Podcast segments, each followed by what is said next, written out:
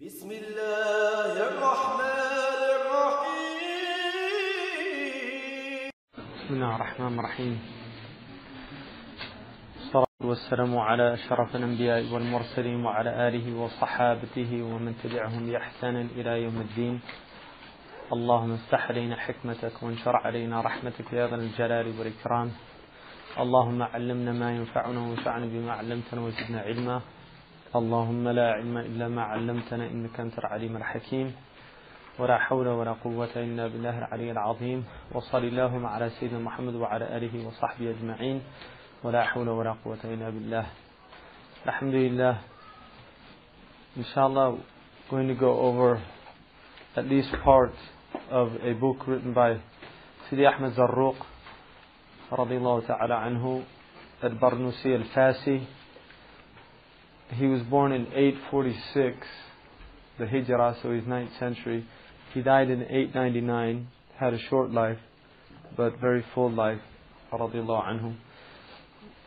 The Christian equivalent was 1492. And one of the things that he said was that towards the end of time, that that's when his knowledge would begin to diffuse in, in the world. They call him Muhtasib al-Ulama wal-Awliya which is the one who corrects the ulama and the awliya. And Abdullah Ghanun, the famous Moroccan scholar, said nobody in the history of Islam was given that title. So some ulama get titles, like Imam al-Ghazali in the Sunni tradition is known as Hujjat al-Islam. Even though the Shia have that title in their system, when the Sunnis say Hujjat al-Islam, they mean Imam al-Ghazali. Shaykh al-Islam, they usually mean Shaykh Abdullah al-Ansari. There are others. I mean, the modern people say Shaykh, Shaykh al-Islam now has come to mean Ibn Taymiyyah, but that, that's not the case traditionally. It meant Abdullah al-Ansari. Almost always in books. Although there are many people that have been given that title. It's not any one Shaykh. Qadi Iyad was called Shaykh al-Islam. There's other people that have that title. But generally there, there's alqab, these are known as nicknames. And this was the name of Sidi Ahmed Zarruq was Muhtasib al-Ulama wal-Awliya, the one who corrected or rectified the ulama and the awliya. And he's also known as one of the rare people who joined between the inward and the outward sciences. He's quite rare in Islam. He was a muhaddith, he studied with Imam Sakhawi, one of the great muhaddithun. He was also a faqih. He studied with some of the greatest fuqaha of his age, Imam al-Jazuli. One of his students was Imam al-Hattab, who becomes one of the great of the later Maliki fuqaha. And he was also a Sufi. He studied with Abu al-Abbas al-Hadrami, among others, but that was his primary sheikh, who was a Qadri Shadhili sheikh.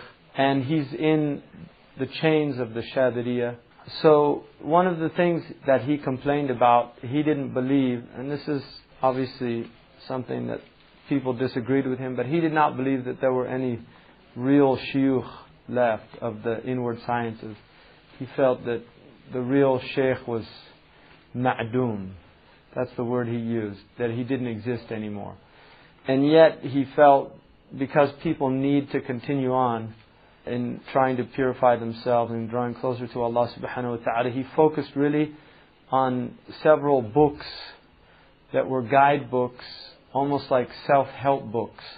In fact, one of them he titled Hidayatu Rabbi and Faqtir Murabbi, the guidance of my Lord when the Murabbi is lost. In other words, a Sheikh of Tarbiyah. He said basically that people now, and this is 9th century, remember, that people now, he said, no longer have the conditions of perfection, shurut al-kamaliyah. He said, so you take from people what they have. And you recognize that everybody now has shortcomings, that the people of perfection are gone. That was his consideration. And obviously, that would certainly be much truer today than it would have been at his time. And Allah subhanahu wa ta'ala knows best, because there's always, inshallah, people of Allah. This science is called al-ihsan, tasawwuf. There's a lot of words for it. A couple of things. One, tasawwuf is not tariqah. And it's important for that to be understood. Tariqah is something that traditionally in the Muslim world there were a lot of turuq, and there still are. But tasawwuf is a science from the sciences of Islam. It's always been taught, it's been taught within tariqah, it's been taught without tariqah. It's just one of the sciences of Islam. Generally, what tariqah was, was like you had hadith transmission, you had fiqh transmission. In tasawwuf, you also had chains of transmission. And a tariqah generally was a silsila. But what happened is they tended to end up being formulated into brotherhoods, almost like you had a membership in a group and they had lodges which were called zawiyas and you could travel from Morocco to Hajj and if you were in one of these turuq you'd go to the zawiya if, if you were in a Shadhili tariqah you'd go to the Shadhili zawiya and these were all your brothers and you were all joined in this tariqah so there was a esprit de corps and also it tended to be associated with guilds. In other words, crafts. Like people were shoemakers. Often all the shoemakers would belong to the same tariqah. And this really happened in the Muslim world. You had people that was almost like union membership. Obviously, there's a lot of problems that go with that. There's no doubt about that because the psychology of groups is a very interesting phenomenon, and you get group psychology. You get group think. People become elitist. People will always consider that their sheikh is the best sheikh. Their sheikh is the qutb. Their sheikh is over all the other shuyukh. And it can be a divisive element as well. So there's good and bad in everything. It's the nature of being on the earth. But, you know, I just want to say that this is not being taught within Shadhili or Tariqa or something like that. I want to make that really clear that this is just one of the sciences of Islam and that's the way we're looking at it. You don't have to be in a tariqah to benefit from the knowledge. The other thing is that I'm really not qualified to. I mean, alhamdulillah, I studied this book with a sheikh from beginning to end, and but I'm not qualified to teach it in that way. So he's the teacher. All I'm going to try to do is present what he's saying to the best of my ability. So I want people to understand that. One of the early Christian ascetics, whose name was John of the Ladder, he was a pre-Islamic Christian. He said about teaching, when you teach spiritual things, he said, if you have some knowledge of it, don't let the fact that you're not practicing it yourself stop you from teaching because people are still in benefit of it. And he said the hope is that you'll be so ashamed of yourself that maybe you'll start practicing it when you teach something. So, having said that, and that, again, that's not like a I'm being humble or something. It's not uh, humility. It's just telling it like it is. You know, you make claims with Allah, and and Allah does things to you. Sidi Ahmed Zarruq said, "Man rutbatan laysat lahu." If you claim something that you don't have, Allah will expose you to people. So I'm not making any claim. I don't want to get exposed. I'm happy having the sitr of Allah. So anyway, this book is about the heart. It's about the human heart. And the heart is an interesting thing. The word in English, heart, comes from a Sanskrit word which means that which leaps because obviously at some point people felt this thing in their breast. And we have some other words. Core is one of the words in English for heart. If you look in Old English, core is heart. And in Arabic you say lub. Lub is one of the meanings of heart, and lub means the exact same thing as core. It means the innermost, the pith of something. So the core of the human being is the heart. The Latin word core means courage. And it was the belief that courage was in the heart. The Arabic people, they say, he doesn't have a heart. مَعَنْدُهُ قَلْبٌ It means he doesn't have any courage. So they use it as a metaphor for courage. Somebody that has heart has courage amongst the Arabs. If you look at the physical heart, it beats around 60 to 70 beats per minute. It carries in that time two gallons of blood. In a period of about an hour, it'll carry around 100, 120 gallons of blood It's forcing that blood through about 60,000 miles of actual vasculature through the body. About 60,000 miles. That's more than the Earth's circumference twice. It's a phenomenal organ, and it will do this for 60, 70, 80 years without ever complaining. Really, it's an amazing thing. Just the physical organ of the heart is an incredible thing. We don't really feel the heart is not like muscles, it doesn't get tired in the same way. I mean, people get depressed, which is related to the heart depression, spiritual depression, things like this. But generally, the heart is not like other muscles in the body. It doesn't get tired like other, other muscles. It gets stronger with exercise, like most muscles. But even lack of exercise does not stop it from doing its job.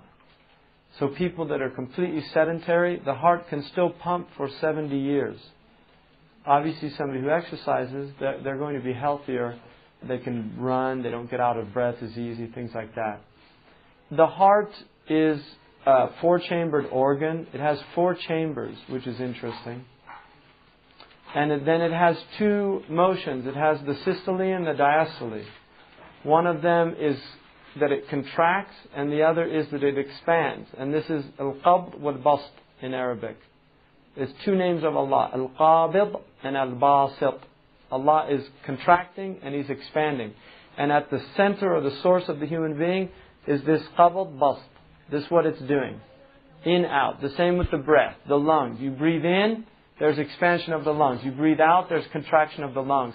The lungs and the heart are related. There's four beats to every breath. Every breath has four beats. Breathing speeds up with the heart. The faster your heart beats, the faster you will breathe. So breath and heart are related. And the ruh, both the word in Arabic, in Greek, in Hebrew, in also Chinese language, Shen means spirit. Shen is centered in the heart. In the, the Greek, psyche is used. It means breath. The word ruh comes from a root word which is related to wind. The Hebrews say nefesh. The Arabs they say nafs. Nafs is your ruh. And nafas is breath. Nafas. Nafs with the sukun over the fa is the ruh. So these are all related. The brain now, only in the 1970s that, they discovered that there's neurons in the brain. In other words, the same cells that you find in the heart, in the brain, you find now in the heart. There's over 40,000 neurons in the heart now. And this is recent knowledge. So there are actually brain cells in the heart. They used to believe that the heart was the center of the human being.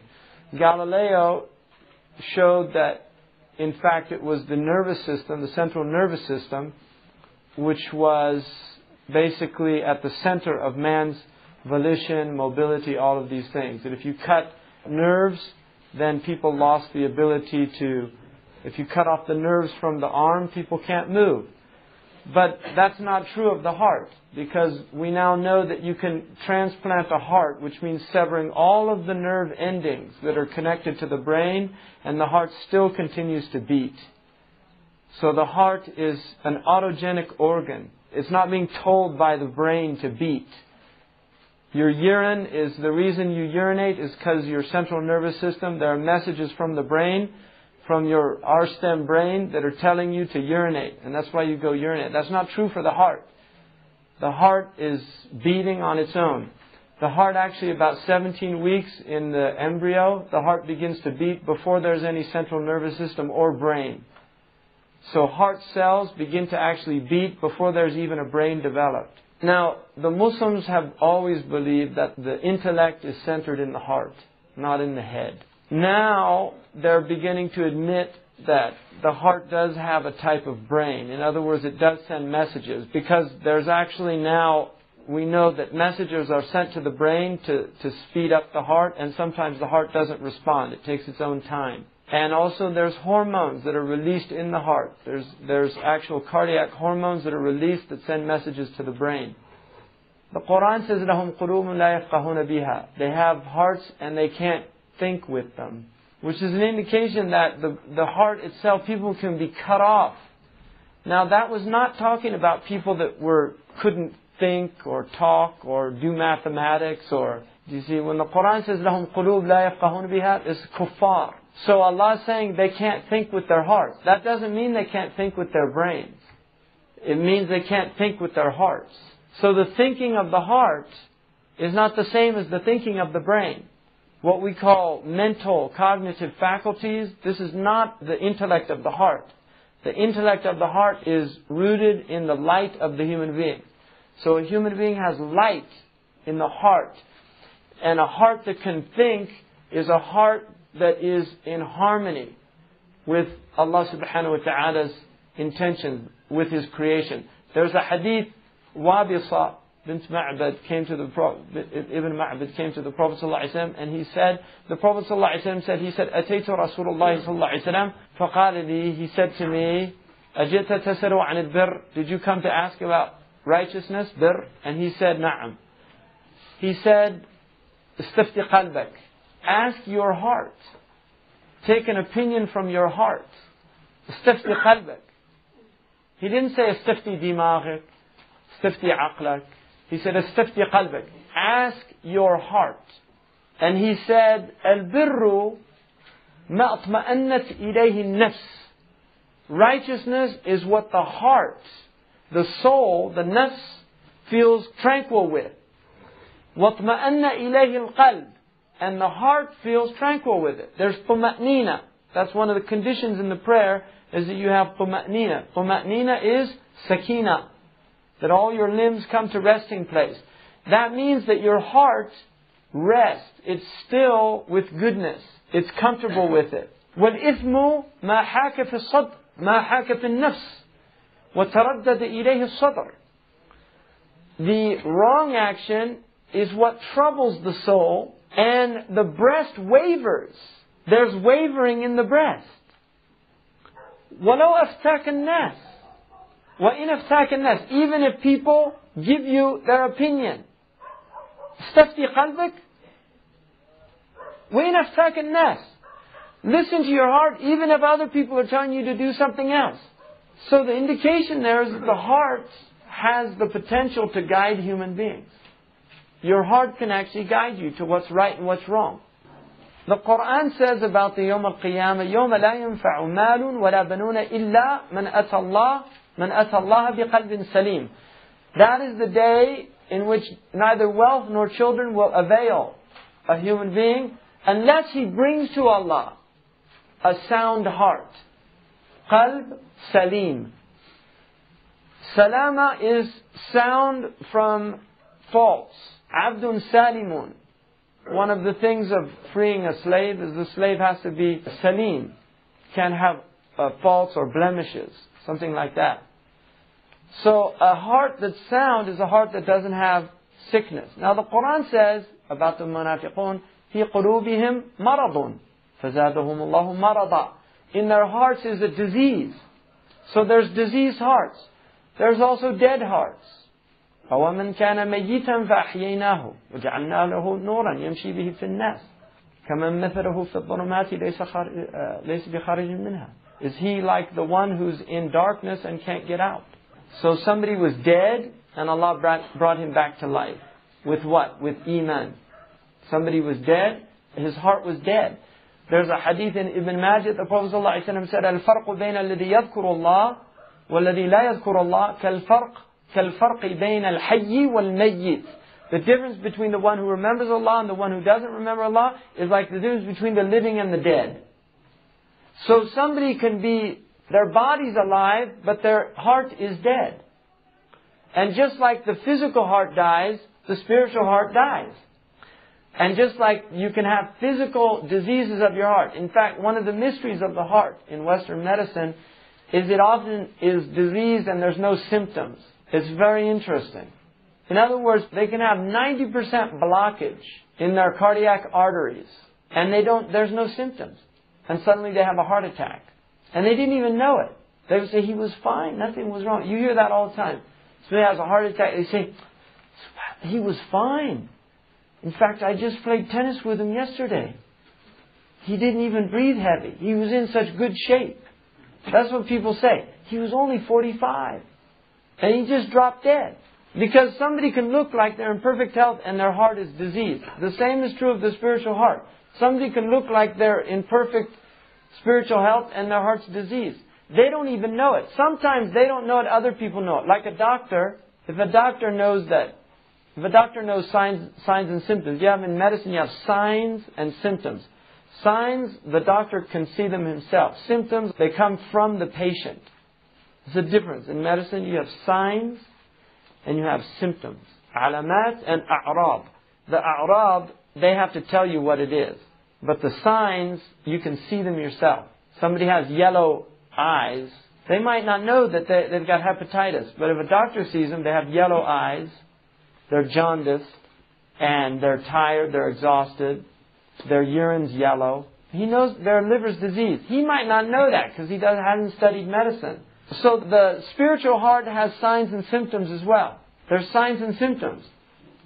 And some people recognize they're sick, other people don't. You can meet people like bad adab. A lot of people don't know they have bad adab. I'll give you an example. And I mean, this is one of those things, you know, وَقُلْ لِعَيْنِكَ يَعَيْنُ لِلنَّاسِ أَعْيُنُ Say to your own eye, oh eye, remember other people have eyes too. In other words, when you find fault in people, people can find the fault in you. But I'm just giving you an example. Maybe you, you benefit from this. I was with a, a scholar once, and there was a student of that person who'd studied with him. This scholar mentioned a line of poetry.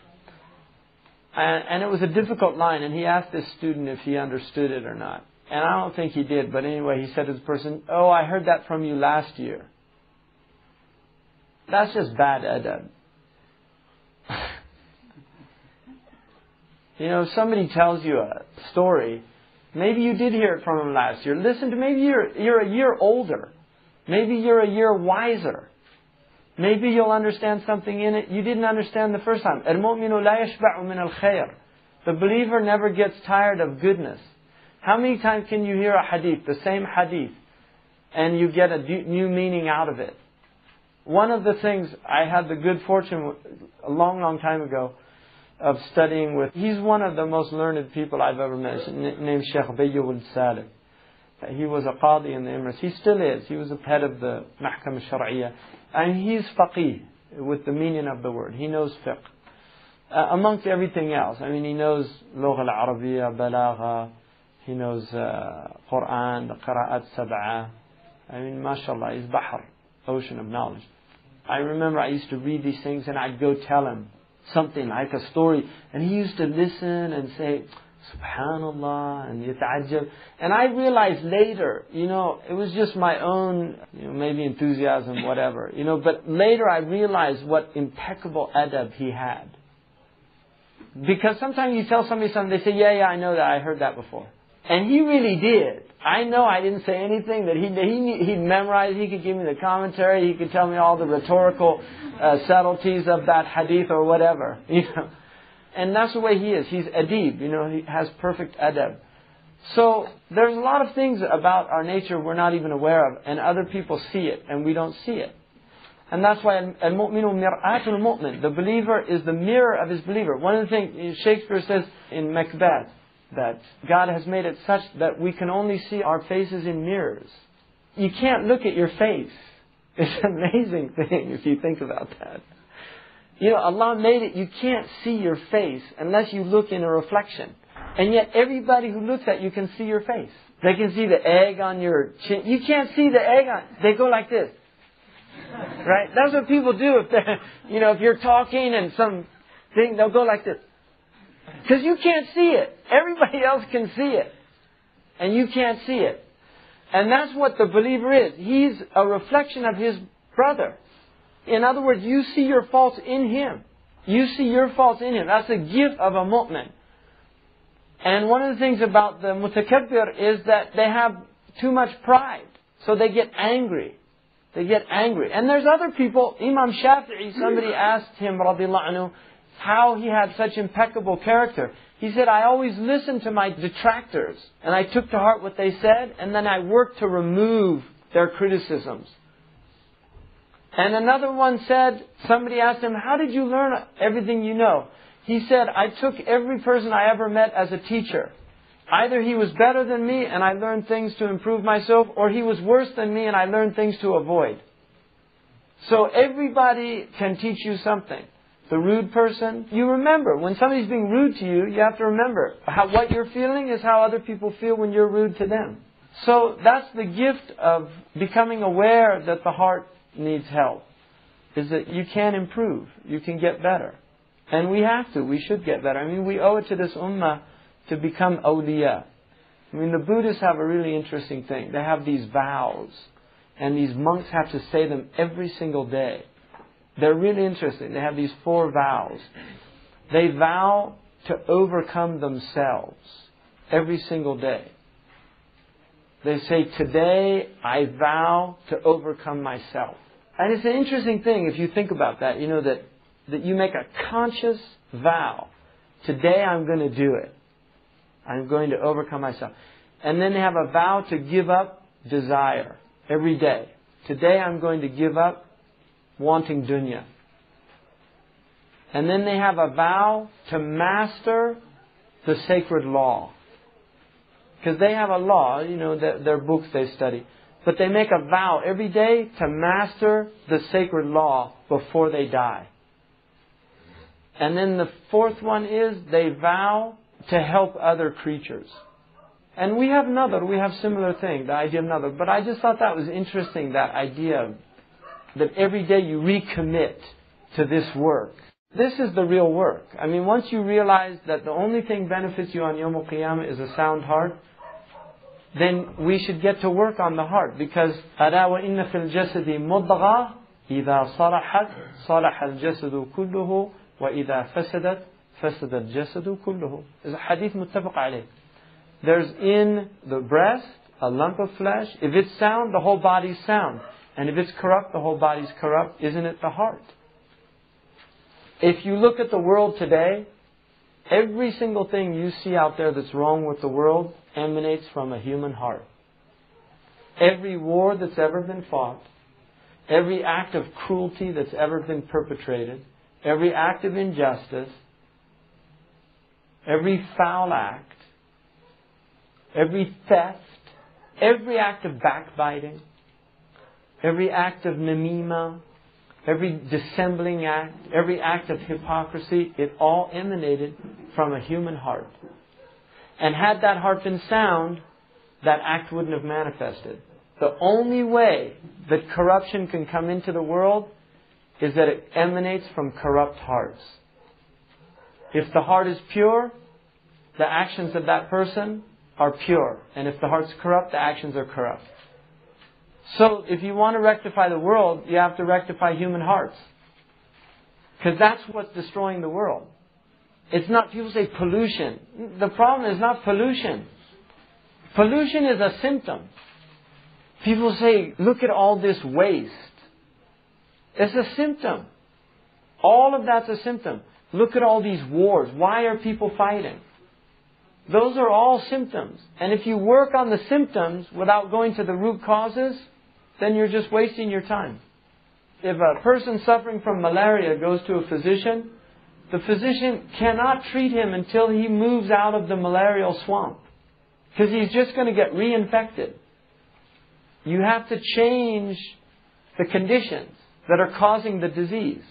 And the conditions in the world, all the corruption in the world, it's all being caused by unsound hearts. And so that's where you have to begin. And that's why the Prophet ﷺ said, إِنَّمَا بُعِثْتُ لِأُتَمِّمَ makarim al-akhlaq. I was sent to perfect character. Where does character emanate from? Sound hearts. Sound hearts. إنما بعثت لأتمم مكارم الأخلاق. I was only sent to perfect noble character. Why was his heart washed three times? It was taken out of his breast. This heart surgery was performed on the Messenger of Allah with light. Angels are beings of light. They cut open his breast. Now they have laser. Laser is just light. Light is sterile. Light is not contaminated. So angels opened up his breast. They put his heart into a cup that had ice in it. If you have ever watched a heart surgery, when they take the heart out for a transplant, they bring the heart in, it's in ice. That's what they do in a heart surgery. That's in the seerah. It's in the hadith. They put it in a bowl of ice. That's what you have to do because it slows down the metabolism of the cells so that the heart doesn't die. And then they poured over it Zamzam. Now, the other thing that they do, they bring in this, there'll be a guy with a pitcher, and they're pouring on it what's called cryonic fluid.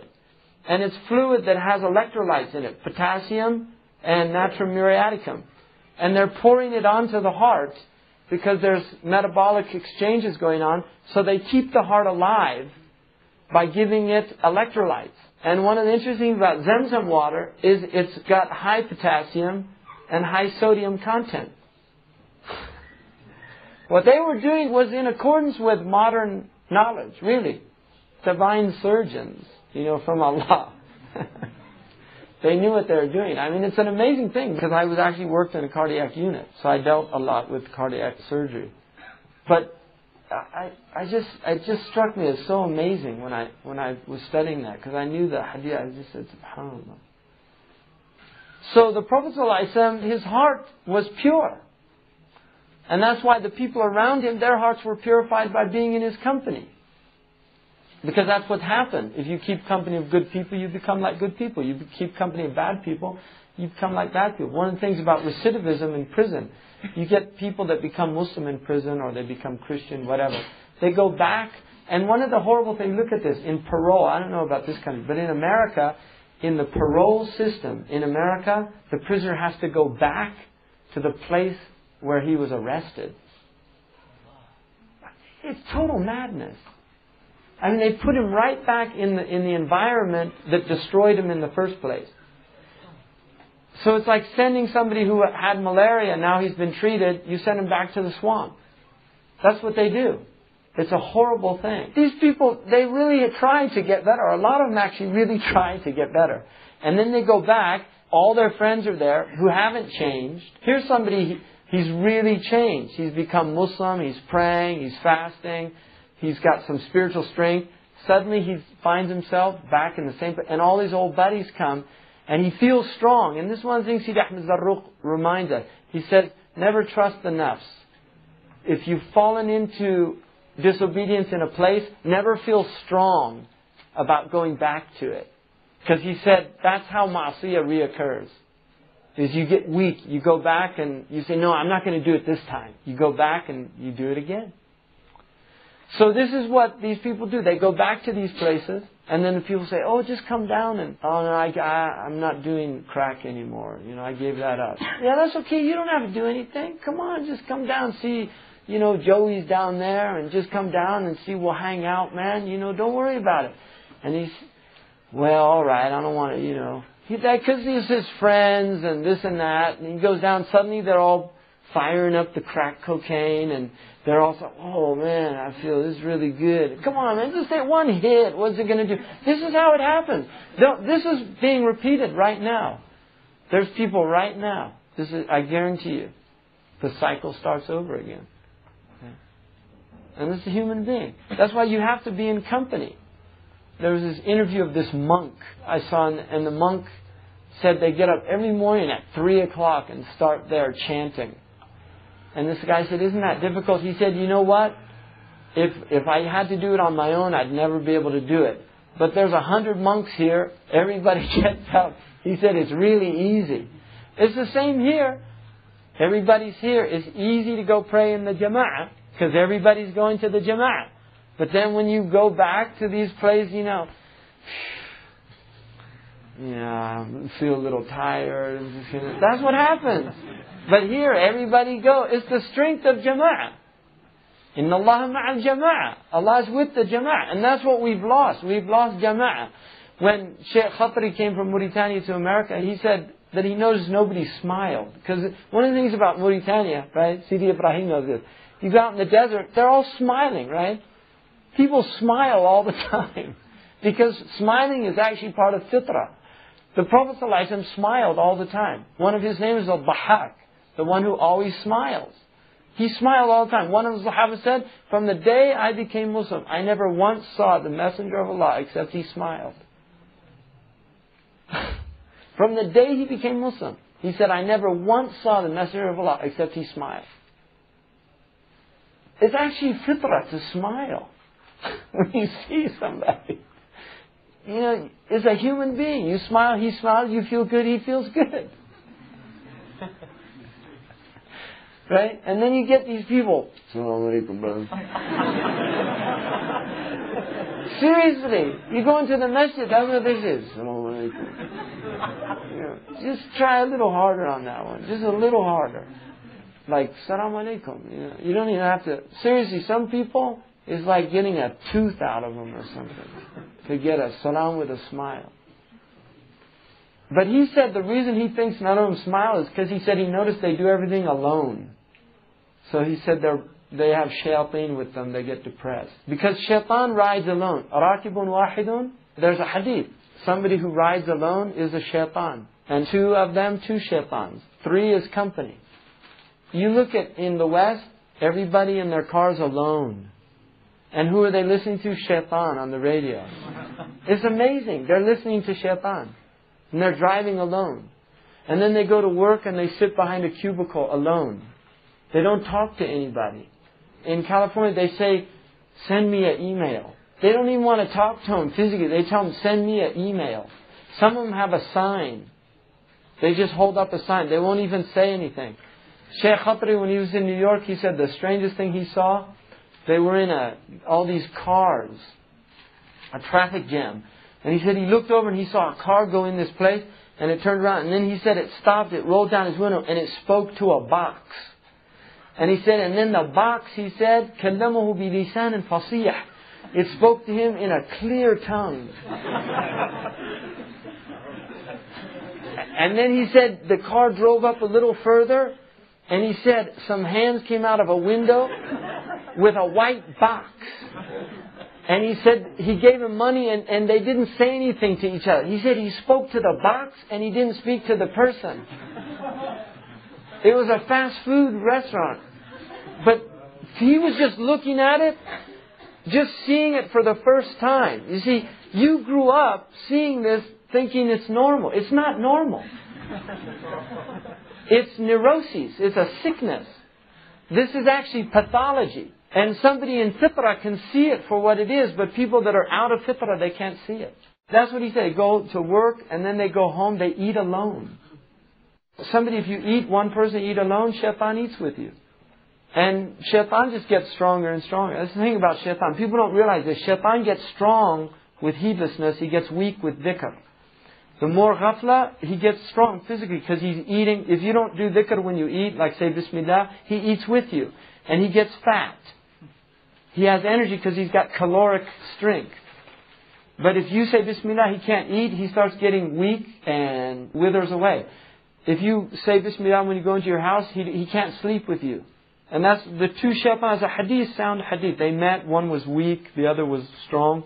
He said, What's the matter with you? He said, I have a horrible assignment. Every time he eats, he says Bismillah. When he sleeps, he says Bismillah. When he goes to his wife, he says Bismillah. I, I'm not getting any strength. He said, Oh, I've got a good one. He never says Bismillah when he, and I eat as all I want. He goes home, I have a nice bed to sleep in. So now look at the whole world. I mean, Christians, they used to say, Bless us, Lord, for these gifts which we're about to receive. They used to say that. And inshallah, it benefited them. They don't say that now. It's just gobble it down. And so the shayateen are getting bigger and bigger. And now they can just say they're shayateen. They actually can say it now. They come out, really, they come out literally and say it. Like rock bands, they say that, that we're Satan. I mean, they literally announce it. I saw this guy, he had a thing. I worship Satan, literally on his t-shirt. Spiked hair and everything. It said on his t-shirt, I worship Satan. And this is happening in Christian lands. They used to be. So, anyway, that's the, this is the subject of this book. He basically wrote it as a way of elevating your spiritual state and taking to maqam. It goes through three stages. The first stage is takhliya, the second stage is tahliya, and the third stage is tajliya.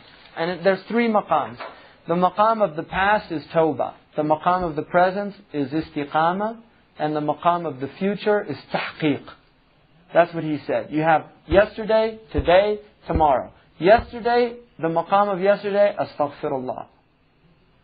is gone, you just say, Astaghfirullah. I wasted the opportunity. Today, maqam, don't waste the opportunity. Istiqamah. Tomorrow, if you do that today, tomorrow expect to have realization. If you blow it again today, it becomes the tomorrow today is yesterday. tomorrow today is yesterday.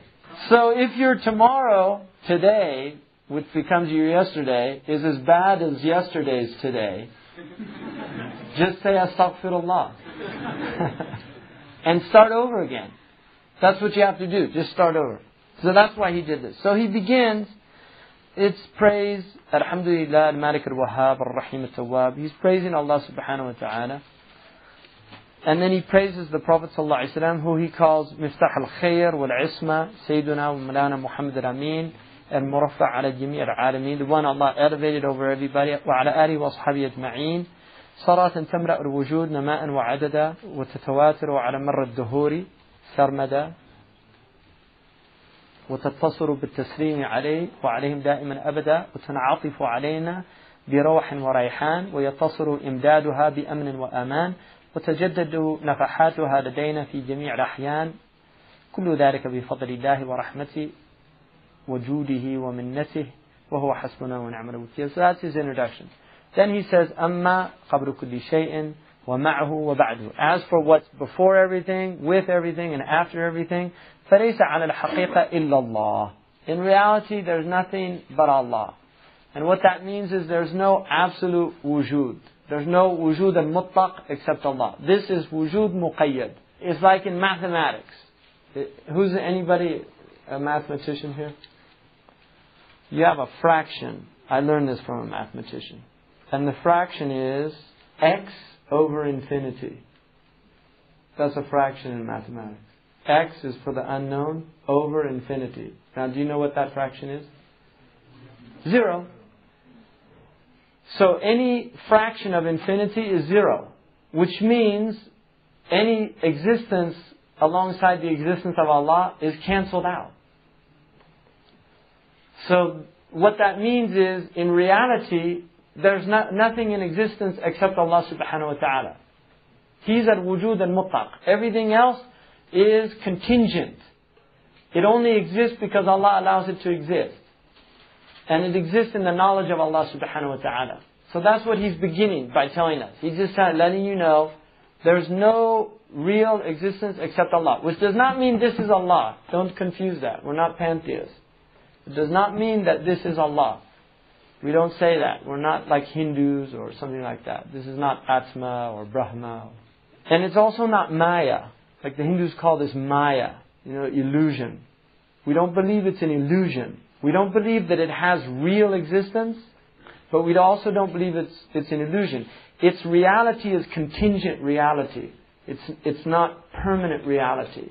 And it's a really important distinction. Alright? So don't confuse that. There's people that when they hear that, they think, oh, so this is all just an illusion. No, this is real. We are, we exist. We're, we're, you're not an illusion. I'm not a hologram, you're not a hologram. We really exist, but we exist contingently.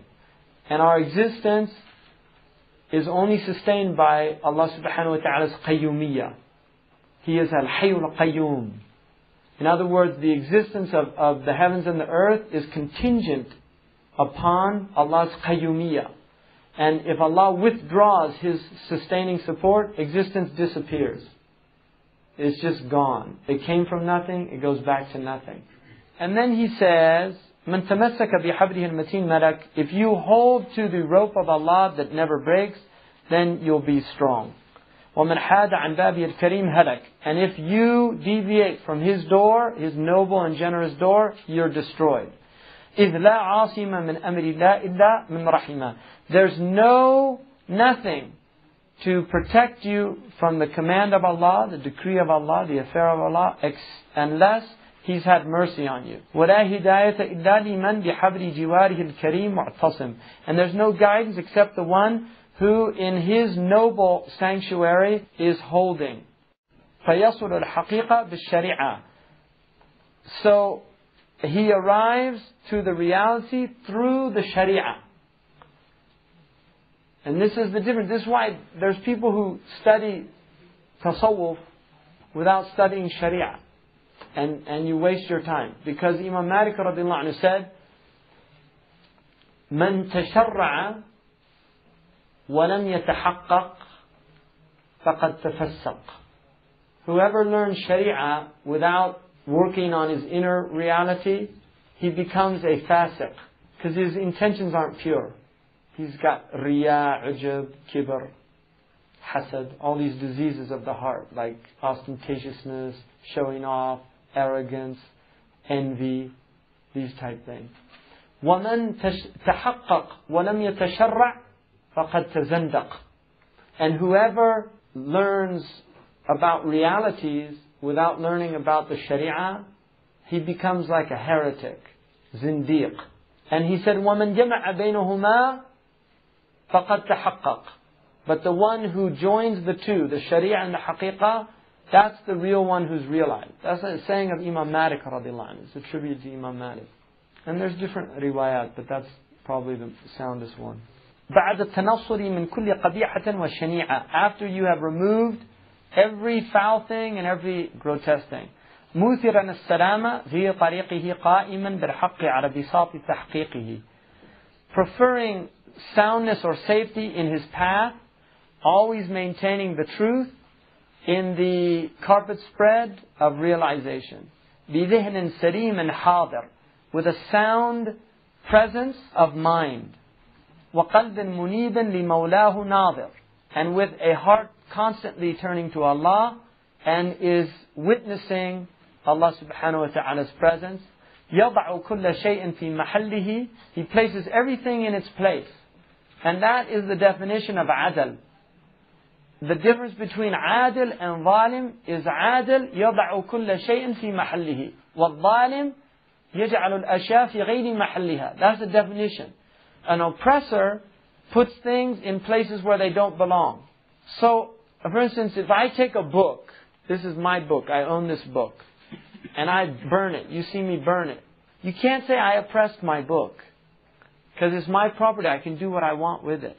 Unless the Sharia says it's haram, that's a hukum of Allah. But as long as it's a mubah act, there's too many mistakes in it. So I burn it for that reason. Whatever. You don't know. You're looking at me, you see me burn a book.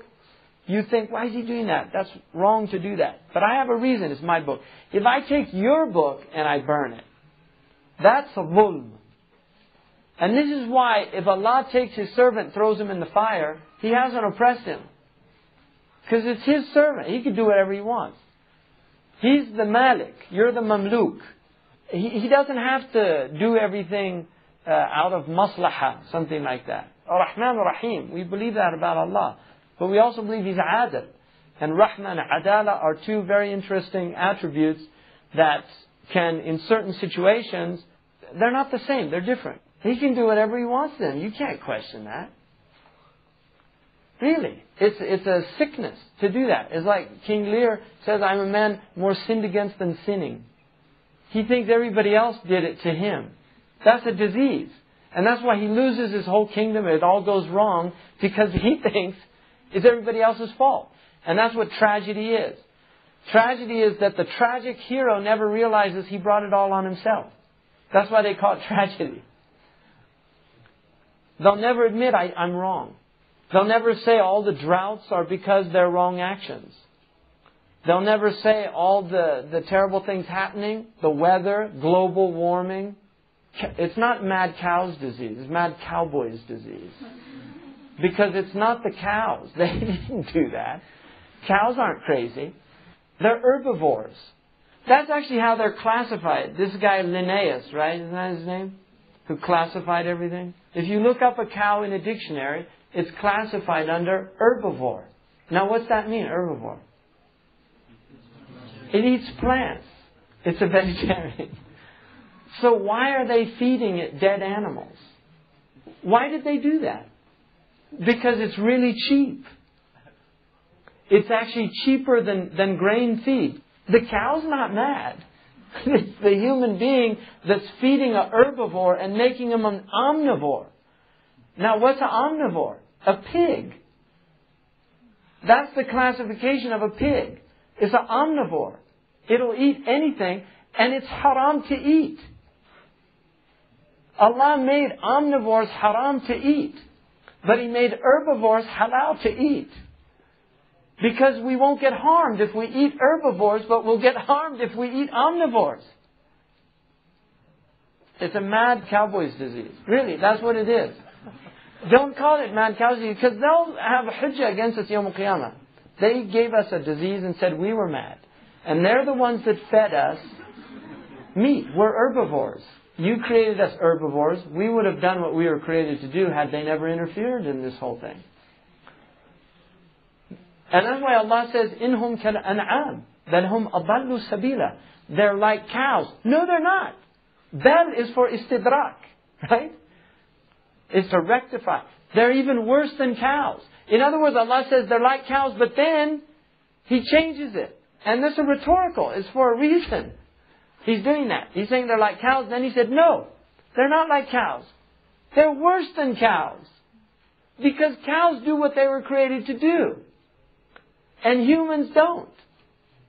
In the tafsir, Imam Shinqiti said, a cow runs away from things that harm it.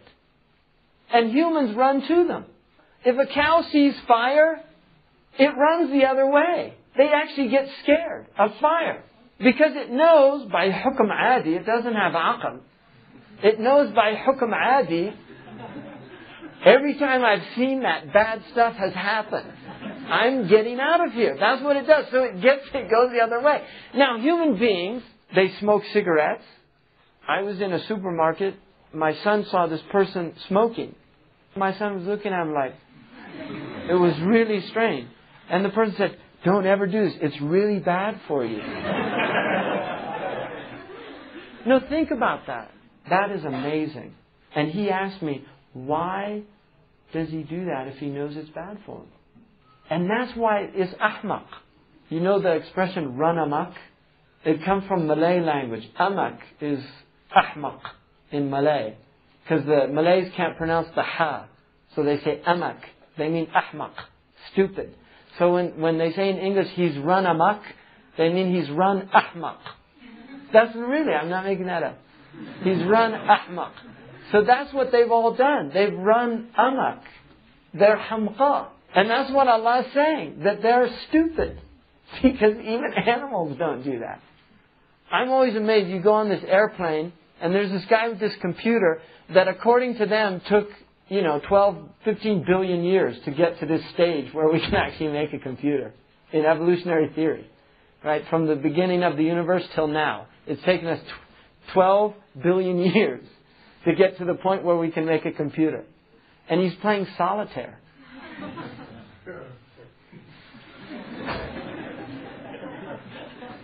and this is what Sayyidina Isa, there's a Muslim tradition, he said, Allah gave me the power to bring the dead back to life but He did not give me the power to cure stupidity. أعجزني عن عن إبراد أحمق. So then he says, يضع كل شيء, that's how we got off on that. يضع كل شيء في محله. He puts everything in its place. ويحقق العلم والعمل بأصله.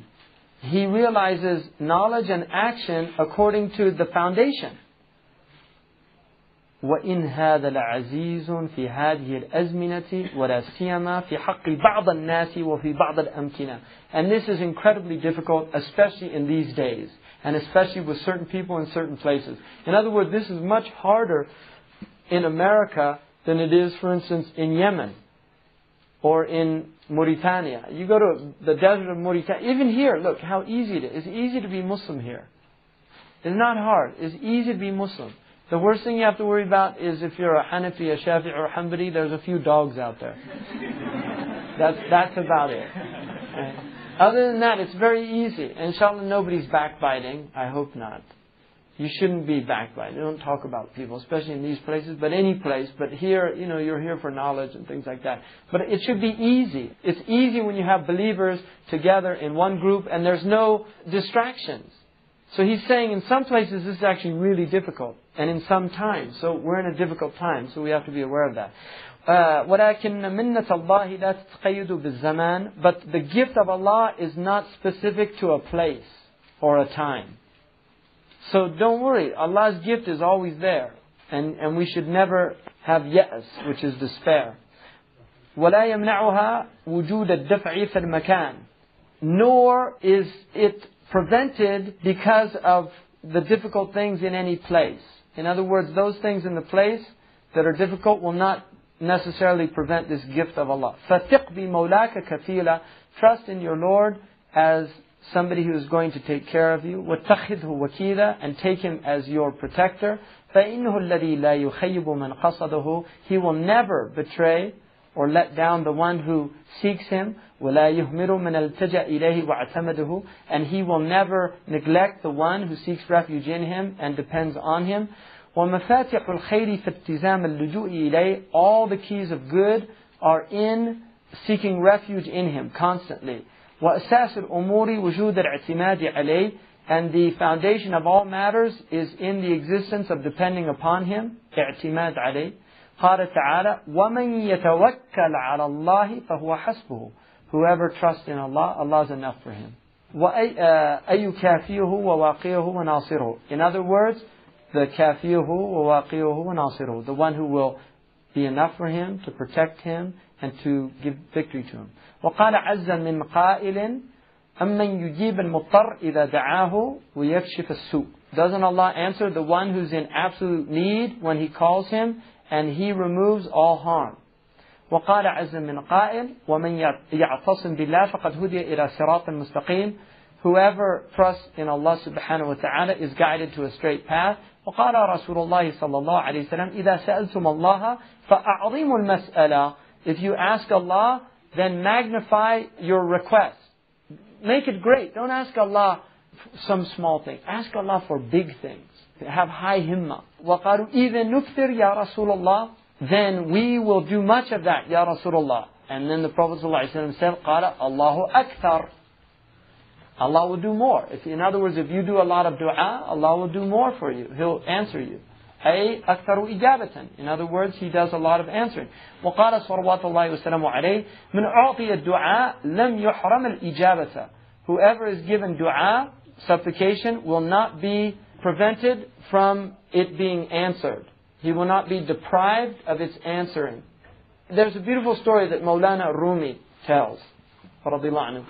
He said that once a man, he was making dua and he was doing ilhah, like really, which is matub when you make dua, ya Allah, like begging. And, and, and a cynic passed by. And he said to him, How long have you been asking? And he said, For many, many years. And he said, Have you received an answer yet? And he said, No. He said, Then why are you still asking? And then Rumi said, The man fell into a confused sleep. Because this is somebody who put shak in his heart, doubt in his heart. And then he said in his dream he saw Al-Khidr. And Al-Khidr said, why did you leave your supplication? He said, because I realized I've been doing it all these years and I never got the answer. And Al-Khidr said, don't you realize the supplication was the answer? If Allah puts you at the door, what greater gift do you want? What greater gift that you're occupied with what you were created to be occupied with. And everybody else is doing something else. That's the answer. So why, why do you expect things when the greatest thing is to be remembering Allah subhanahu wa ta'ala? And that's why even Ibn Ata'illah, he says the dua is really for izhar, al-khushu' wal-khudu'. The point of dua is to realize your ubudiyah to Allah. Because Allah knows what you need. And that's why the one who remembers Allah, there's a hadith in which the Prophet ﷺ said that the one who, the remembrance of Allah preoccupies him from asking Allah, he'll get more than the people who ask. And then he says, وَمَنْ رُزِقَ الْإِسْتِغْفَارَ لَمْ يُحْرَمِ الْمَغْفِرَةِ Whoever was provided with istighfar will not be deprived of forgiveness. So if Allah has given you astaghfirullah, if He's given you that gift of remembering to say astaghfirullah, then you will not be deprived of being forgiven.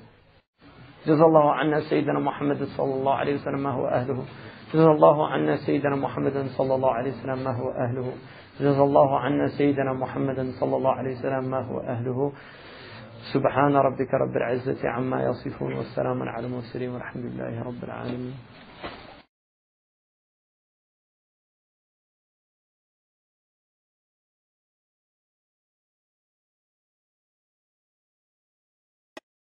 بسم الله الرحمن الرحيم. أعوذ بالله من الشيطان الرجيم. بسم الله الرحمن الرحيم. والصلاة والسلام على أشرف الأنبياء والمرسلين وعلى آله وصحابته ومن تبعهم بإحسان إلى يوم الدين. اللهم افتح علينا حكمتك وانشر علينا رحمتك يا ذا الجلال والإكرام وصل اللهم على سيدنا محمد وعلى آله الكرام. ولا حول ولا قوة إلا بالله العلي العظيم ولا حول ولا قوة إلا بالله العلي العظيم ولا حول ولا قوة إلا بالله العلي العظيم Sidi Ahmed Zarruq radiallahu ta'ala anhu says after his tanbih that the heart is the foundation of every good and evil and its life and its death are the keys to either benefit or harm so that which has no life in its heart has no way of protecting itself from evil and facilitating for itself good and every heart that life enters into by necessity it will call it to enthusiastic responses when reminders occur. And then he says, وَالْقُلُوبُ ثَلَاثَةٌ There are three types of hearts. أَوَّلُهَا قَلْبٌ فِي حَيَاتِهِ صَحِيحٌ A heart whose life is sound. وَفِي خِطَابِهِ فَصِيحٌ And its expression is clear, eloquent. فَصَاحِبُهُ يَنْتَقُ بِالْحِكْمَةِ its companion, when he speaks, speaks with wisdom. وَيَنْهَضُ فِي كُلِّ مُلِمَّةٍ And he arises to every necessary occasion. When difficulties emerge, he responds appropriately.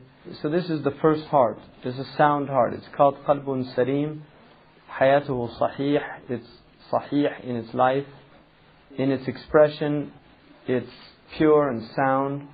Because the tongue is قلب المرء تحت لسانه like Imam Ali radiallahu anhu said a man's heart lies hidden under his tongue and so the tongue is ترجمان القلب it's the translator of the heart من أحب شيئا أكثر من ذكره somebody loves something you'll hear him mentioning it a lot if somebody has wealth money in his heart you'll hear him talk about money all the time if he has lust in his heart you'll hear him talk about those type matters all the time if he has Allah subhanahu wa ta'ala and love of Allah in his heart, that's what he's going to talk about. If he has the love of the Messenger of Allah sallallahu alaihi wasallam, that's what he's going to talk about.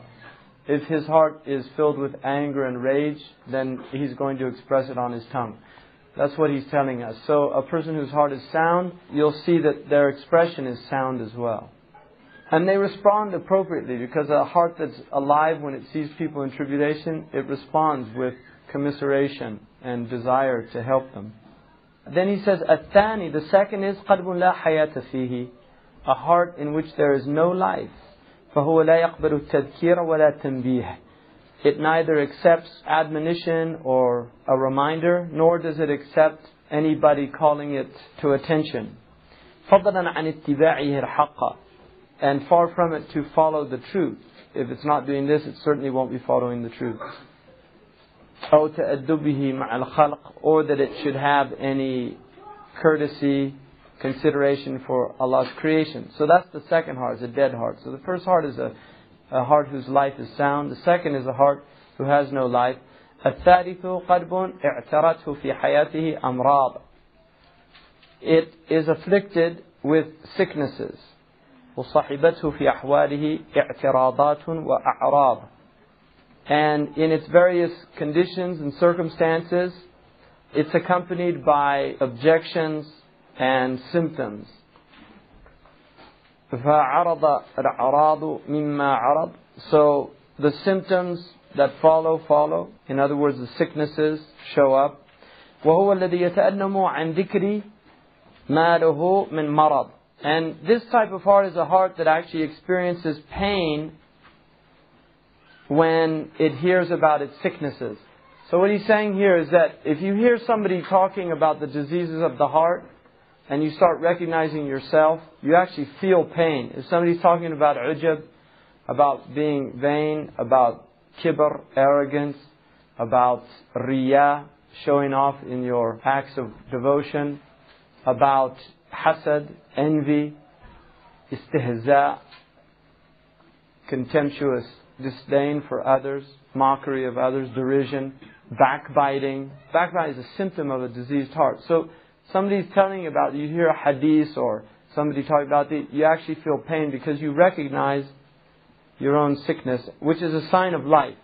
وهو الذي يقصد بالمداوات ويرصد بالمعاناة and this is a heart that when we speak about treating, this is the heart that we're talking about. And also when we speak about the process of getting better, the struggle with the actual cure, then this is what's meant. رجاء استقامة حياته. Hoping that it will come back to life, you know, its life will be renewed and it will become well. أو توقيف العلة or at least the disease will cease حتى لا تؤدي لمماته so that it doesn't lead to its death. Because if the heart remains untreated, it's going to get worse until it dies. So what he's saying is either we'll rectify the heart or at least we'll stop the disease from getting worse. وله في ذلك وجوه ثلاثة. And there are three aspects to this. يترتب عليها نفي ما فيه وإثباته. Resulting from this is either negating or affirming these things. أولها the first أن يكون الحياة غالبة عليه. That there's more life in the heart.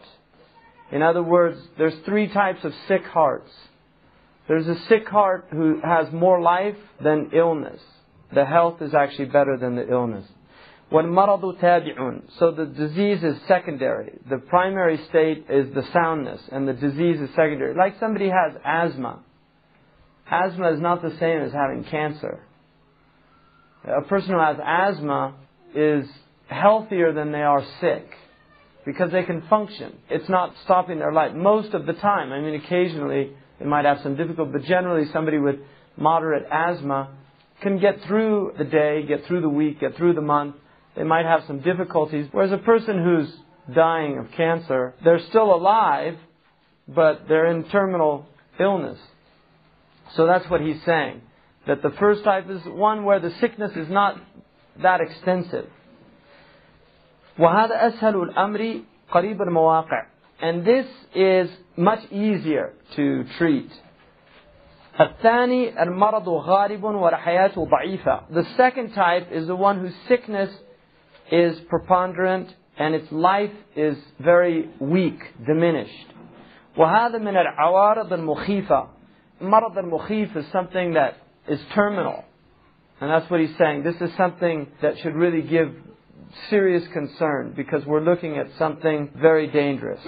And then الثالث أن يتكافأ السقم والصحة بوجه يمكن تقوية أحدهما معه. The third type is where the sickness and the health are about the same, but it's possible to strengthen one of them over the other. وهو كالذي قبله. That it's like the second one. In other words, it's in a very dangerous situation because it can easily go the other way. The first one is, is not that bad because it's more like a chronic, manageable illness. You know, you have chronic illnesses that are manageable, like people have eczema, or they have asthma, or they have hay fever, things like that. People can live with those and they'll actually be alright. So that's what he's saying. That's the first one. The second one is terminal. The third one is a chronic illness that's seriously interfering with a person's life. It might not be terminal yet. For instance, somebody who has very weak kidneys. They can easily go into kidney failure if they're not careful. If they go to a place, they don't drink enough fluids, or they go to a really dry place, they can go into kidney failure and find themselves looking at death. So that's what he's saying. The third type even though the health and the sickness are about the same, it's like the second in that it's very dangerous. And then he says, ثم وجود العلة مع ثباتها يظهر بأحد ثلاثة أمور. The sickness, the illah, and its diagnoses. In order to establish the diagnoses, it manifests in one of three ways. ويتعرف بها الخفاء والظهور. So we'll know whether it's hidden or manifest. أولها العرض البادي ووزانه من غرضنا أفعال الجوارح The first way is a symptom that manifests. In other words, it's a symptom that is clear. One can see it. ووزانه من غرضنا أفعال الجوارح and in order to measure it, to do some diagnostic test, our object in discovering it is the actions of one's limbs. So in other words, when somebody's backbiting, there's a symptom right there. You're seeing it. It's a symptom of a diseased heart. And it's clear. If you're a doctor, or not even a doctor, you've just studied one disease of the heart, and you happen to know that a symptom is ghiba, and then somebody's making ghiba in front of you, he's revealing a symptom to you, whether he recognizes it or not. He's letting you know, I have a diseased heart. And the symptom of it is that I'm talking about people who I shouldn't be talking about. Or they're stealing. Where did that come from? Tama. Tama. Ibn radiallahu anhu says in the Hikam that humiliation, that the trunks of humiliation grow from covetousness because you desire things. And everybody who's ever humiliated themselves did so out of desire. So if somebody steals something, it was because he coveted it. So the impulse to steal came from a disease in the heart. So it's a symptom. Fornication is a symptom. And then he says, الثاني السبب الأصلي ووزانه حركات القلوب. the second is the etiology. And its diagnostic measurement is the movements of hearts. It's a little more subtle, and this takes somebody with more expertise. What he's saying here is the second way that one diagnoses the diseases of the heart is to know the etiologies of these diseases. And the etiology is the original cause. So for instance, Iblis, la'anahu Allah, when he said about Adam, he was commanded to make sajda of tashrif, honoring Adam, not worship, but honoring. He refused. And the reason he refused, according to him, was because Adam was unworthy of his sajda.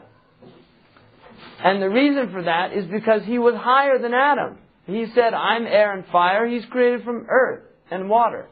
Air and fire are both elements that they're light. They rise by nature. Earth and water are low elements. They descend by nature. So his analogical reasoning led him to assume that elements, they're light, they rise, like the noble gases, like helium, that those are higher than heavier elements. That's what he's saying, but what is the real? What's moving in the heart? What was really going on? Hasad. That's the movement of the heart. The etiology was envy. Some say envy precedes kibr, and others say kibr precedes envy. It's a khilaf between ulama al-qulub. The, the, the doctors of the diseases of the heart differ about which one came first, envy or kibr. It, it really doesn't matter. They're both disasters. So that, that's what he means there. You're looking at the etiology of the actions because one of the things Melville, he's an American writer. He wrote a book called Billy Budd. I don't know if anybody read that. The whole book, it's really a, about envy. He has a character in there called Claggart, and he's the master of arms. And he hates this young man who is impressed. He's forced onto this ship. There's during time of war, 1798, I think, or something. They're fighting the French. And he's a sweet man. Everybody loves him. But there's this one character on the ship who just hates him. And he's never done anything wrong to him. He just hates him. But one of the things Melville said in there was really interesting. He said, people will admit to felonious crimes before they will admit to envy. And that's worth the book, that hikmah. Because that is a hikmah. People will admit to felonious crimes before they will admit to envy. Nobody admits that they envy somebody else. And yet envy is at the root of most of humanity's problems. The third one is al-muwad al-muwassida are those matters that move somebody to do something ووزانها ما تنحو إليه النفس وتجنح له بالاختيار the diagnostic measure for that what it inclines to by choice if a person has the choice to go and gamble or go do something useful it goes and gambles so looking at the inclinations of the self whether you'd rather go to the cinema than to the masjid whether you'd rather go and backbite with a group of people than go with another group and uh, study something useful. It's looking at what the inclinations of the self are. وذلك مجموع في كلام الشيخ الإمام العالم الرباني سيدي أبو الحسن الشاذلي رضي الله عنه حيث قال and all of that is comprised in the words of the sheikh, the imam, the scholar, the Rabbani, the scholar of high character, Sidi Abul Hassan al-Shadhili. Obviously, he's in that line, and Abul Hassan al-Shadhili was known for this science. He said, رضي الله عنه, عمل بصيرتي في ثلاثة أشياء that blinding the inner sight occurs from three things. You have basar and you have basira.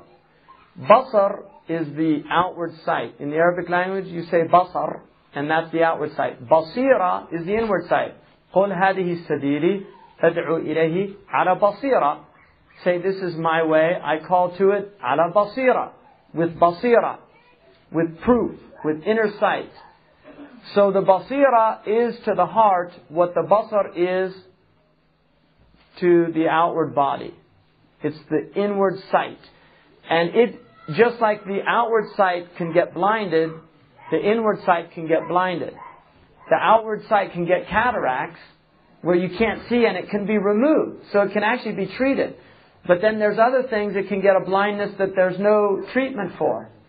There's a lot of metaphors in physical blindness in relation to spiritual blindness. So he says that أمر بصيرتي في ثلاثة أشياء إرسال الجوارح في معاصي الله that you should uh, allow or enable your limbs to enter into a state of disobedience with Allah subhanahu wa ta'ala. التصنع بطاعة الله to pretend or to be artificial in displays of obedience to Allah subhanahu wa ta'ala. التصنع بطاعة الله. So they're only pretending to be in a state of obedience. When they get the chance to be disobedient, they are. So this is nifaq. There's an important thing to stop on this. The best way I've ever heard it said is what a French moralist said. Hypocrisy is the homage that vice pays to virtue. And, and that's a really deep hikmah. And this is why the Muslims actually prefer hypocrisy to a state of outward dissolution. In other words, when the soul has no shame, even before Allah's creation, that it goes out and it does disobedience without any shame, that's a worse state than a soul that pretends to be obedient when people are around, and then when there's no people, it's disobedient. That's actually a better state because what it's saying is, even though it's, it's not a good state, when none of us, we don't want to be in that state, but that is a better state than somebody who has no shame. And there's people that will say that, well, I don't want to be a munafiq. He'll drink openly, right? And he'll say, I don't want to be like one of those hypocrites. That's actually worse. And Allah subhanahu wa ta'ala, that man is more odious in the sight of Allah subhanahu wa ta'ala than a man who will not drink in front of other people but then goes home and drinks. That man has more potential than the one who is shameless. And that's absolutely true. So even though it's a blameworthy and it's a wretched state to be in, it's still better than people who have lost all sense of shame. And it causes the basira to be blinded. So it's not a good state. But it's important to note that in a virtuous society, even the, the scoundrels will pretend to be virtuous. But when the society becomes a profligate society, then people lose their sense of shame before others. And that's actually a worse sign. And then he said, the third one is وَالطَّمَعُ فِي خَلْقِ اللَّهِ Having any desire for what the creation of Allah has. الطمع طمع is, is, is يطمع. It's to desire. It's to be covetous. It's to uh, yearn for what others have. طمع, they call it. One of the people of Ilm al-Huruf said that all of the huruf of طمع are mujawwaf. They all have opens. Ta, Mim, Ain. They're all mujawwaf. They have a hollow center. Because that's the nature of Tama'. It's insatiable. You just want more and more.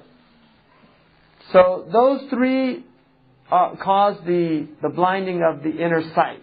فمن ادعى البصيرة مع واحدة من هذه So anyone who claims to have inner sight and they have one of these three فهو عبد مفتر كذاب أو ذو خطأ في العلم والعمل بالصواب Whoever claims he's one of two things, he's either a liar, he's a liar, or he, he, his, his knowledge is, is lacking. He doesn't have a correct understanding. It's one of the two. He's either fooling people or he's fooling himself. وهو عين الحقيقة وفصل الخطاب. And this is the essence of reality. And, and this is the definitive statement about this matter. So he's telling you, take this advice, because this is absolutely sound advice. And then he says, دخول العلة على القلب الساذج سهل التعالج. بخلاف الذي سقم بعد صحته ورجع بعد عودته لكمون الغرة فيه وأنسه بما يقتضيه ولذلك إذا صح تمكنت الحقيقة منه وانتفت الغرة عنه إذا صار على ضرر من النكس ومستشعرا وجود النقص في العكس لكن ثباته أغرب وإن كان رجوعه أيسر وأقرب إذ داعية الشر والخير من الأسباب الواصلة كالقوة الدافعة والأخلاط الفاعلة. It's very uh, high Arabic. It's, called jinas. It's. It's very beautiful. When sickness enters into a naive heart, a heart of somebody that's really not diseased, when it comes in, it's easy to treat. In other words, a heart that's been healthy, this heart, once it begins to get sick, it's much easier to treat than a heart that became sick after being, it, it, had been sick and then it became healthy and then it has a relapse. And this is the danger of making tawbah and falling back into wrong actions. Because the more you do that, the worse it gets. كلا بران على قلوبهم ما كانوا يكسبون. The rain on the heart comes, the heart gets covered, it gets encrusted because of what they were earning. So the more wrong actions, the more the heart gets encrusted. What he's saying there is that a heart that was innocent and pure, and then it begins to get sick, it's easy to treat. Whereas a heart that was sick, after it had been well, and then it falls back in, it has a relapse, because of this hidden ghirra in it, because of that, there's a sickness in it. وَلِأُنْسِهِ بِمَا يَقْتَضِيهِ And because he has become intimate, he's actually come to enjoy the disobedience, which is why he goes back to it. He feels comfortable with it. وَلِذَلِكَ So for that reason, when it becomes well, then the reality becomes strong in it, and it will remove that sickness. But, if it becomes sick after that from a relapse, because of that deficiency that's experiencing in the heart, then the opposite is true. The reality won't be strong in it. So it's rare for this type of heart to really become firm. Even though it's still easy to go back if those things that are calling to good and evil are those means. In other words, if there's strong impetus in the heart, if there's a strong desire to get well, and the Constitution supports that, and when the person does things, it starts feeling the pain, and because of that, the heart moves to change, then what he's saying is that, that those are good signs, and so one should not despair. That's the point. He's, he's making sure that you don't fall into despair. Oh, I'm, it's a disaster. I'm never going to get well. He's saying don't do that because that's another trick of the self. فَلَا تَأْمَنْ نَفْسَكَ بِحَالٍ You know, never feel safe with yourself in any situation. وَلَا تَغْفُلْ عَنْ حِفْظِ مَا حَصَلَ لَكَ مِنَ الْكَمَالِ And don't become heedless about protecting what you have of goodness, of perfection, once you have it. In other words, don't think just because, oh, alhamdulillah, I've been uh, doing my wird every day, I've been consistent. Don't feel comfortable in that. Be vigilant about it because shaitan is going to come and try to get you out of it. Your nafs, hawa, shaitan, and dunya are constant enemies that are always vigilant. So you have to be as vigilant or have greater vigilance. وجدد الإنابة والتوبة لتحفظ بها صحة الرجوع والأوبة and always renew your returning to Allah and your your tawbah in order to protect the soundness of this return to Allah subhanahu wa ta'ala, the well-being that you're experiencing from being in a state of returning to Allah. وعالج وعالج أمراضك بما تراه يبريها and treat your diseases with those things that you see have a beneficial effect that are curative for them. وذلك بأن تجلب لنفسك ما يزينها وتصرف ما يرضيها وبالله سبحانه وتعالى التوفيق and do that with those things that will incur for the self what uh, ornaments the self, what benefits the self, and what removes from the self the, the destructive tendencies. So what he's saying there is that be concerned with those things that bring benefit to you and uh, will bring uh, zina to your heart. So, for instance, by going to the prayer in jama'ah, there's a hadith that says that that's a sign of iman. And one of the things about habitual practice is it becomes the more you do it, the more it's uh, your nature inclines towards it. People that don't exercise when they start exercising, always have a difficult time. But people who are consistent with their exercise, they have a difficult time when they don't exercise. If somebody runs like five times a day, and there's people that do that, if they don't do their run, they don't feel well. If somebody takes a shower every day, if they miss their shower, they feel dirty. Whereas somebody who doesn't take shower, he takes a shower once a week, he doesn't have that feeling. So what's the difference? The difference is just in the constant practice. So if you leave your practice, you'll, you'll feel. So that's what he's saying. Guard those things that will put your soul into a good state. And avoid those things that will take your soul to destruction. And this tawfiq is by Allah subhanahu wa ta'ala. And then he says, وَعِلَاجِ الْقَلْبِ الْمُوثِرْ لِهَوَاهُ The treatment of a heart that has preference for its caprice, for its desires, its hawa. المعرض عن مولاه القلب المعرض عن مولاه that heart that is turning away from its Lord إذا كانت فيه حياة بأن يحس بأن يحس بالسيئات والحسنات إما بالتذكير أو عند وجود النكير وذلك بثلاثة أسباب هي مفاتيح القلق والأبواب. So he says that if your heart has life in it, and what he means by that is you actually feel when you do wrongs, you experience it. Because there's some people, billah, they do wrong things, they don't even feel it anymore. Because the heart's dead. It's like somebody who, uh, you know, in martial arts, if you go to Thailand, they have these guys they call Muay Thai, they're Thai boxers. They kick trees from the time they're little kids. They kick trees with their legs until they get uh, calluses and, and scar tissue all throughout their legs. At that point, they don't feel it anymore because they've killed all the nerves. The nerves that feel the pain, they've literally killed them. There's another thing they do is the hot sand.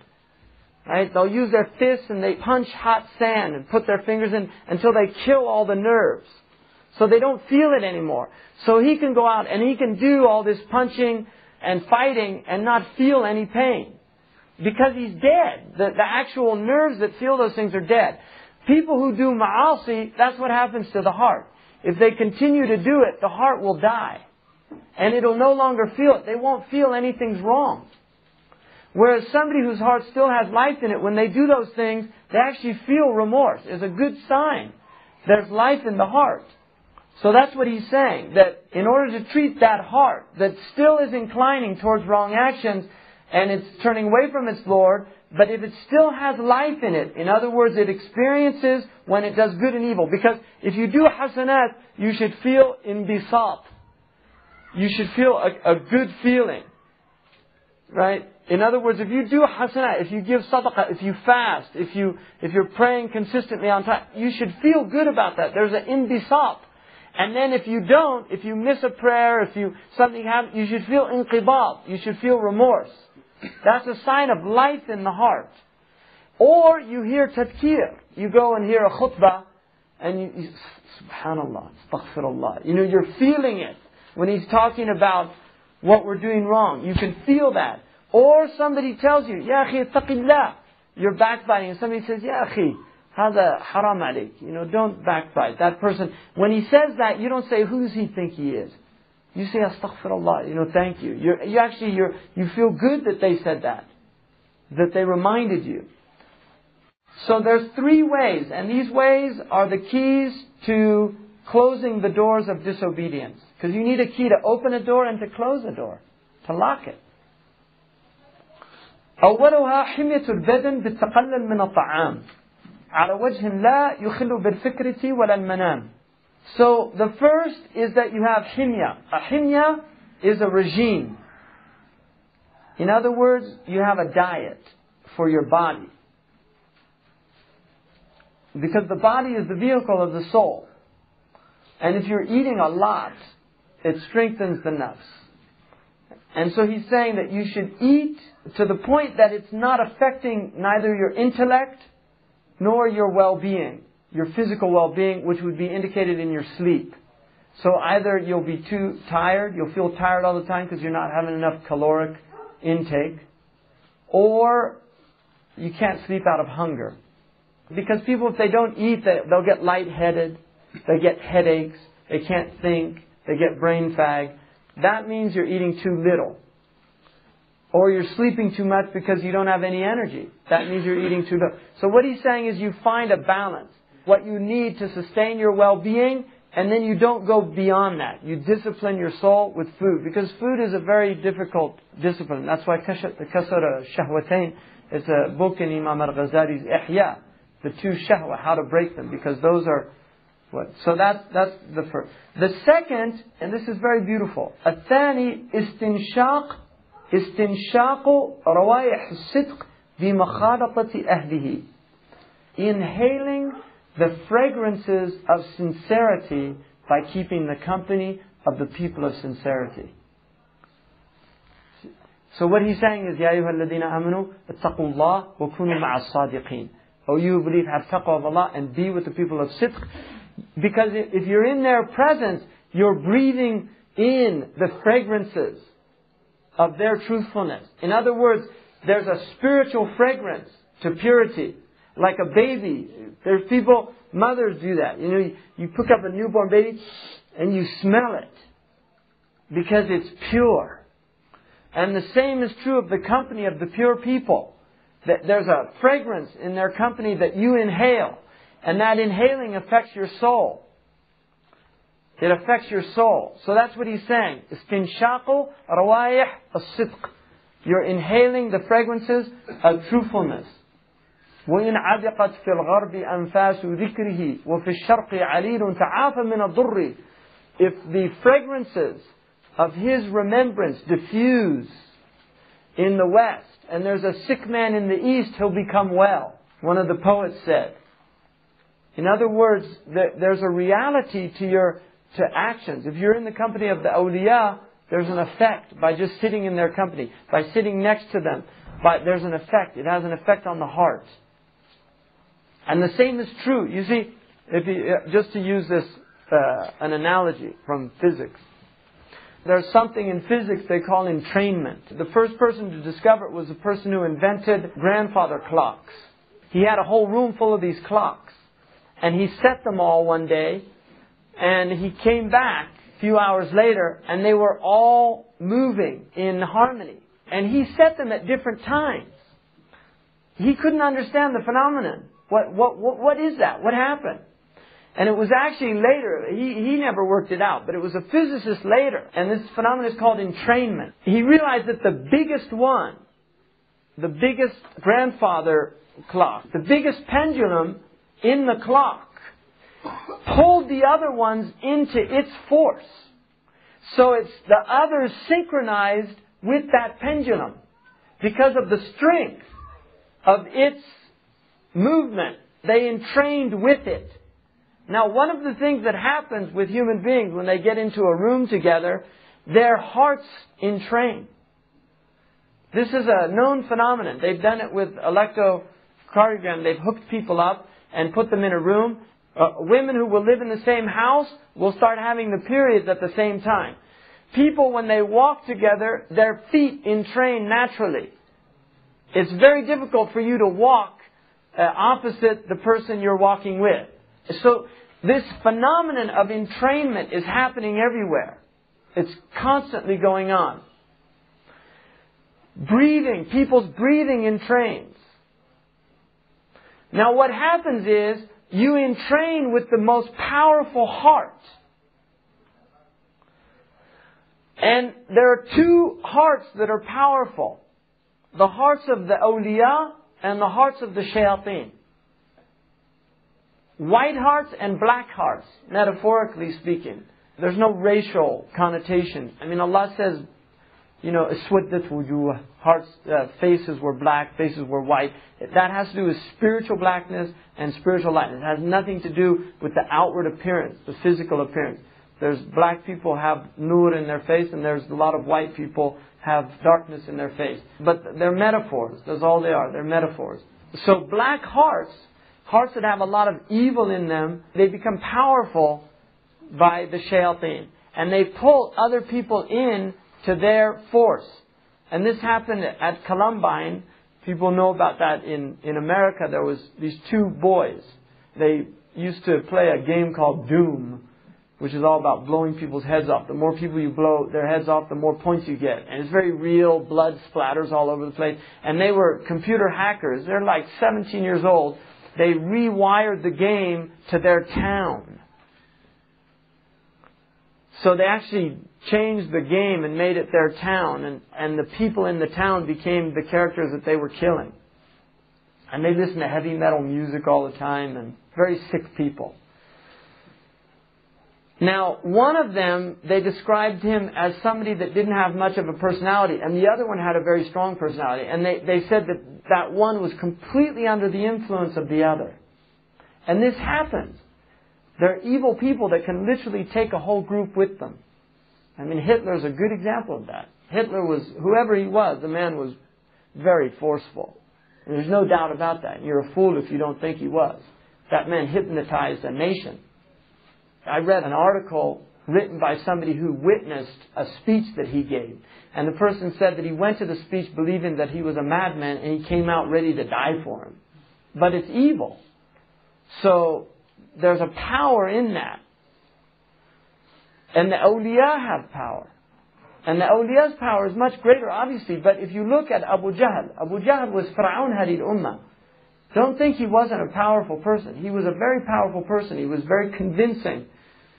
I mean, when Al-Walid ibn al-Mughira almost became Muslim, and Abu Jahl said, don't worry, I'll take care of him. And he went and pulled him back in to his force.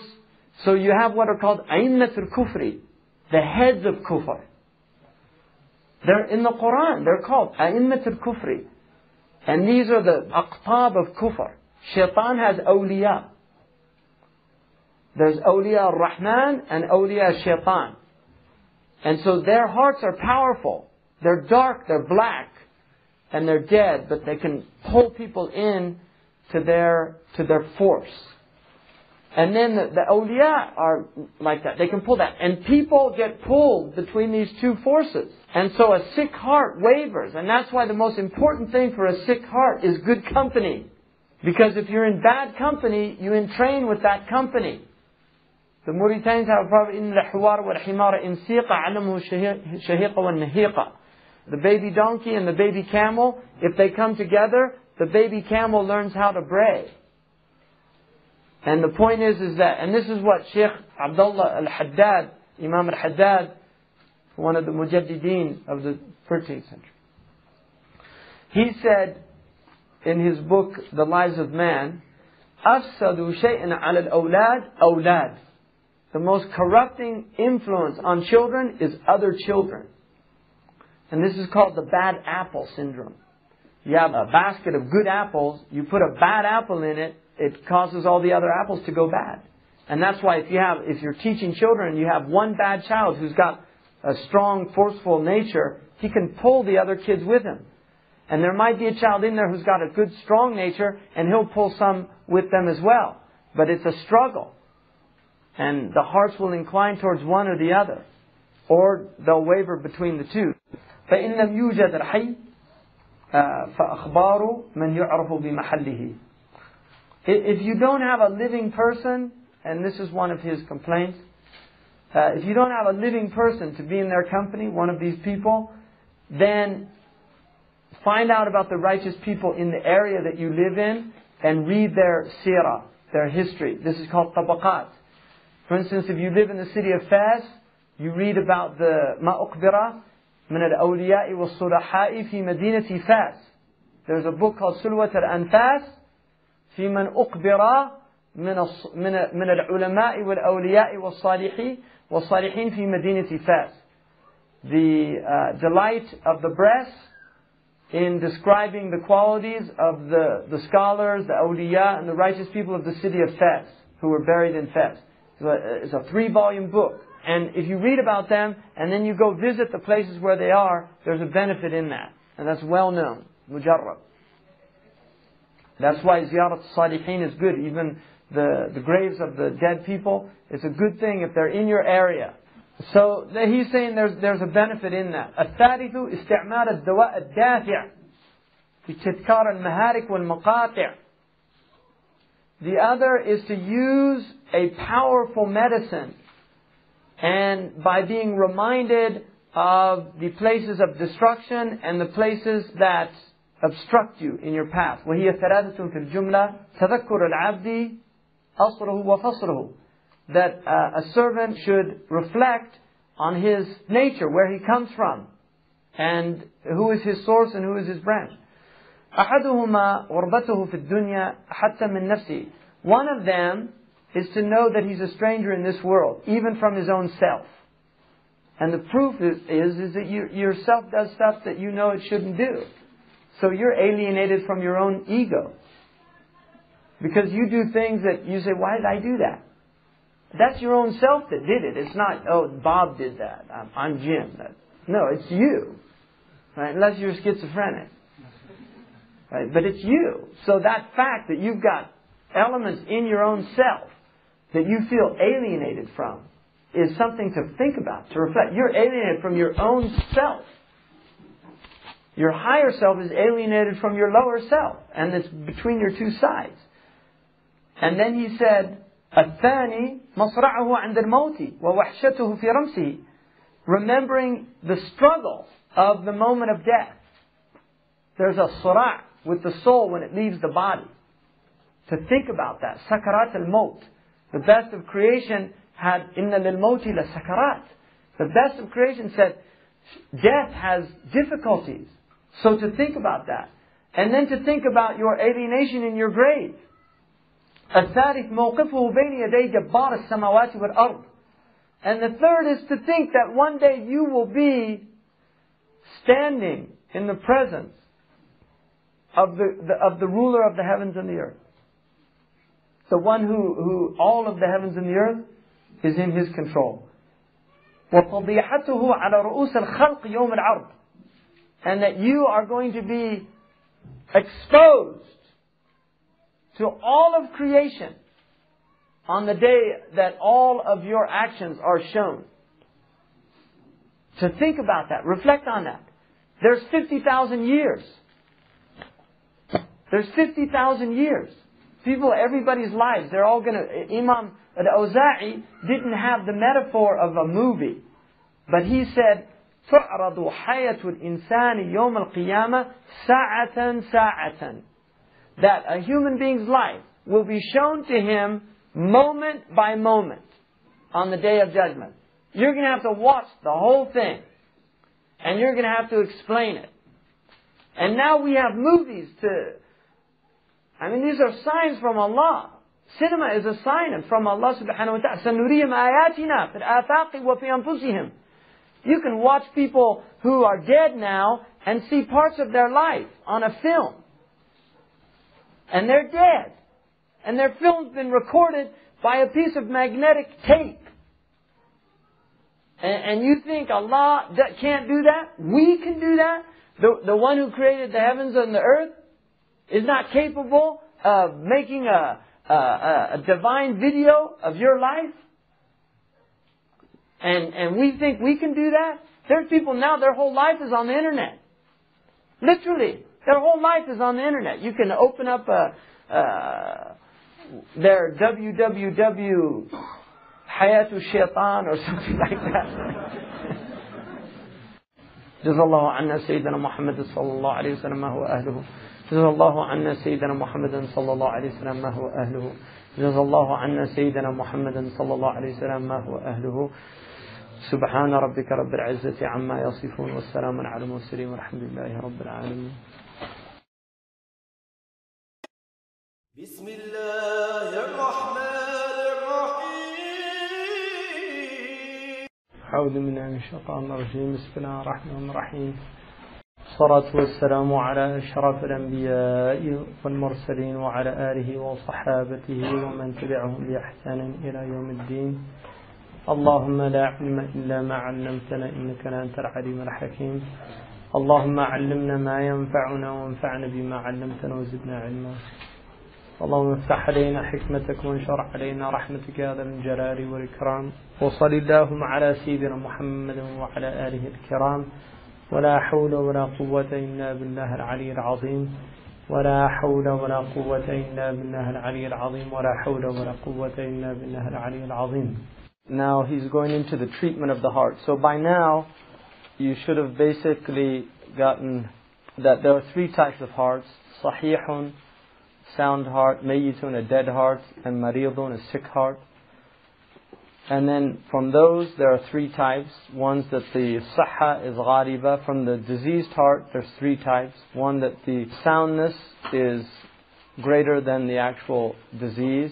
The other is that the disease is greater. And the third is that they're about equal. And he mentioned that the one that the disease is greater and the one are equal are both in dangerous condition.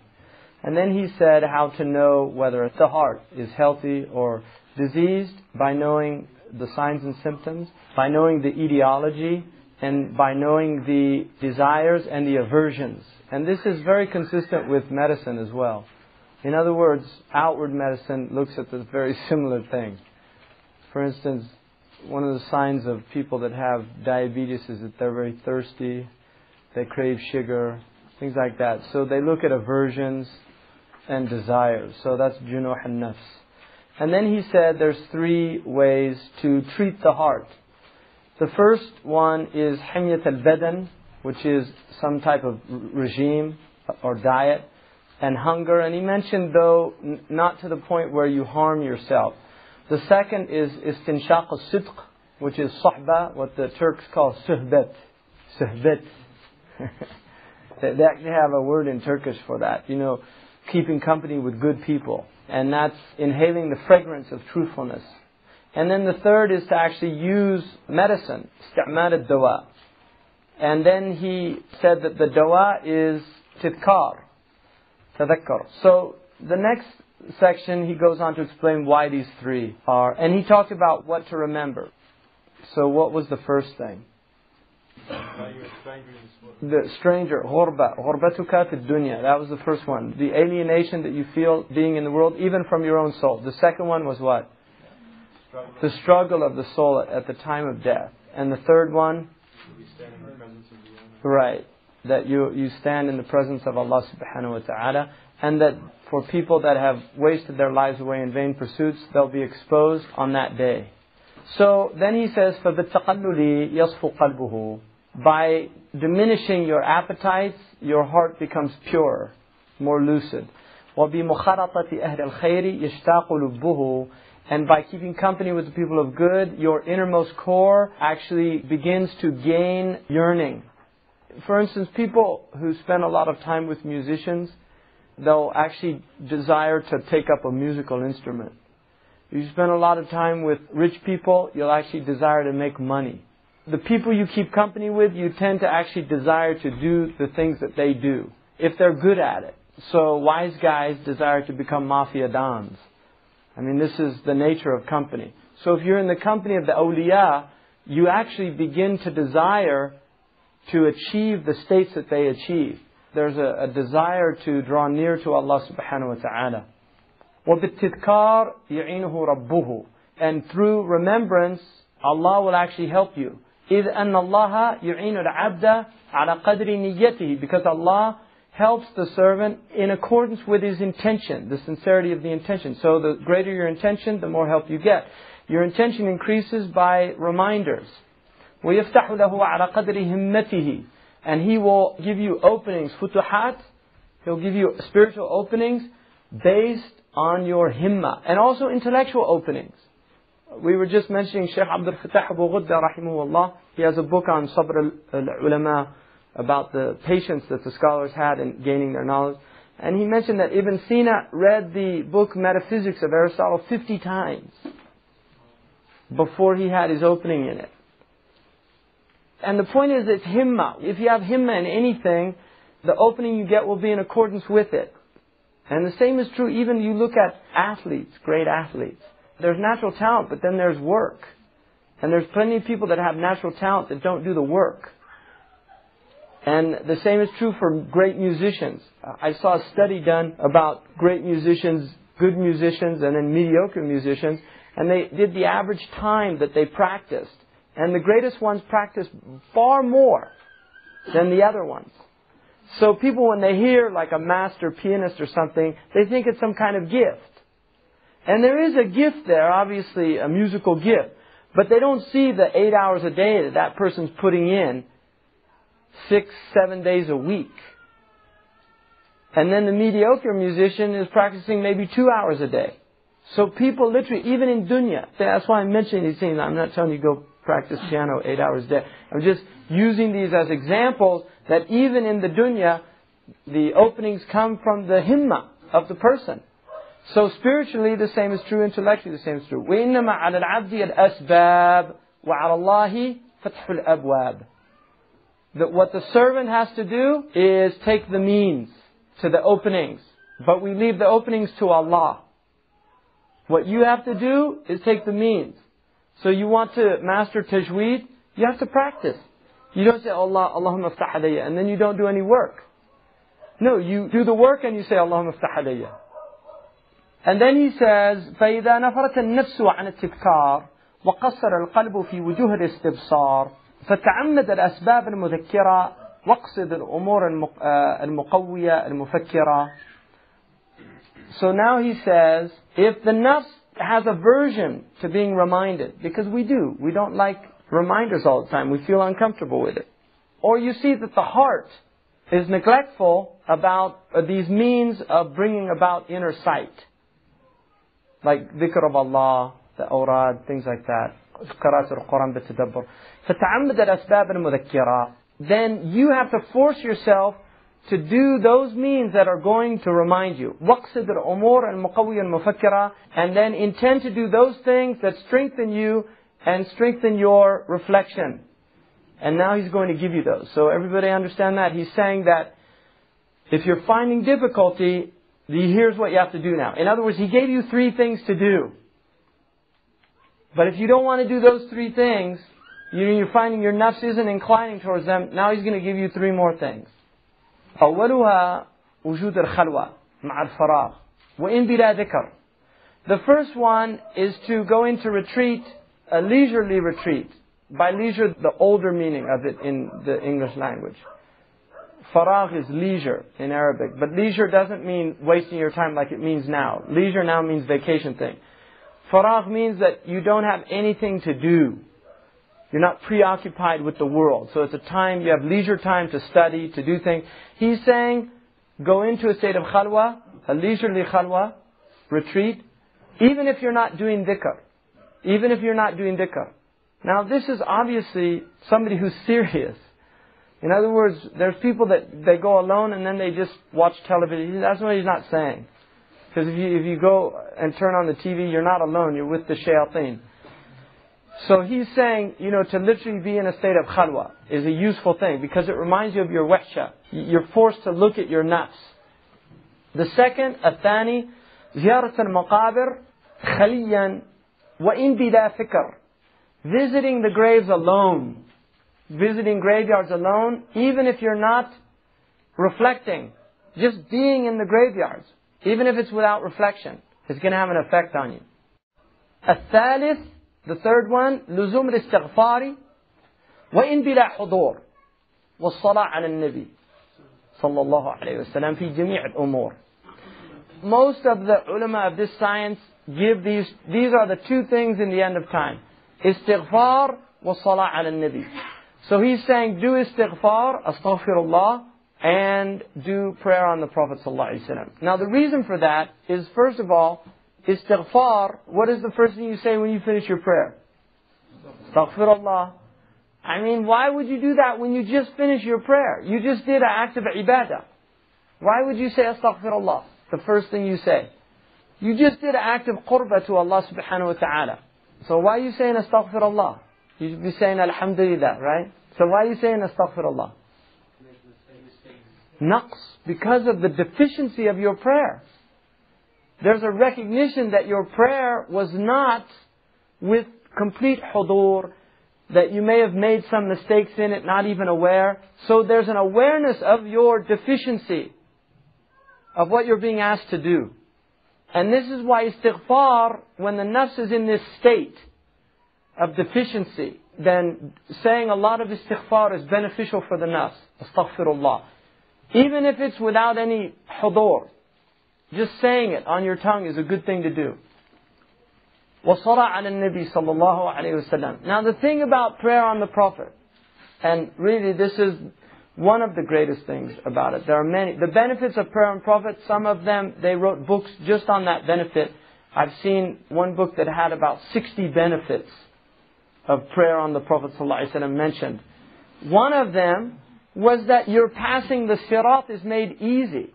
Because the prayer on the Prophet will come on the Yom Qiyamah when you have to pass across the bridge to the other side and it will help you across. It's a hadith. It draws you closer to the Prophet ﷺ. One of the things about prayer on the Prophet is the more you do it, you will be forced to love the Prophet ﷺ. In other words, love will enter into your heart merely by the prayer. It's one of the benefits of the prayer. You increase in love and yearning for the Messenger of Allah sallallahu alaihi wasallam. It purifies the heart. It's considered a sheikh when there's no sheikh. And this is well known. Sidi Ahmed Zarruq said, when there's no sheikh, prayer on the Prophet purifies the heart. So doing a lot of prayer on the Prophet sallallahu alaihi wasallam. Allah subhanahu wa ta'ala says, إِنَّ اللَّهَ وَمَلَائِكَةُ يُصَلُّونَ عَلى النَّبِي Both Allah and He seconded with His angels do salah ala nabi. Ya أيها الذين آمنوا صلوا عليه وسلموا تسليما. Pray on him and do taslim. So this is a command from Allah subhanahu wa ta'ala. It's a farb to pray on the Prophet sallallahu alaihi wasallam. At least, according to the Malikis, at least once in your life. According to the Imam Shafi'i's madhab, you have to pray every prayer. In, in Maliki madhab, it's mustahab. In, in the Shafi'i madhab, this is a wajib. So then he says, and do it in all matters. Prayer on the Prophet. فإنه صلوات الله وسلامه عليه قد قال. He said himself, زوروا المقابر فإنها تذكر الآخرة. Visit the graves because they will remind you of the akhirah. ألهاكم التكاثر حتى زرتم المقابر. multiplicity, takathur can mean yatakathuru. It means to collect a lot of things. But it can also mean the hur al-katra is one of the meanings of it. At-takathuru means that multiplicity, seeing all this dunya, all this multiplicity out here. Al-hakumu takathur. It's got you preoccupied. You're not thinking about ultimate matters. Wanting to acquire wealth, wanting to acquire position, wanting to climb the social ladder, all of these things has you preoccupied. But when you visit the graves, suddenly you're reminded, that's where I'm headed. That's where I'm headed, to the grave. So it's one of the benefits. And our Prophet ﷺ used to visit the graves. He visited once a week, he used to go and visit the graveyard, at least. And so there's people that haven't visited a graveyard in years. In years. They haven't visited a graveyard. If you have a Muslim graveyard in your area, it's a good thing to go and visit it and reflect on it. And make dua for them. Give them salam. السلام عليكم يا دار قوم المؤمنين أنتم السابقون ونحن اللاحقون You preceded us and we're following you inshallah and that's a hadith in inshallah the inshallah there is is one of the interesting points تأدبا مع الله سبحانه وتعالى I mean it's death is محتم but لا تقول لي إني فاعل شيئا لا تقول لي شيء غدا إلا أن يشاء الله. Don't say you're going to do anything tomorrow except that you have istithna. So it's just تأدبا مع Allah. I mean, death is muhattam.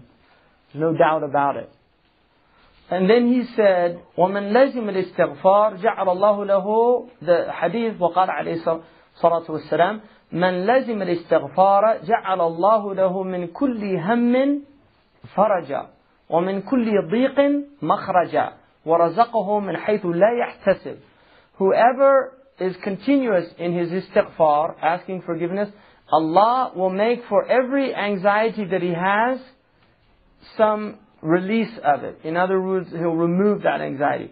And for every constraint that he has, some difficulty, He'll give him some outlet or way out of it. And He will provide from him from where he's not expecting. So those are the benefits of istighfar. وقال عليه الصلاة والسلام الصلاة علي نور في القلب ونور في القبر ونور على الصراط وهي أمحق للذنوب من الماء البارد للنار and that's one of the few hadiths that Abu Bakr as-Siddiq relates. Abu Bakr as-Siddiq, if you look in the books of hadith, he rarely relates any hadith. And that was related from him. That prayer on the Prophet ﷺ, prayer upon me, the Prophet ﷺ is saying, is light in the heart. It's nurun fil qalb. It's nurun fil qabr. It's light in the grave. Wa nurun ala sirat. It's light on the, on the, the sirat which is what you go across to get to paradise, and, and the hellfire is under it. And it is greater in its extinguishing wrong actions than cold water is for fire.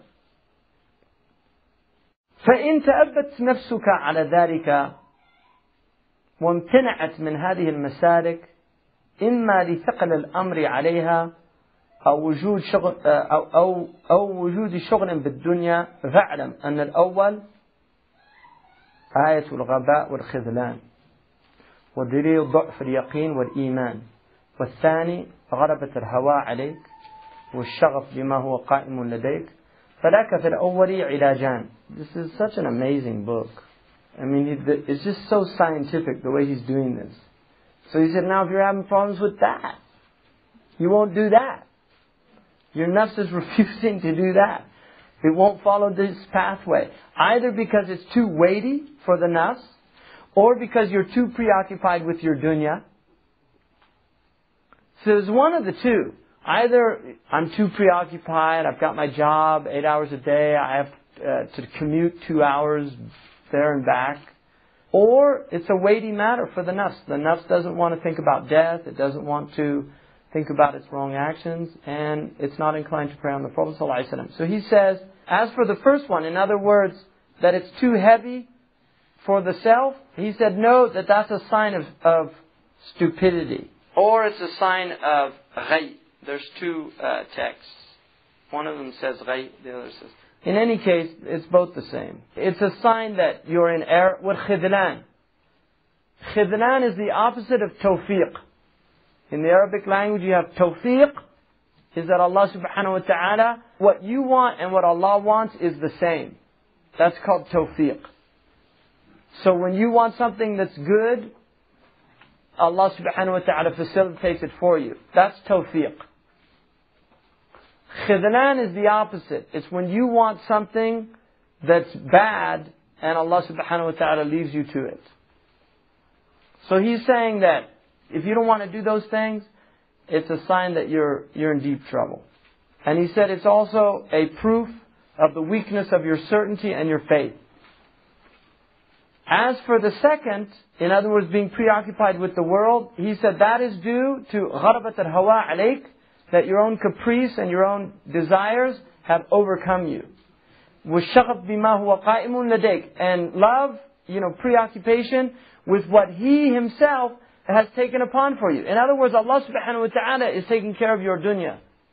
Don't think that that means that you don't go out and work and do that. It's not darwasha. That's not what he's saying. But what it means is when this has become your preoccupation, because there's people think about dunya all the time. Even when they get off work, they're still thinking about how they can make more money or something like that. He's saying you're wasting your time because those things Allah subhanahu wa ta'ala took care of you. Just do what you have to do and don't worry about being obsessed with that. So then he says, فَلَكَ فِي الْأَوَّلِ عِلَاجًا As for the first one, there's two treatments for it. Everybody got this? You can make a nice little diagram. You know, do this. If that doesn't work, do this. If that doesn't work, do this. And that's the way he's working because he wants to help us get cure ourselves. And he's exhausting all the possibilities. So, as for the first one, which means you're finding it too difficult to do, and that's a result of either stupidity and forsakenness, that Allah has forsaken you, or weak yaqeen, certainty and iman, faith, he said that has two cures. One of them, التحامل على الأمور المذكورة وإشغال النفس بالأمور المشكورة من غير التفات لفائدة هذا العمل ولا كماله ولا نظرا لكثرته ولا استقلاله فإن ذلك يلفتها شأت أم أبت ويظهرها عما عليه استقرت وربت So the first one is that you force التحامل على الأمور المذكورة In other words, you do it in spite of yourself. Even if you're not attracted to it, just like anything, there's people that they don't want to go on a diet. They're overweight. Their doctor tells them, look, you know, you're going to kill yourself if you do this. That's what he's saying. Even though you don't want to do it, you have no natural inclination to do it, you have to force yourself to do it. So that's what he's saying. Even though you don't want to do it, you have to force yourself to do it. And then preoccupy the self in those things that are mashkura. وَكَانَ سَعْيُهُ مَشْكُورًا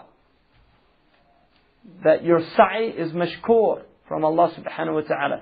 So your effort is mashkur. It's, so you do things that Allah subhanahu wa ta'ala encourages us to do and tells us that He'll reward us for it. من غير التفات لفائدة هذا العمل ولا كماله ولا نظرا لكثرته ولا استقلاله. And don't concern yourself with the benefit. Don't, don't think about, look at it just as khalas. I have to do this. Don't think about what you're going to get out of it. He's just saying just do it as an exercise. It's just like you decide to jog every day, or you know your dentist tells you you have to floss because you're going to lose your teeth. So it's just something you have to do every day. Look at it like that. Don't think of the benefit. Just think, I have to do this.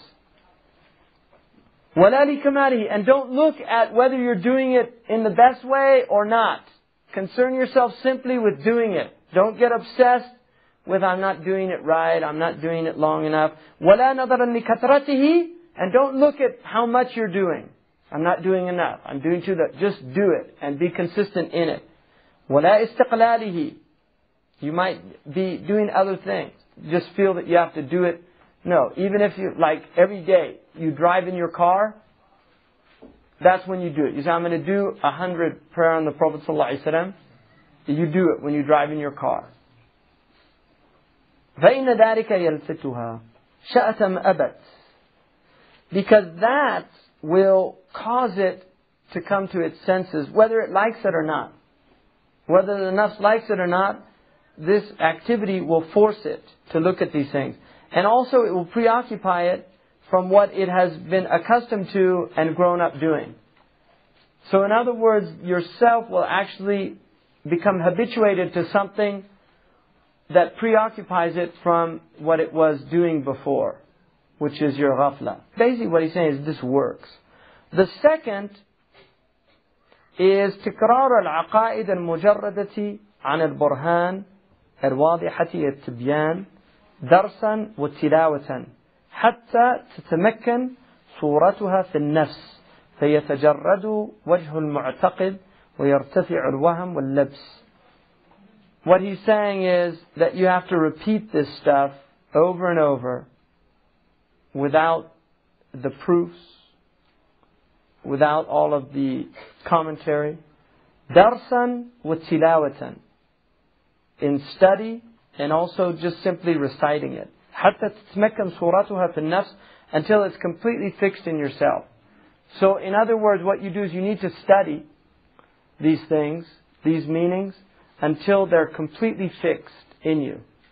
So you know. It's like you do the diagram and you study it until you know. Okay, he said do this. When that happens, do this. If that doesn't happen, do this. It's firmly fixed. In other words, what he's telling you is get to know this material really well. Get to know your deen really well. Get to know what we're taught about reality really well. When tribulations happen, you don't get upset by them. One of the signs of somebody who doesn't have strong iman is when everything goes wrong, they fall apart. Because who made everything go wrong? Allah subhanahu wa ta'ala, nobody else. Why did He make it go wrong? One of two reasons. Because you were doing stuff wrong, and now He's pulling the carpet out from under you in order that you can stop in your tracks and ask yourself, what was I doing that Allah did this to me? That's one reason. The other reason is He's elevating you in degrees. Those are the only two possibilities. He's either calling attention to your stupidity so that you can say, Astaghfirullah, I brought this all on myself. And that's what you should say.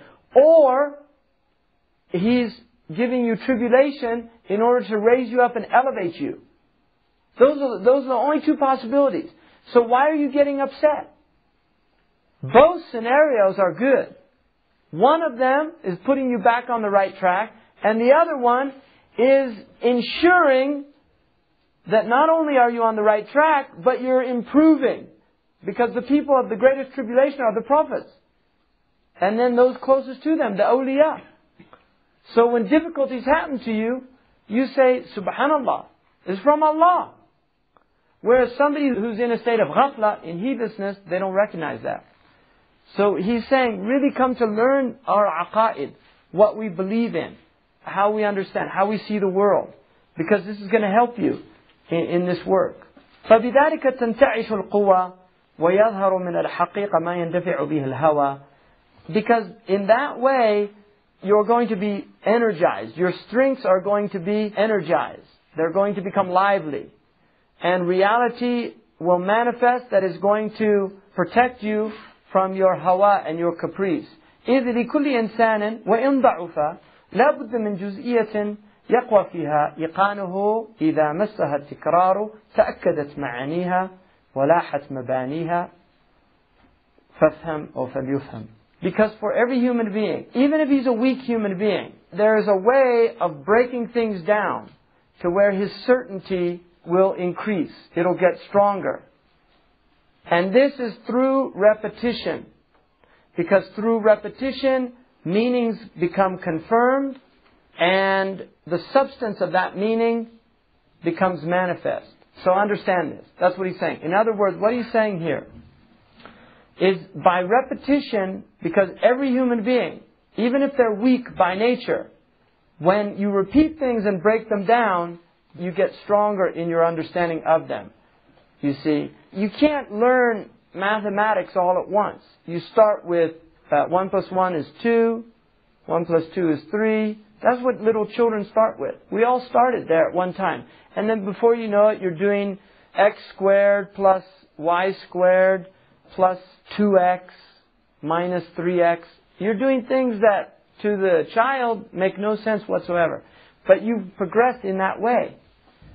And you've done it through repetition. That's the only way you arrived at it. So that's what he's saying. The only way that you're going to increase, even if you're weak, is through repetition. Is through repetition.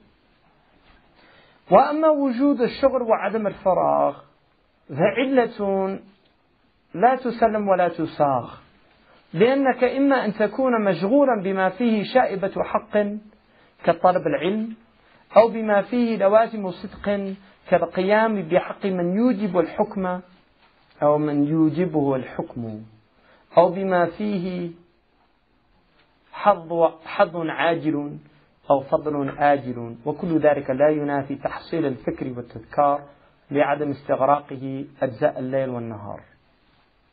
So what he says here now is as for your preoccupation and your lack of leisure, this is an excuse that is unacceptable and unpalatable. Because either you're preoccupied with something that has some element of the truth in it, like seeking knowledge, and there's a danger in it, there's shawa'ib in it, because seeking knowledge, one of the dangers of seeking knowledge is arrogance, elitism, vanity, egoism. I mean, there's a lot of problems that go with that. So either you're preoccupied with something like that, or بما فيه لوازم صدق, what by its nature necessitates sincerity, like doing what you're supposed to be doing in, in some hukum shar'i that's uh, obligatory for you to do, and it either has some immediate benefit or it has some later benefit. And none of that should negate the ability to reflect and to be reminded. لعدم استغراقه أجزاء الليل والنهار. He's getting to a point here that really many people ignore. And what he's saying here is that no matter who you are, you have time. That's all he's saying. He's saying, don't fool yourself. Don't tell me I'm too busy. Because I saw you the other day sitting down there drinking a coffee for a half hour, talking with your friends. I saw you playing ping pong. I saw you reading the newspaper. You went to a movie last week, two hours of your time, or three going there and coming back, or four or five because you paid ten dollars to get in and you only get paid five dollars an hour, so there's two hours that you have to work to pay for the movie. So what he's saying here is quit fooling yourself. You have time, but you've chosen not to utilize your time. That's what he's telling us. He's saying, don't delude yourself. That's why whenever you hear people say, oh, I don't have time, it's always a lie. Always. And it's interesting, Marcus Aurelius, in his introduction to meditation, he says, one of the things I learned from my teacher Frederick, I think it was Frederick the grammarian. He said, never use the excuse of preoccupation in an avoidance of responsibilities. It is a beautiful statement. He learned that from a teacher he had. Don't ever say, I'm too preoccupied to do what I should be doing. Because you'll find you're often preoccupied with things you don't need to be doing. And he mentioned that at the end of the book. He says, don't do anything unless it's a necessity. Even if it's mandub, because there's always things that are fard to do, and if you're doing a mandub and you can be doing a fard, then you've got your priorities wrong. This is called triaging in medicine. If somebody comes into a hospital and their arm's been ripped off by a machine, and another person saying they have a headache, the doctor doesn't start treating the guy with the headache. He has to take care of the person that's going to die. Even if it means the other person wait. And that's the same with anything. You learn to prioritize things. Where you put Allah and His Messenger on your list of priorities is going to determine how sincere you are. Because there's a lot of Muslims, Allah and His Messenger are simply not at the top of their list. They have uh, at the very top dunya, and then family. Some of them, they're better than the other ones, will have family on the top, and then dunya. But generally it's going to be one or the other. And then leisure time. I mean, there's people that spend a lot of time on their physical bodies. And I'm always amazed at these people who sculpt their bodies. I mean, they literally sculpt their bodies. And they learn all these techniques to get one small muscle so it gets, right? Oh no, you have to do a little twist there, you know, to get your. And then they never concern themselves with their inner character. Actually changing their akhlaq, their morals. It's an amazing thing. Because the body is fani. It's just to get old and no matter how hard you try, you can't keep it up. Marilyn Monroe said gravity gets all of us in the end. Doesn't matter how beautiful you are, you know, gravity's going to pull it all down. The intelligent person, morals, that gets better. It should get better. You see, the virtue is something that you can continue to develop until you die. Whereas the physical things, at a certain point, it's downhill. So then he says, وإن أمكن الاستغراق فهو ذاهب بالحقيقة أو فهو ذاهب بالحقيقة إلى المستغرق فيه ولا يصح ثبوت الحق مع ما ينفيه. So he's saying, if indeed you did spend all of your time in this preoccupied state, then in fact you're taking the reality to what you're preoccupied in, and from that point of view, the haqq cannot become firmly established because of what you're negating by it. In other words, the things you're leaving by not prioritizing, by not doing these things. He says, ولكن هنا معالجات معالجات ثلاث. There's three treatments now. going again. أولها أن تختلس من ساعات ليلك ونهارك ساعة تخلو فيها بنفسك وتنظر في يومك وأمسك وتلاحظ هجوم الموت ولوازم رمسك. والثاني أن لا يمكن ذلك لتمكن التعب السابق والشغب اللاحق. فتختلس من الأيام يوما في الجمعة أو يومين. وفي الشهر ثلاثا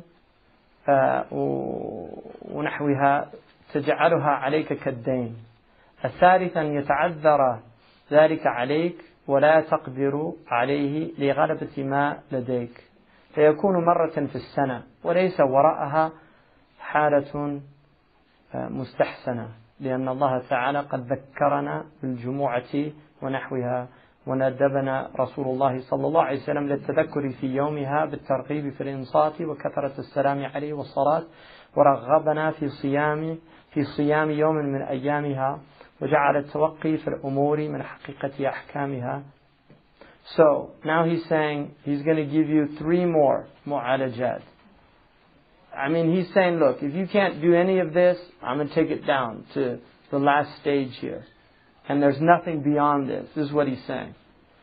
The first one, take some portion of your day and your night. One sa'a. And sa'a here means a portion of time. It doesn't necessarily mean 60 minutes like an hour. Take one portion where you're alone with yourself and you look at what you did today and what you did yesterday. So this is called muhasaba. You just look what did I do today? What did I do for my deen? What did I do for my heart? What did I do for my family? What did I do for my parents? وتلاحظ hujum al-mawti and reflect on death's preparation for you. Death is preparing to attack you. Reflect on that.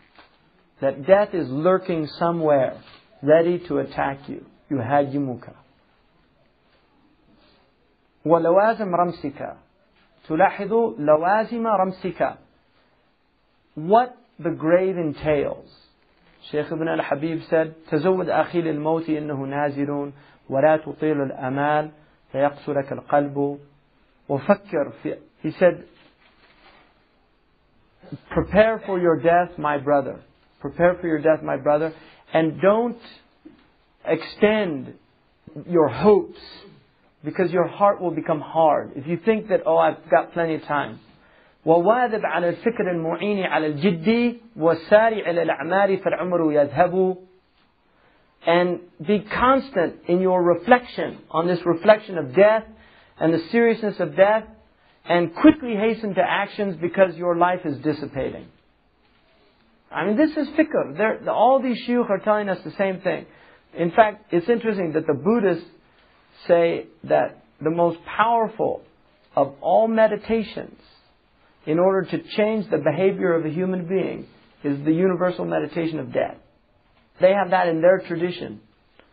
That if you will really take time to reflect on death, nothing will force you to take your life into account quicker than the fact that you're mortal. And most people don't reflect on death. It's really interesting. People do not reflect on death. And the Hindus, I don't, I'm not quoting all this stuff. I mean, but it's just interesting that this stuff is universal. The Hindus say that the strangest thing in existence is in one of their, I think it's the Rig Veda. The strangest thing in existence is people see death all around them, and yet no one believes that it's coming to them. It's, it's a strange thing about human beings. They can see death all around them. They see people drop dead, and they never think that one day it's coming to them. So that's what he's reminding us. That if you do this, it's going to have an effect on you. That's the first thing. الثاني إلا يمكن ذلك if you're not capable of doing that, you can't do that. It's too hard. لتمكن التعب السابق because of the previously mentioned exhaustion that you're just too burnt out in your life. والشغب اللاحق and because you're preoccupied with the world. فتختلس من الأيام يوما في الجمعة أو يومين. Then at least steal a day out of all these days of the week, one day in the week to do this exercise. Just one day or two days. But just take a day out of the week. وفي الشهر ثلاثا or take three days out of the month. وتجعلها عليك كالدين and make it like a debt that you have to pay. Think about this, people, really. He's giving you exercises. They're spiritual exercises. What he's saying is, look, if you have a calendar on your wall, put there three days. Put there reflect on these three days. One of the things you can do is make them days that you fast in. It's encouraged to fast three days a month. So make three days that you fast and then make a promise with yourself that you're going to use those days to reflect on your life, on where you're going, on what you're doing, what this is about, what you want to do with your life, what you want to make of yourself. Just take that time. And then he says, now if you're not even able to do that, because ولا تقدر عليه بغلبة ما لديك because you're so overwhelmed فيكون مرة في السنة make the day of Arafah once a year just once a year do this seriously believe it or not there are people that have not done this what he's saying they haven't thought about their lives in 10 15 years I guarantee you there are people that literally have not thought, where, فَأَيْنَ تَذَهَبُونَ Where are you going? Where are you going? People have not thought that question. They haven't thought about death. Really, there's people that have, you can say death, death. Real experience of death. It, it, it's an experience that you can't forget. If you have one faced death like a gun in your face, or, or seen somebody killed right in front of you. I mean, I was in London with a man, and he took me to see this slideshow because he wanted to do some slideshows on Islam, and he wanted to show me the potential of what they call multi-image media. and there was a slideshow in London on the history of London. They had a lot of different slides coming in at once. It was very powerful, waham, to, to watch. But we went in, we watched, I think it was an hour or something like that, and we came out. Whenever you go in and see like movies or cinema, it's such an artificial thing because it's magic and you've been bewitched for two hours or something. You come out and you have to get used to coming back into reality. And we just come out and I was standing on the corner and I saw this young man and the interesting thing about it is I literally noticed the man because he was, he was very striking. He was a striking young man. He was probably like about 24, 25, dressed very well. He had a suit and a tie on. And he was, he was a striking person. And I just looked at him. So I saw this man step onto the curb. And suddenly this taxi drove, tried to cut in front of another car, and knocked him down right in front of me. And he fell back, and it was all almost like slow motion. He fell back and hit his head on the sidewalk. And he started shaking.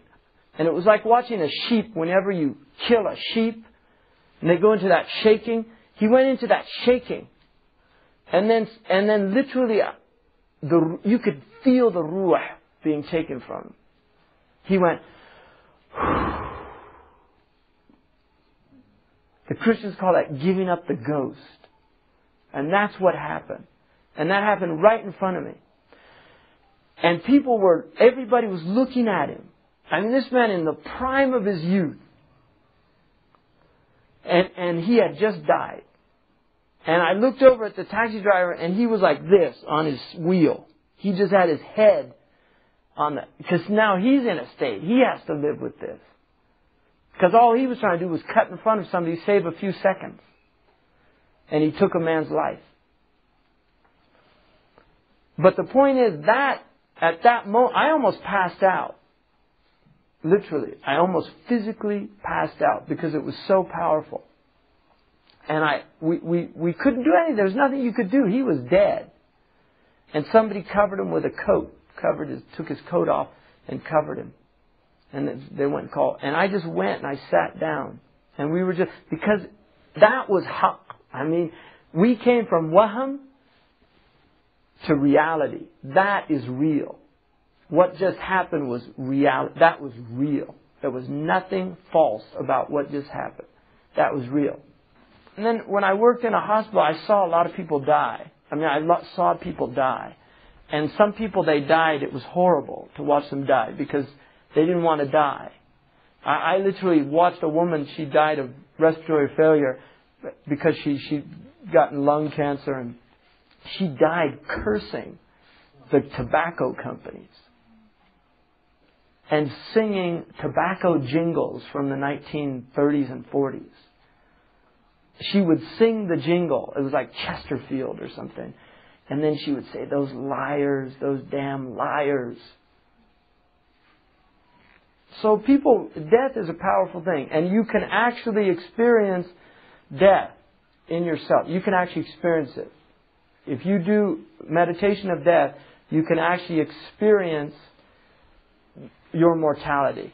And in doing that, it causes you to really assess your life and where you're at and what you're going to do. Because most people are wasting their lives and then they have nadama. You, you just have remorse and regret. Because once you die, you can't come back. And the only thing you want to come back to do is right actions. You don't want to come back. Nobody says on their deathbed, I wish I watched more Gilligan's Island, or I wish I, they don't say that. I wish I watched more movies. Oh, I didn't get to see that Oscar winning film, that great film with Katharine Hepburn. I miss that. They don't think that. Nobody thinks that. That, oh, I wish I spent more time at the office. Nobody, I guarantee you, nobody's ever said that on their deathbeds. What they say is, I wish I would have gone to the, the masjid more. I wish I would have learned more Quran. I wish I would have done more charity work. I wish I would have helped more people. I wish I would have had better manners. I mean, I visited a man on his deathbed at Stanford University, dying of cancer. He was almost dead. And he used to come to my khutbah at this mosque. And he told me that he always hoped that he would be able to spend time with me. And here he was dying, and I came to visit him. He didn't know, I didn't know him. And he knew me just from the khutbah. Driving there, one of the people told me that he said this man was the most argumentative person he ever met. That's what he said about him. He said this man was the most argumentative person he ever met in his life. He argued with everybody. And, and when I went to see him and visit him, he was so sweet. And he, well, he, this thing he said to me, he said, you know, the only thing I regret about my life is all the arguments I had. And he said, I wish I could go to every single person and ask their forgiveness. That, that's what he told me. He said that's the only thing he really regretted. That he used to argue with people. And he realized it's just, it's, it's all nuts. It's just a waste of time. All these things. You're dealing with psychology. And when you're looking at infinity, all these things, all your fights in your mosque about who should be president and who should be, all this stuff, it's just suddenly, it's all just wham. These are archetypal personalities that are manifesting their pathology on the arena of life. That's all it is. It's not really about truth. It's not about I'm right, you're wrong. Right? That's what it's really about. It's not about I want the truth to show up. No, I want to prove my point. And that's the beauty of doing this type of meditation is you start realizing the futility of that route. جزا الله عنا سيدنا محمد صلى الله عليه وسلم ما هو أهله جزا الله عنا سيدنا محمدا صلى الله عليه وسلم ما هو أهله جزا الله عنا سيدنا محمدا صلى الله عليه وسلم ما هو أهله سبحان ربك رب العزة عما يصفون والسلام على المرسلين والحمد لله بسم الله الرحمن بسم الله الرحمن الرحيم. والصلاة والسلام على أشرف الأنبياء والمرسلين وعلى آله وصحابته ومن تبعهم بإحسان إلى يوم الدين. اللهم لا علم إلا ما علمتنا إنك أنت العليم الحكيم. اللهم علمنا ما ينفعنا وانفعنا بما علمتنا وزدنا علما. اللهم افتح علينا حكمتك وانشر علينا رحمتك يا ذا الجلال والإكرام. وصل اللهم على سيدنا محمد وعلى آله الكرام. ولا حول ولا قوة إلا بالله العلي العظيم. ولا حول ولا قوة إلا بالله العلي العظيم ولا حول ولا قوة إلا بالله العلي العظيم We got to the three mu'alajat. He's taken us further, making it easier and easier to do something. He told us that we should do this every day. If we can't do it every day, we should do it once or twice a week. If we can't do it once or twice a week, once a month. If we can't do it once a month, then at least once a year. And then he said, beyond that, there's no hope. Because Allah subhanahu wa ta'ala, he says, لأن الله تعالى قد ذكرنا بالجمعة ونحوها وندبنا رسول الله صلى الله عليه وسلم للتذكر في يومها الترغيب في الإنصات وكثرة السلام عليه والصلاة ورغبنا في صيام يوم من أيامها وجعل التوقي في الأمور من حقيقة أحكامها فقال صلوات الله وسلامه عليه لا يجعل أحدكم يوم صومه كيوم فطره So he said that Jumu'ah is a good thing because the Prophet ﷺ has encouraged us to remind ourselves on that day. We're encouraged to speak less on the day of Jumu'ah. We're encouraged to increase our prayers and peace on the Prophet ﷺ. He also encouraged us to fast during the week at some point, once or twice a week. And he also made التوقي في الأمور من حقيقة أحكامها. In other words, desiring, being desirous of these things is part of the reality of these things that we've been given to do. Just having the desire for them. So even if you're not fasting, you have a desire to fast. If you're not doing a lot of prayer on the Prophet, you have a desire to do those things. So that's actually part of this deen as well. Desiring for improvement, which inshallah would engender or lead to it. And then he said he also told us that one of us should not make the day we fast like the day we're not fasting. In other words, the day you do things that are meant to draw you near to Allah, you should be in a better state than other days. So if you're fasting just like and behave the same as you behave any other time of the week or the month or the year, if in Ramadan all you're doing is not drinking and eating, that's the only change that's occurred in your behavior You haven't increased your Quran, you haven't increased your prayers, you haven't increased your nafilah, then he's saying something's wrong. وكذلك رغب في صيام ثلاثة أيام من كل شهر وفرض شهر رمضان وسن فيه الاعتكاف and also he encouraged us sallallahu alayhi wasallam to fast three days of the month every month I mean preferably it's on the three days the white days they call them ayam al which is the 13th the 14th and the 15th of the month. And now you can actually buy a what they call a lunar calendar. And it'll give you the whole year. It'll tell you when those days are. So you can mark them on your calendar. It's possible to do. But if you don't do those three days, those specific three days, any three days of the month, and the idea there is you have 12 months a year, 3 times 12 is 36, 10 times the Ajr, 360. So it's as if you fast the whole year, on top of Ramadan being 30 days, and then you follow it up with how many days?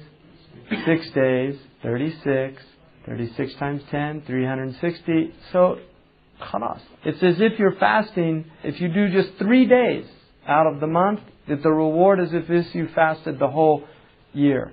And if you fast Ramadan with those six days that you follow, again you get it. So twice. You're getting that twice. So this is why it's encouraged, one of the reasons. And also the i'tikaf. I'tikaf in Maliki madhab, he's a Maliki, that it's a sunnah in Ramadan only. There's other madhab, I think the Hanafi madhab, they can actually just go into the masjid and make intention of i'tikaf. Imam Malik, the i'tikaf, the sunnah of i'tikaf in the masjid is when you're fasting. You have to be fasting to make i'tikaf. If you're not fasting, you can't make it.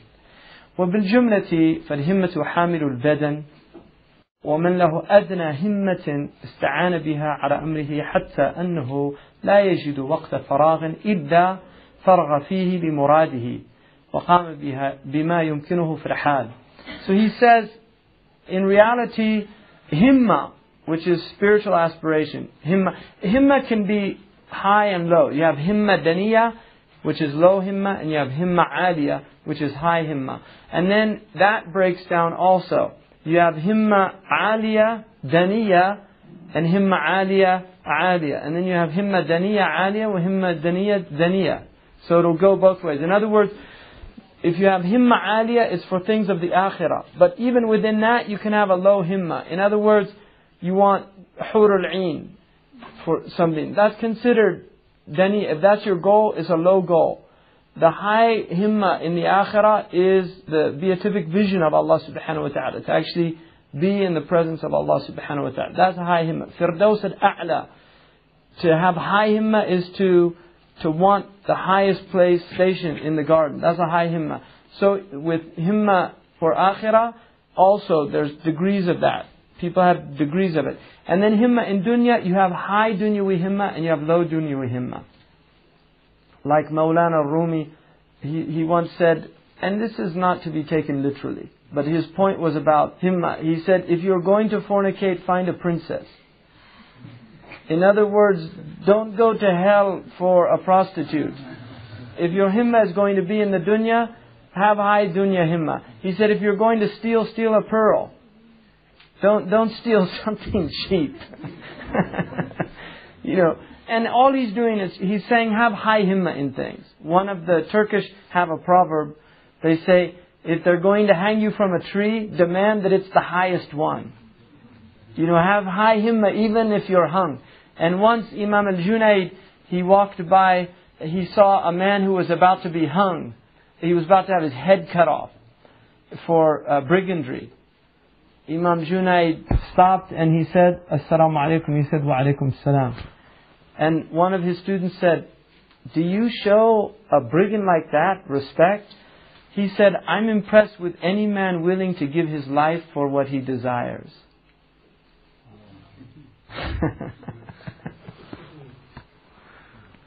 That's an ishara, you know. I mean, obviously it's the wretched people that do those things, but his point was, he's willing to give his life for dunya. You're not willing to give your lives for akhirah? That was the point.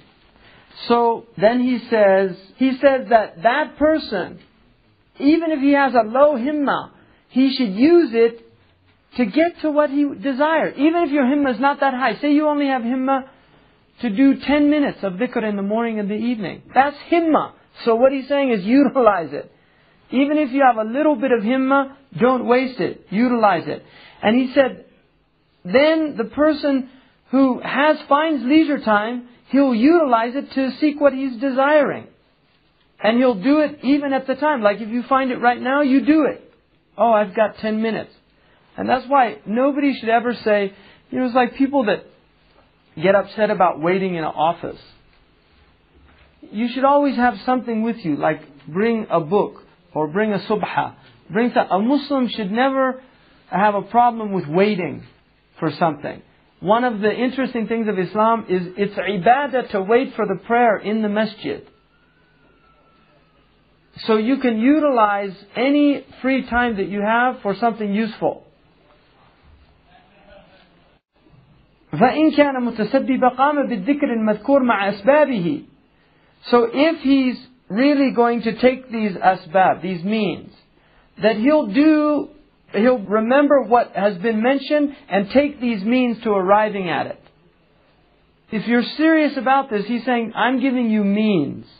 And if you're serious about this, you're going to use these means to achieve what you desire to achieve. So if you're what's known as a mutasabbib, somebody in the world, then you're going to use what's mentioned despite the fact that you're in the world. That's what he means here. That if you're in the world, like you're somebody preoccupied with work, things like that, you're still going to use what's been given you in accordance with your capability. If you're what's called a mutajarrid, somebody who, like a student of knowledge, who's not engaged, he's not working, he doesn't have any uh, dunyawi concerns, he's not worried about the rent, about uh, food, all that's being taken care of. Maybe his family's uh, supporting him, or maybe he has a scholarship, or whatever that person is going to make this work the source of his livelihood. In other words, just like the people who are in the dunya, who are working for their money to pay their rent and everything, the people who Allah has freed them of those type of obligations, they will earn their livelihood with Allah by being people of dhikr of Allah subhanahu wa ta'ala. They won't waste their time. Because if Allah has relinquished those concerns from you, even if it's for a period of your time, that you should repay Allah subhanahu wa ta'ala, whereas people that are Allah has given them the responsibility of family, of working in the dunya, of children, like a woman has children, these type things. Those people are ma'dur. They have an excuse. Because they genuinely are preoccupied. But somebody who's not preoccupied, or if you're a prisoner in prison and you made tawbah, don't waste the time. So that's what he means. وإن كان طالب علم جعله في تصرفاته إذ ليس طلب العلم بمستغرق جميع أوقاته. If he's a seeker of knowledge, then he'll put it in his activities. Because he said seeking knowledge is not going to preoccupy all of your time. So if you have dars to study, خلاص, you study your durus. But he's saying you can't do that all the time. So you'll work it out where you have time to do this work. I mean, this is work on the self. That's what he's talking about. He's talking about doing work on yourself. This is work to change your condition. Uh, وأساس كل الخيرات وينبوع مجامع البر والبركات إنما هي أمور ثلاثة. So now he's saying the foundation of all good, the source of all the gatherings of righteousness and blessings is only found in three things. Now we have three more things. This is the foundation. If you use these three things, it's going to enable you to do other things. أولها الاستعانة بالله والاستغاثة به على بساط الفقر والمسكنة والذلة. That you have to seek the help of Allah and seek the succor of Allah. And you have to do it on the carpet spread of poverty, of complete divestment and of humiliation. In other words, not for other people, but you go into a state of dhalil. Dhalil is a low state. So before Allah subhanahu wa ta'ala, you're dhalil. لا تقدموا بين يديه الله ورسوله. Don't put yourselves before Allah and His Messenger. When Allah and His Messenger say something, you say, سمعنا وأطعنا. We hear and we obey. You don't say, why do we have to do this? So he's saying that you have to have isti'ana with Allah. In ista'in fasta'in billah. As a hadith. When you seek help, seek help from Allah. What istighatha is seeking the, Allah is al-ghawth. He's the one that helps you. Aghithna. You seek istighatha with Allah subhanahu wa ta'ala and you do it through poverty, divestment, and humbleness. ولو في لحظة من لحظات الليل والنهار في الجملة even if this is for a moment during the day or the night, just one moment, have faqr before Allah subhanahu wa ta'ala. Just one moment of your day. Do ibtihal to Allah. One moment. Ya Allah. Ha ana faqirun bayna yadayk.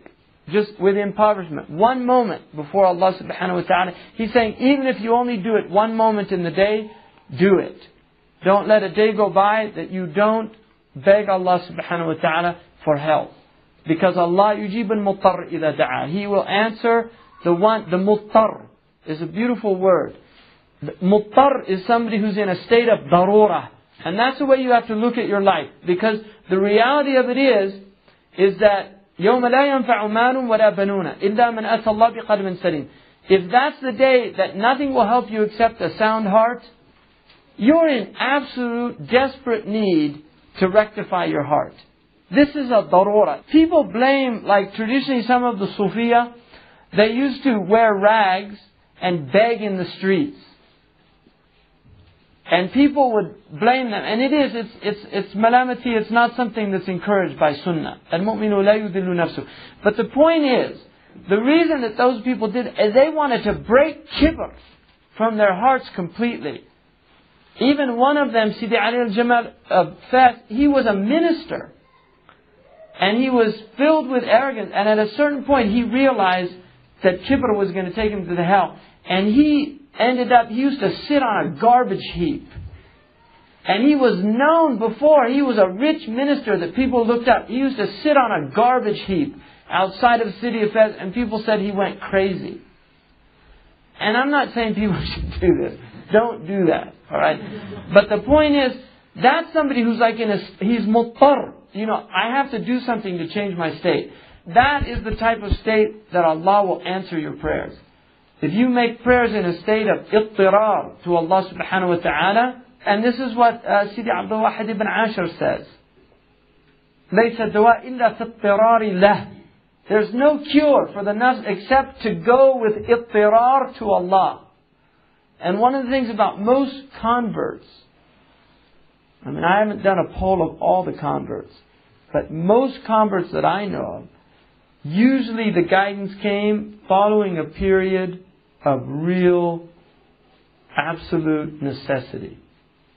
They got to a point where they really felt, I need help. And there was a, a state of just total sense of helplessness. And when you ask Allah subhanahu wa ta'ala in that state, He answers you. The guidance will come. Because Allah is Rahman Rahim. If you ask Him in that state, the guidance will come. So that's what He's saying. والثاني, so that's the first one. استعانة واستغاثة بالله. Even if it's one moment during the day. That's أساس الخير. You have to do that. الثاني تجديد العزم في العلل الدافعة عن المقصود لإفراد الهمم للمراد دون تردد ولا مهلة. The second is renewing your sincere effort in overcoming those blemishes that are preventing you from arriving to your goal بإفراد الهمم للمراد دون تردد ولا مهلة and by singling out your spiritual aspirations without hesitation, without a moment's neglect. So what he's saying here is that you have to renew your وإن عزمت فتوكل على الله. You know, إذا عزمت فتوكل على الله. When you have azima, you have to trust in Allah subhanahu wa ta'ala. خير البر أعجله. The best righteousness is what you do quickly. If you have azima, you have to renew your azima. And that's why azima is a gift from Allah subhanahu wa ta'ala. And I'll give you an example. I know somebody who became a Muslim and very high himma. And I knew somebody who knew him before he was a Muslim, and I was really impressed with his self-discipline. And the fact that he was only about 19, became Muslim, and he just became totally directed towards Allah subhanahu wa ta'ala, studying. It was really amazing to watch that, especially in this age because there's so little discipline. People don't have discipline anymore. It's not an age of discipline. And I asked somebody about how he was before Islam, and he said, you know, because this person was an athlete, and he said when everybody used to go play, he used to go practice his sport. That's what he would do. And he was a star athlete. But he used to go, when everybody else would go and play or go to the party or something, he would say, I'm going to practice. And he would just do his practice. And that, that's azima.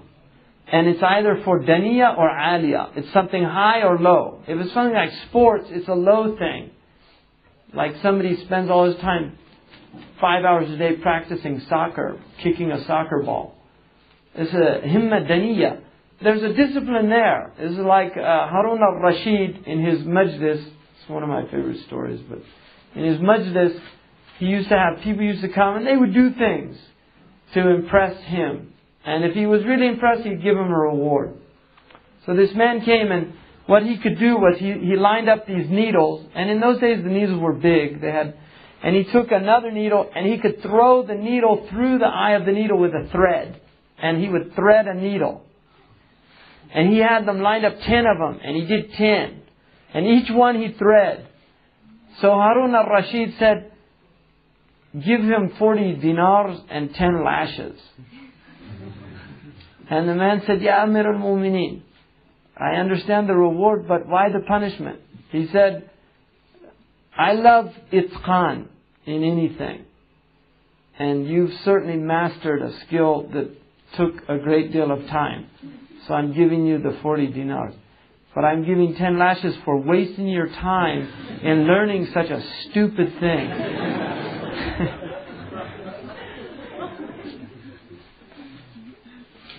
so don't, this is a high thing he's calling us to. So that's the second one. Renewing your, your sincere desire to reach your goal and to fight those things that are preventing you from getting there.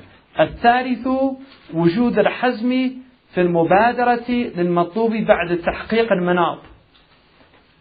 Uh, the third one is that you have hazm. The hazm, oh Allah, I'll give you an example. Some of the Sahaba used to do their shafa and witr before they went to sleep. And some would do it after they went to sleep. They'd get up in the night.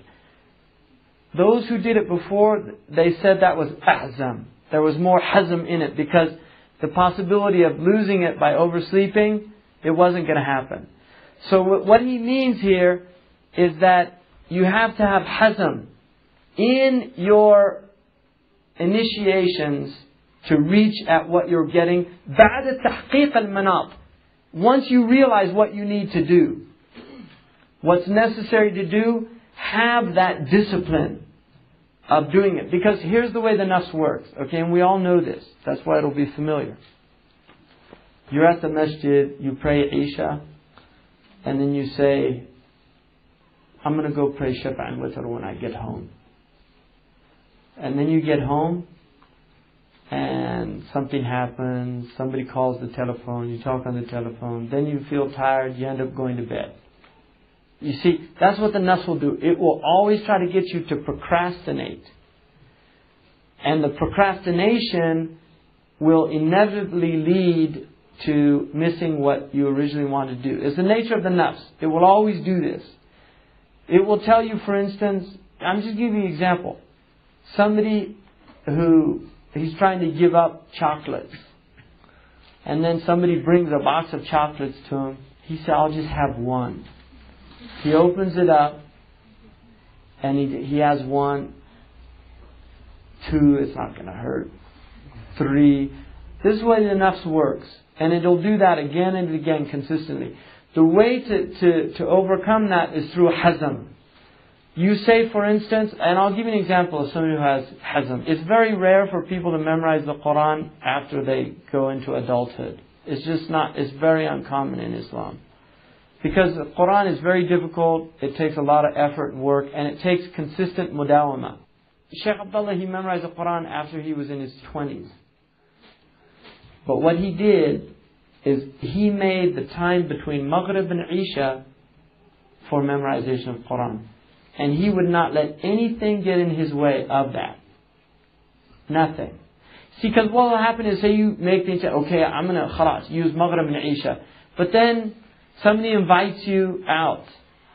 And you say, oh, tonight I'll do it. He invited me. It's sunnah to answer invitations, this and that. See, this, the nafs will do all this. And then you go and do it, and then the next night, see, you've broken your pattern. And what the ulama say, turn your back on studies for a day, it turns its back on you for a week. Turn your back on it for a week, it turns its back on you for a month. And this is why one of the insidious aspects of the five day work week, traditionally in the Muslim world, Muslims work seven days a week. Imam Malik is makruh to take Friday off in, in Malik's madhab. Muslims didn't have a holiday. Instead of working eight hours a day, they worked six hours a day. So they actually accomplished more by working seven days a week and had more time every day for their families. What happens in the West is people work eight, nine hours a day. It takes them an hour to get there and an hour to get back. They end up working about 12 hours a day. You have 16 hours of wakefulness. By the time you get home, you are so exhausted you can barely say hello to your children. But what happens is you get these two days, and what do people do? They sleep till 9, 10 in the morning. See, every day they get up, 6.30, 7 o'clock to go to work. On the weekend, that's when they can oversleep. That breaks the patterns. Whereas خير الأمور أدومها وإن قد the best things are those that are continuous even if it's a little bit. So that's what he's saying. Have hazm in what you do. Even if it's a little bit. What the nas will do is you'll wake up before Fajr, it'll say pray sunnahs 10 rakats. And then Shafa and Witr. So 13 altogether. Or 8 and 2 and 1, 11. Al khilaf. So it'll tell you do that and do long rakats. But then the next day, you don't do that. It's better to do two rakats consistently every day than do eight here and then for a week you don't do anything and then like that. That's what he's saying. Be consistent في المبادرة بعد تحقيق المنام. وهذه أمور يوجهها التوفيق ويدفعها الاشتغال بالتدقيق لأن بساط التوفيق الذي هو الصدق يمنع من التشعب لتوقفه على الحق والحق في كل شخص باعتبار حاله. This is deep psychology, by the way. This man is a psychologist of the highest order. This is somebody who really understands how the nafs works. He said, these things that he's giving you will all be aided by tawfiq from Allah. But what will prevent them is being too preoccupied with the details if you become obsessed with the details. Because the nature of tawfiq, and tawfiq is from sincerity, that's where you get tawfiq from Allah, is that it's something that prevents tasha'ub, all this diversification, لتوقفه على الحق because it's concerned with al-haq and haq is one Allah subhanahu wa ta'ala you can't see the forest for the trees. That's what he's saying. The nature of the nafs is it will obsess you in the details. So you lose sight of what the goal of this is. The goal is Allah subhanahu wa ta'ala. And Allah subhanahu wa ta'ala is the one that can give you the openings. And the most important thing about tawfiq is ikhlas. Don't forget that. So the more important than all the details that he's giving you is the sincerity behind it. That is what's really going to, to make this thing happen. وَالْحَقُّ فِي كُلِّ شَخْصٍ بِاعْتِبَارِ حَالِهِ And the reality of every person is always with the consideration of his state. شيء واحد يظهر في علومه وأعماله. It's one thing that's going to manifest in what he knows and what he does. وإذا ذكرت ذنوبك فأتبعها بالتفضيل. بالتفصيل. واحذر من تفصيلها من الشغل بالتأصيل حتى تقصد لإزالتها وكذلك فاحذر الاقتصار على الاعتراف بجملتها. واعلم أن تذكير النفس على قدرها في التلبس واللبس فكل نفس كان ولوعها بالعلم والحكمة فلا تذكر بغيره وإلا كان لها منفرة ونقمة وإلا كان المذكر لها منفرة ونقمة So what he's saying here is if you remember your wrong actions, don't ignore some over the others. Really look at what's going on in your life so that you can make tawbah for them. But beware in looking at them in great detail that you become preoccupied in really fixing them in yourself. In other words, your preoccupation with your wrong actions can end up actually strengthening the wrong actions in yourself. You have to let them go. Because one of the things about wrong action, and this is something Shaitan was doing, this is really important, alright, because this I think inshallah will help people. One of the things, the greatest things that Shaitan will try to do is make you feel disgusted with yourself in order that you go into a state of despair. Because Shaitan loves Ya's. His name is Iblis. Iblis means ablasa. He despaired. And that's, that state he loves more than any other state to engender in the heart of the children of Adam. So what he will do is he will try to get you to become preoccupied with your past wrongs. Especially if they're things that you are habituated to. In other words, some people have wrong actions that they have a difficult time getting rid of them. Whatever they are, everybody knows themselves. And what shaitan will do is that he'll remind you you're a hopeless case. You're unworthy of being Abdullah, of being in the presence of Allah. You should just give up. And that's what he's saying. Don't let that happen. حتى تقصد لإزالتها in order that you're able to remove them. If you do otherwise, you won't be able to get rid of them. وكذلك فاحذر الاقتصار على الاعتراف بجملتها. But at the same time, see again, he's warning us from extremes. Don't go into a total obsession where you're just obsessed with your wrong actions. And at the same time, don't just say, oh, I admit I'm a wrongdoer, and you don't look at the individual things you're doing wrong. Don't go into either extreme. Don't become obsessed with them to the point where you're preoccupied with them all the time. But at the same time, when you're doing your muhasabah, don't just say astaghfirullah li kulli dunub. Whatever I did, I don't know. No. Really look at what you're doing wrong because this is the way, by making tawbah of these wrong actions, this is how Allah will forgive them. And also, it's the way that, that you get them removed.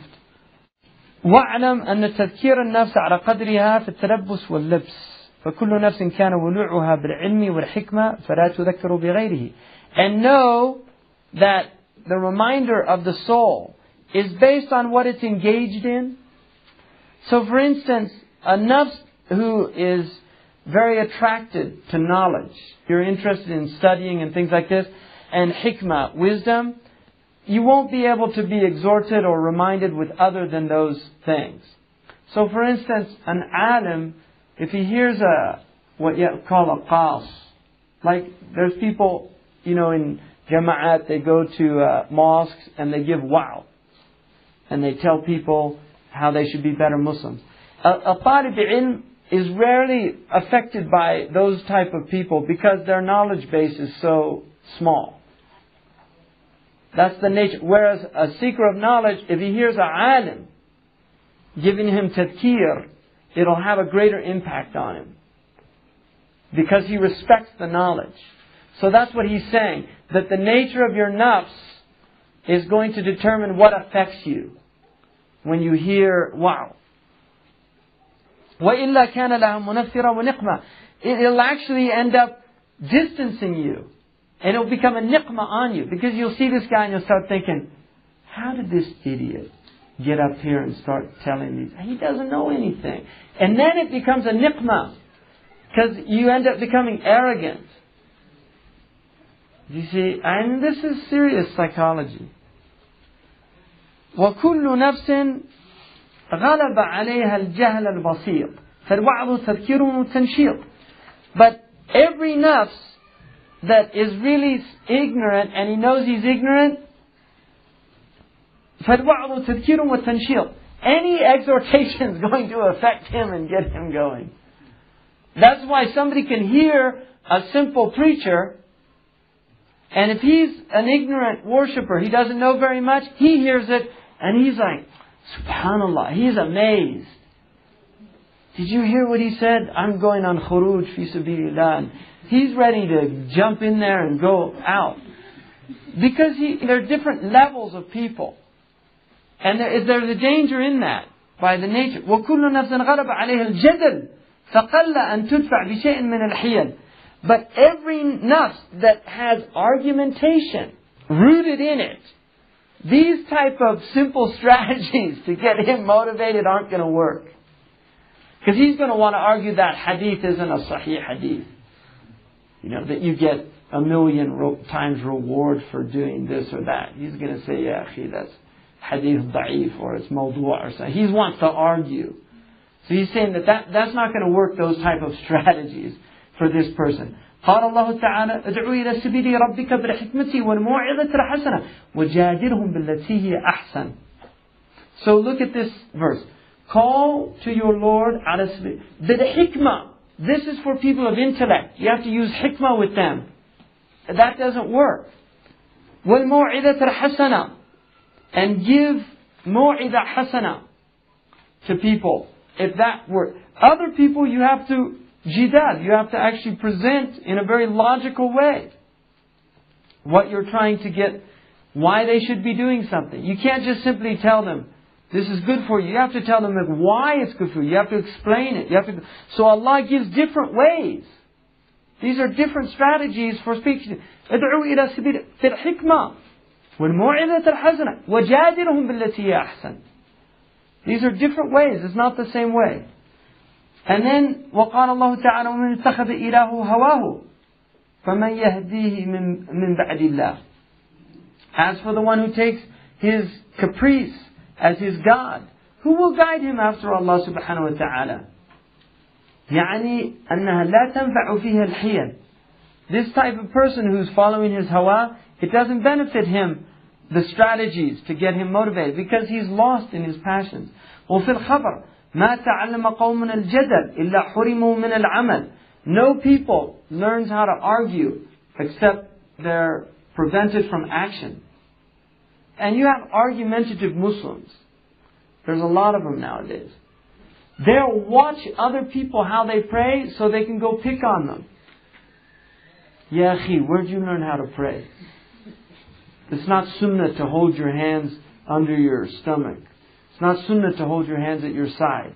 So these are sicknesses in people's heart. This isn't about truth. It's, you're dealing with psychological diseases. And that's why it's just pathologies. And if you know them, then you see, you know, this guy's sick. He, there's really something fi qulubihim marad, you know. And that's the point. Because the people of Allah, they don't argue, they don't go to expose people's faults. There are two things. One, if you're going to do Amr bin Ma'ruf and Nahi an munkar, you have to know about khilaf. ولا.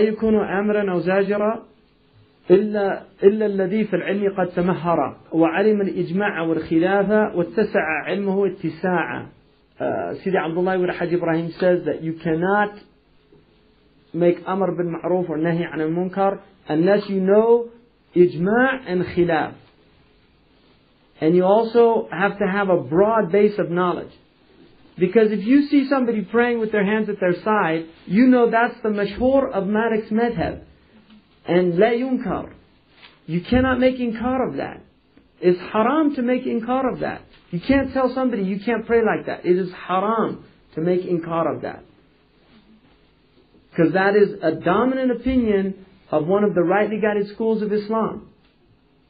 And the ulama have never made inkar of it. There's ulama who have preferred the other opinion, and that's what they've written in their books. But the ulama have never made said you can't do that. You have to do this. No, they've said it's better that you do this. The dalil is stronger. That's another thing. But you can't say you can't do that. It's not from the sunnah. No. The imam has his adillah, the school has their adillah, their proofs. So you have to know where the khilaf is. If you see somebody praying with his hands under his belly button, that's the madhab of Abu Hanifa radiallahu. Can't say you have to hold your hand here or here or. So you have to know the khilafat and you have to have a broad base of knowledge because it's haram. And then also what Imam uh, Uthman Danfodio radiallahu anhu said is that you have to have compassion for the ummah. In other words, the reason that you're going to is to to elevate people. You don't want to abase them. You don't want to humiliate them. You don't want to make fun of them. You don't want to argue with them. If you're genuine in your concern and care for them, you're not going to be arguing with them. You're going to be first trying to win them over. You first go up and smile. How are you doing? MashaAllah. Said, nice to see you in the masjid. I haven't seen you here before. I mean, just you open up a conversation with them. You don't go up and say, Ya akhi, haram alik. It's not, this isn't the way of the Prophet ﷺ. The man who urinated in the masjid, the Sahaba wanted to kill him. The Prophet ﷺ, he actually had them veil him. And then he went over and he spoke to them. There was another man who, he, he sneezed in the prayer, and he heard somebody sneeze, and he said, Yarhamukullah. And all the Muslims in the prayer looked over at him. And he looked at all of them like, what are you looking at? You know, what did I do? And then when the prayer was over, the Prophet called him over and smiled. He smiled at him. And he said, he said, this prayer is a prayer for tasbih, tahmid. It's for remembering Allah. There's no, we don't speak during the prayer. That's what, that's what he said. The man said, Wallahi, I never saw a teacher before him or after him more sweet to his students than him. That, that's, that's the sunnah. You, I mean, these people go around saying sunnah, bid'ah, haram. That's sunnah. That's sunnah. To be nice to your Muslim brother is sunnah. Like one Egyptian man was in Medina and, you know, the Egyptian after they do the prayer, they shake hands. And they say haraman. You know, like, maybe we'll pray in the haram. And this Egyptian man said this to, next to this man from another country, Haraman. And he, and he just, or he said, no, taqabbal Allah, taqabbal Allah. And, and he threw his hand down. And he said, hadi bid'ah. And the man said, is bad manners sunnah?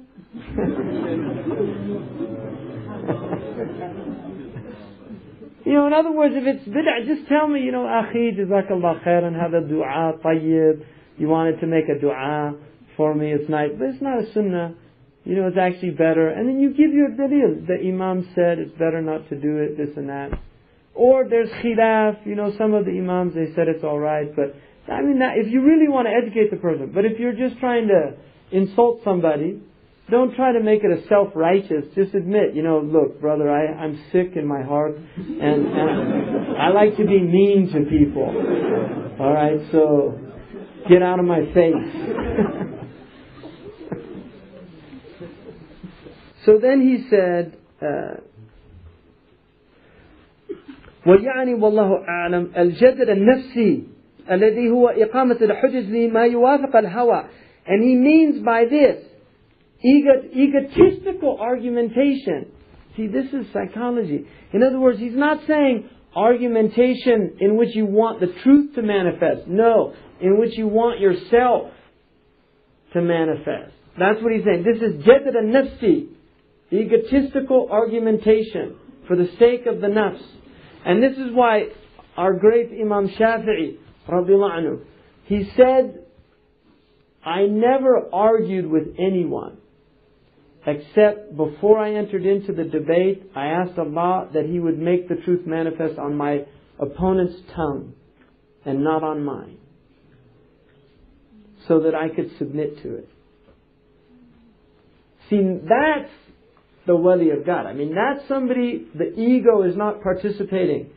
Imam al-Ghazali said, if you're in a gathering and you want to say something for the truth. He said, look into your heart and say, do I want to say this because my ego wants to manifest or because I indeed really want the truth to manifest? That's the question you have to ask yourself. What's the dafi'? What's the impetus behind your action? الذي هو إقامة الحجج بما يوافق له حتى لا يسلم معه علم ولا عمل من دخوله فيه. And it gets to the point where he doesn't benefit from neither his knowledge nor his actions. Because he's got this ostentatiousness, riyah, entering into his actions. ويتمكن من حقيقة صاحبه تمكنا لا يتفطن له معه لغلبته عليه. And this becomes so essential to this person's reality, he's not even aware of it. Because it's overcome him completely. So this is why this person, if you point out to him, you know what, it just seemed like this is your ego. He'll never accept that from you. You know, he'll, he'll go into, I want the truth, and that's why I'm doing No, it's not. It's a psychological sickness. But it's so deeply rooted in this person that he doesn't see it like that. إذا أن الهواء إذا تمكن أثمر علما على وفقه because the nature of caprice if it firmly roots itself in the soul it brings to fruition knowledge that's in accordance with it. This amazing statement. What he's saying there is when hawa, your caprice, becomes so firmly rooted, you'll even end up justifying and your knowledge will be in accordance. So, for instance, you'll study only the hadiths that confirm your opinion. You won't look at the hadiths that are against your opinion. And I guarantee you this happens. This really does. There are people, there's hadith sahih that refute their opinion, they won't look at them. They won't look what the ulama said about them. Because it's not in concordance with their hawa, and they've completely submitted to their hawa, and they're convinced that they did this for the sake of Allah. And this is the diseases of the heart. This is the, the self. And then he said, وَلِذَلِكَ عَزَّتْ الْحِيلَةُ فِيهِ حَتَّى لَقَدْ قِيلَ نحت الجبال بالأظافر أيسر من زوال الهواء إذا تمكن. This strategy becomes so great in this person that it's to the degree that it's even been said to carve mountains, to dig mountains, pull down mountains with your fingernails is easier than removing caprice from the soul if it's become firmly rooted, like bid'ah and heresy and things like this. وهذه الخصلة هي التي ترد السالك إلى خلف وإلى أسفل السافلين. And this quality will end up forcing the wayfarer on this path, it will regress him and pull him back and it will reduce him to the lowest of the low. وتدع العالم العالم في غمرة الغافلين and it will actually put the scholar into the company of those heedless ones الغافلين وما أظن أكثر الخلائق بل جلهم رجعوا بعد الوصول إلا من تضييع هذا الأصل المأمول واعتبر هذا بقوله في الحكم من جهل المريد أن يسيء الأدب فتؤخر العقوبة عنه فيقول لو كان هذا سوء أدب لقطع الله الإمداد وأوجب الإبعاد So he says, and my belief about this is that the majority of creation, most of the creation, in fact almost all of them, did not regress after arrival except because they were unaware of this most important principle. So reflect on the words of the Hikam when he said, from the ignorance of a seeker of this path is that he does something with bad adab and there's no uquba, there's no punishment that results from it immediately. In other words, it's delayed or deferred. And then he says, if this really was bad adab, Allah would have stopped his imdad. He would have removed his help from me and he would have distanced me from the state that I'm in. فقد يقطع المدد عنه يقطع المدد عنه أو يقطع الله سبحانه وتعالى المدد عنه من حيث لا يشعر because he can remove his madad from this person from where he's not even aware of. I mean, this is what Allah subhanahu wa ta'ala says that you can have ihbat al-a'mal. You can lose all of your actions, وهم لا يشعرون. They're not even aware of it. I mean, uh, Shaykh al-Hatimi said, if you talk during the adhan, you'll lose all of your good actions and you won't even be aware of it. Because Allah subhanahu wa ta'ala says, don't raise your voice over the voice of the messenger, and the nida is, Allah is calling us to the prayer. So then he says, وقد تقام مقام البعد من حيث لا تدري and he could be in a place of بعد of distance from Allah and he's not even aware of it ولو لم يكن إلا أن يخليك وما تريد and even to the degree that the, if it's the only thing that he does is that he leaves you in what you desire in other words that's enough to consider yourself distant from Allah that you're doing all these things and thinking that they're alright with Allah so he's really warning us about that. Now we come to the last, the khatima here. قد عرفت أيها الآخ طريق التوبة طريق التوبة ووجه الرجوع بعد الأوبة. فإذا وقفت ببابها وهو ندم على ما فات فحقق وجودها بالعمل على مقتضاها على الثبات عالما أن التوبة منك إليه توبة منه عليك. فإن نقضتها بعد العزم فهي عائدة عليك.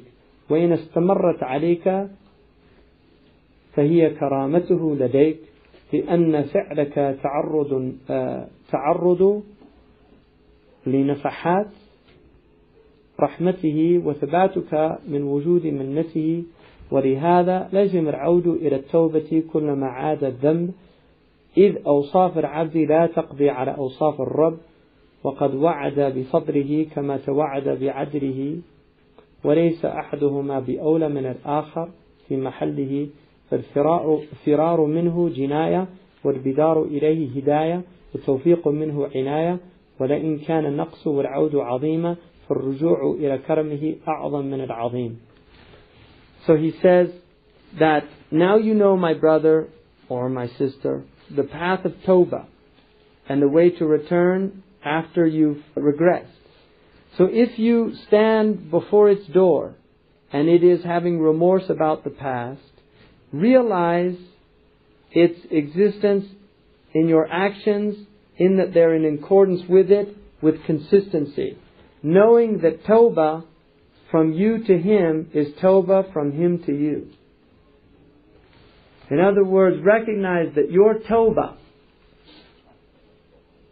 فَلَمَّا تَابَ اللَّهُ عَلَيْهِمْ تَابُوا You know, when Allah makes tawbah to you, your tawbah to Allah is in fact His returning to you.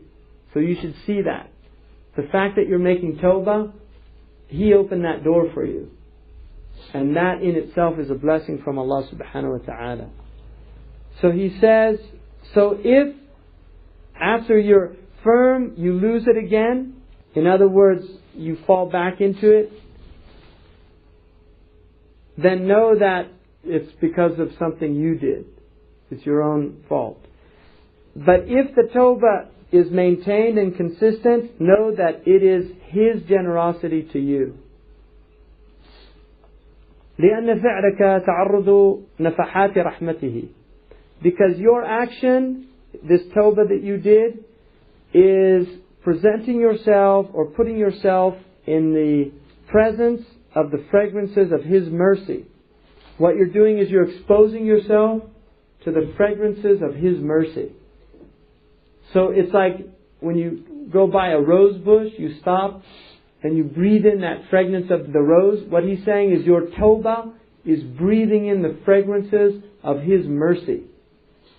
That's what you're doing. You're stopping to inhale the fragrance of His mercy. And that your firmness on this is as a result of His gifts. And for this reason, you must return to Tawbah whenever you return to your wrong action.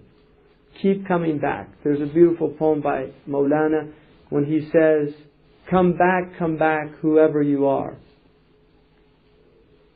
Thief, robber, sinner, keep coming back. Even if you broke your vows a thousand times, come back. Ours is not a caravan of despair. And this is not the caravan of despair. That's Iblis's path. See, he did something wrong and then he despaired. He said, There's no hope for me. The children of Adam, they do the wrong and they keep coming back. And Allah says, You keep coming back, He'll keep coming back to you. So don't despair. لا تقنطوا من رحمة الله. Don't ever despair of the mercy of Allah. No matter how much you do wrong, just keep coming back. Keep coming back. Keep coming back. And the wrong actions hopefully will get more and more subtle. You have to keep coming back until the day you die, the moment of death. You just keep making tawbah. They get more and more subtle. That's the hope. If you're in kaba'ir, you get rid of your kaba'ir and you work on your sagha'ir. And then he says, because إذ أوصاف العبد لا تقضي على أوصاف الرب because no matter how much of the qualities or the descriptive nature of, of the servant, they in no way can diminish the character of your Lord. So your wrong actions, no matter how great they are, they don't diminish His rahmah. So don't think anything you do has any effect on your Lord. Your Lord stays the same. He's Tawwab, He's Ar-Rahman, He's Ar-Rahim. And then He says, وَقَدْ وَعَدَ بِفَضْلِهِ كَمَا تَوَعَدَ بِعَدْلِهِ And He has promised to show His bounty and His mercy just as He's promised to show His justice. So you have to have hope with fear. In other words, don't think, oh, He's all rahmah, I don't have anything to worry about. No, you have to be concerned, which is why you make tawbah. If you didn't have to worry, you didn't, wouldn't have to worry about your wrong actions. No, you should worry about your wrong actions, but don't let your wrong actions take you to a place of despair. وليس أحدهما بأولى من الآخر في محله you can't say one of them is over the other except that Allah subhanahu wa ta'ala has decreed His mercy is over His rahmah. His mercy is over His justice. But don't put one over the other as long as you're in this world. Right before you die, you should hope only for the rahmah. But in this world, you should have them on equal foot. فالفرار منه جناية والبدار إليه هداية to flee from it is a wrong, and to hasten to it is guidance itself. وَالتَّوْفِيقُ مِنْهُ عِنَايَةٌ And success from Him is His providence. His providence over you, that He is actually taking care of you. لَإِنْ كَانَ النَّقْصُ وَالْعَوْدُ عَظِيمًا فَالرُّجُوعِ إِلَى كَرَمِهِ أَعْظَمُ مِنَ الْعَظِيمِ And if your shortcomings and your going back to your wrong action is a great thing, know that returning to His generosity is greater than any great thing that you've done. So know that your tawbah is greater than your wrong action. Be aware of that. Your tawbah is greater than your wrong action. No matter what you did wrong, your tawbah is greater. وَقَدْ قَالَ رَسُولُ اللَّهِ صَلَّى اللَّهُ عَلَيْهِ وسلم مَا أَصَرَّ مِنْ اسْتَغْفَرَ فِي الْيَوْمِ سَبْعِينَ مَرَّةً No one is considered to be continuous in their wrong actions if they ask forgiveness, even if they return to that wrong action 70 times a day. وقال عليه السلام إن الله يحب كل مختر تواب Allah subhanahu wa ta'ala loves every person that who does wrongs continues to kathir dhanb. He has a lot of wrong actions and he has a lot of tawbah. Allah loves that servant. يعني كثير الدم كثير التوبة. He has a lot of wrongs, he has a lot of tawbah. وقيل للحسن رضي الله عنه الرجل يذنب ثم يتوب Somebody said to Hasan al-Basri, a man will do wrong and then he asks forgiveness, he does wrong, he asks forgiveness. At which point does he stop doing that? And he said, مَا أَرَى هَذَا إِلَّا مِنْ أَخْلَاقِ الْمُؤْمِنِينَ I consider this nothing other than the character of the believers. وفي الحكم إذا وقع منك ذنب فلا يكون سببا ليأسك من حصول الاستقامة مع ربك. فقد يكون ذلك آخر ذنب قدر عليك أو قدر عليك. ومن استغرب أن ينقذه الله من شهوته وأن يخرجه عن وجود غفلته فقد استعجز القدرة الإلهية. وكان الله على كل شيء مقتدرا. And in the hikam he says never allow any wrong action that you do to cause you to despair from gaining istiqama in the future with your Lord uprightness with your Lord because it could be that's the last wrong action you ever do that's ever decreed for you. And whoever does not believe that Allah or considers it very unusual that Allah will save him from his appetites and remove him from the condition of his heedlessness has done nothing other than considered the divine power to be weak. In other words, if you think that Allah can't take you right now in the state you're in with all your wrongs and all your ghafla, your heedlessness, and change you right now in this moment and make you upright and make you a wali of God, then he's saying, you've incapacitated divine power. Is قادر على كل شيء. فافهم أيها الأخ وتفهم وتأمل وتدبر في رجوعك من حسن الظن بالله وما في إباقك من الإعراض والاستغناء يحملك ذلك على الانحياش إليه كيفما كنت والسلام. So understand, oh my brother, and really reflect on this. Consider it. Ponder it. Ponder your return to having a good opinion of Allah and reflect on your ibaqika. You know, adaq is a slave that runs away from his master. Reflect on your running away from your master and your turning away from him and feeling independent of him. إن الإنسان ليطغى أن رآه استغنى. Man has transgressed his Lord when he deems himself independent of his Lord. You're completely dependent on him. So this should cause you to feel inhiyash ilayhi. You should feel this alienation. If you really think about this, you should feel this alienation that you want to remove no matter what your condition is. Wassalam.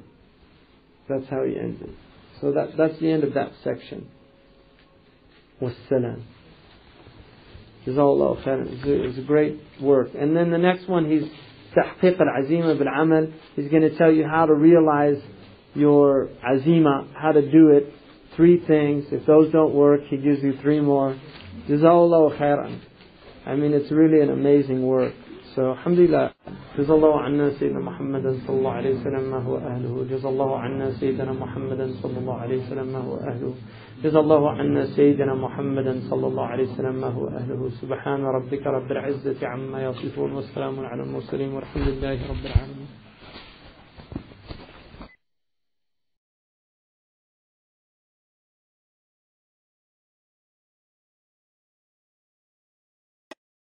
بسم الله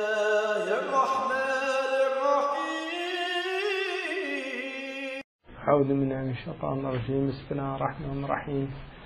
الصلاة والسلام على أشرف الأنبياء والمرسلين وعلى آله وصحابته ومن تبعهم بإحسان إلى يوم الدين. اللهم لا علم إلا ما علمتنا إنك أنت العليم الحكيم. اللهم علمنا ما ينفعنا وانفعنا بما علمتنا وزدنا علما.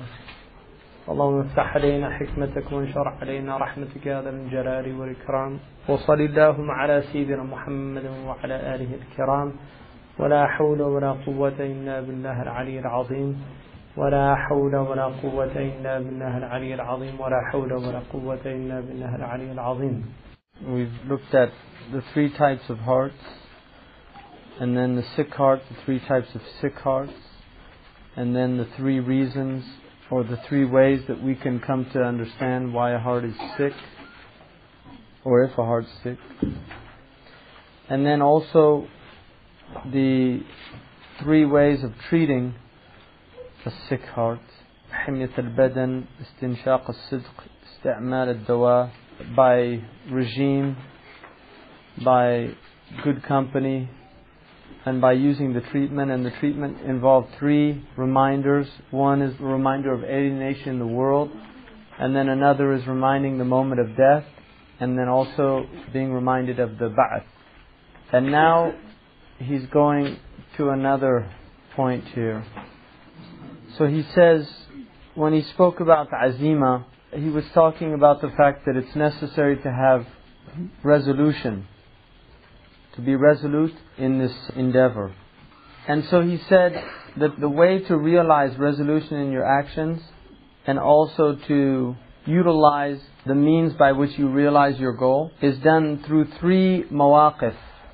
This is going to be a little longer, and the first of these is the rank of taqwa, and the last of it is the carpet spread of the revealings of knowledge.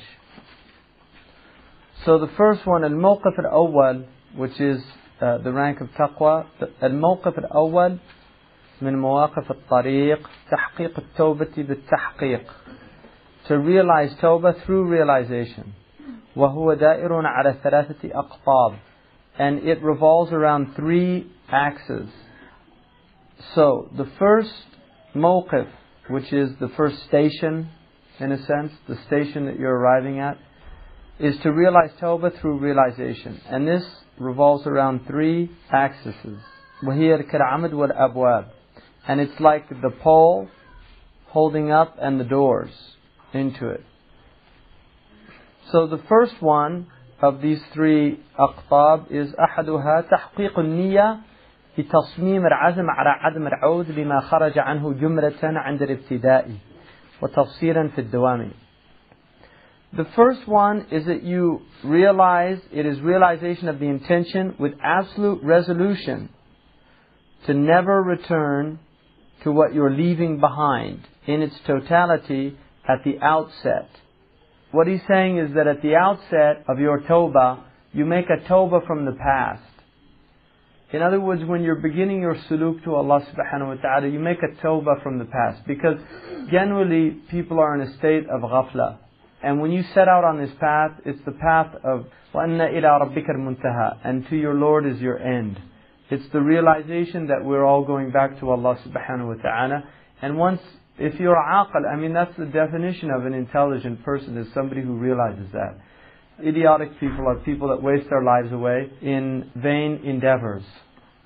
Idiots' tales. This is what the world is. The world is darul fana. you're here for a short moment in time. And once you realize that, that life can be taken from you in any moment, then if you're intelligent, you'll start preparing for infinity instead of always preparing for what is finite and really what is intangible. Because the word in Arabic for dunya is from a root word which means to be close, but when you reach out to get it, it moves farther away. Dunya is really a type of wahm, it's an illusion. The world is not an illusion. The alam is not an illusion. If you walk out here on this pathway, and you look at this mountain like Tughra, there were people 800 years ago, Muslims, that spoke Arabic, that used to live in this village or in these areas, and they looked out just like you are looking, they saw the same mountain. The mountain is still there, but all those people are gone. The mountain is alam. That's the world. Hayat dunya is our experience of the world. The world stays here until Yom Qiyamah. These mountains have been here for millennia, and maybe they'll go on for millennia. Allah Ta'ala alam. But we pass through, and it's a brief time. So if you have intellect, you begin to realize that. Now this would be, uh, just to strike an analogy, if a real estate agent, you decide you want a house, and a real estate agent tells you, I've got two types of houses. This house over here, it looks very nice, and I can sell it to you right now for a cheap price. But the only problem with this house is, it can disappear at any moment, and I can't guarantee you that even right after we make the contract, it disappears. But it could stick around maybe 50, 60, 70 years. This other house is very expensive, but I guarantee you it's a permanent house. It's a permanent structure. It's not built on sand, and it'll be with you for infinity. Now, anybody who has intellect is going to obviously choose the second one, hopefully. If you chose the first one, you were a fool. And that's why the Prophet ﷺ said, الدنيا دار لمن لا دار له ويجمع له لمن لا عقل له Dunya is an abode for the one who's homeless. And the one who gathers for it has no intellect. You have no intellect if you're wasting your time on dunya. You're ahmaq. And that's why the Prophet ﷺ said, Al-kayyusu man dana nafsuhu wa amila lima ba'd al-maut. The man of intelligence is the one who disciplines his self, his soul, and works for what comes after death. Wal-ahmaqu and the idiot, and in a riwayah al-ajizu, the incapacitated one, is the one من أتبع نفسه هواها وتمنى على الله الأماني. He lets his nafs follow its caprice, whatever it wants, and he has vain hopes about Allah subhanahu wa ta'ala. This is what he's saying. Once you really realize this, in a deep, deep way, you make a tawbah. And that tawbah is not like saying astaghfirullah. This is a tawbah that I'm turning away from the path of dunya and I'm setting out for the path of akhirah. And this is a choice that the intelligent person will make once in their life. This is a path. That's what he's saying. It's a path. This is the path to Allah subhanahu wa ta'ala. If you decide to make that choice, then at its outset, the first thing that you do is you make tawbah for the past. Jumlatan. In its totality. You don't need to go through every single thing you did because it would be too difficult. You were in ghafla for a long, long time. And it would be too difficult to do that. So you just make tawbah from the past. But he said, thereafter, you have to make muhasabah. Because setting out on this path means now that you are going to rectify your soul by the power of Allah subhanahu wa ta'ala. And therefore you have to discipline your soul. That's idanatun nafs. Man dana nafsuhu. So you have to discipline the soul. And that means after you've made this tawbah, you begin to actually take the soul to account. And so he's saying, إذ لا يلزم عند بدء التوبة تذكار تفاصيل تفاصيل ما وقعت أو تفاصيل ما وقعت التوبة منه لمشقته. So at the outset of Tawbah, you don't have to remember all the details because of the difficulty of that. Lakin, but after that, you look in to all of them with تفاصيل. دواعي الثبات في هذا العزم ثلاثة أشياء. Then he says, those things that engender this firm resolution and this steadfastness, or this steadfastness in your resolution, are three things. So we're, all, we're still in the mawqif al-awwal, and the mawqif al-awwal has three aqtab. تحقيق النية is the first one. تحقيق التوبة بالتحقيق. And he says this has three aqtab. And the first is تحقيق النية. We haven't got to the second yet. We're still in the first one.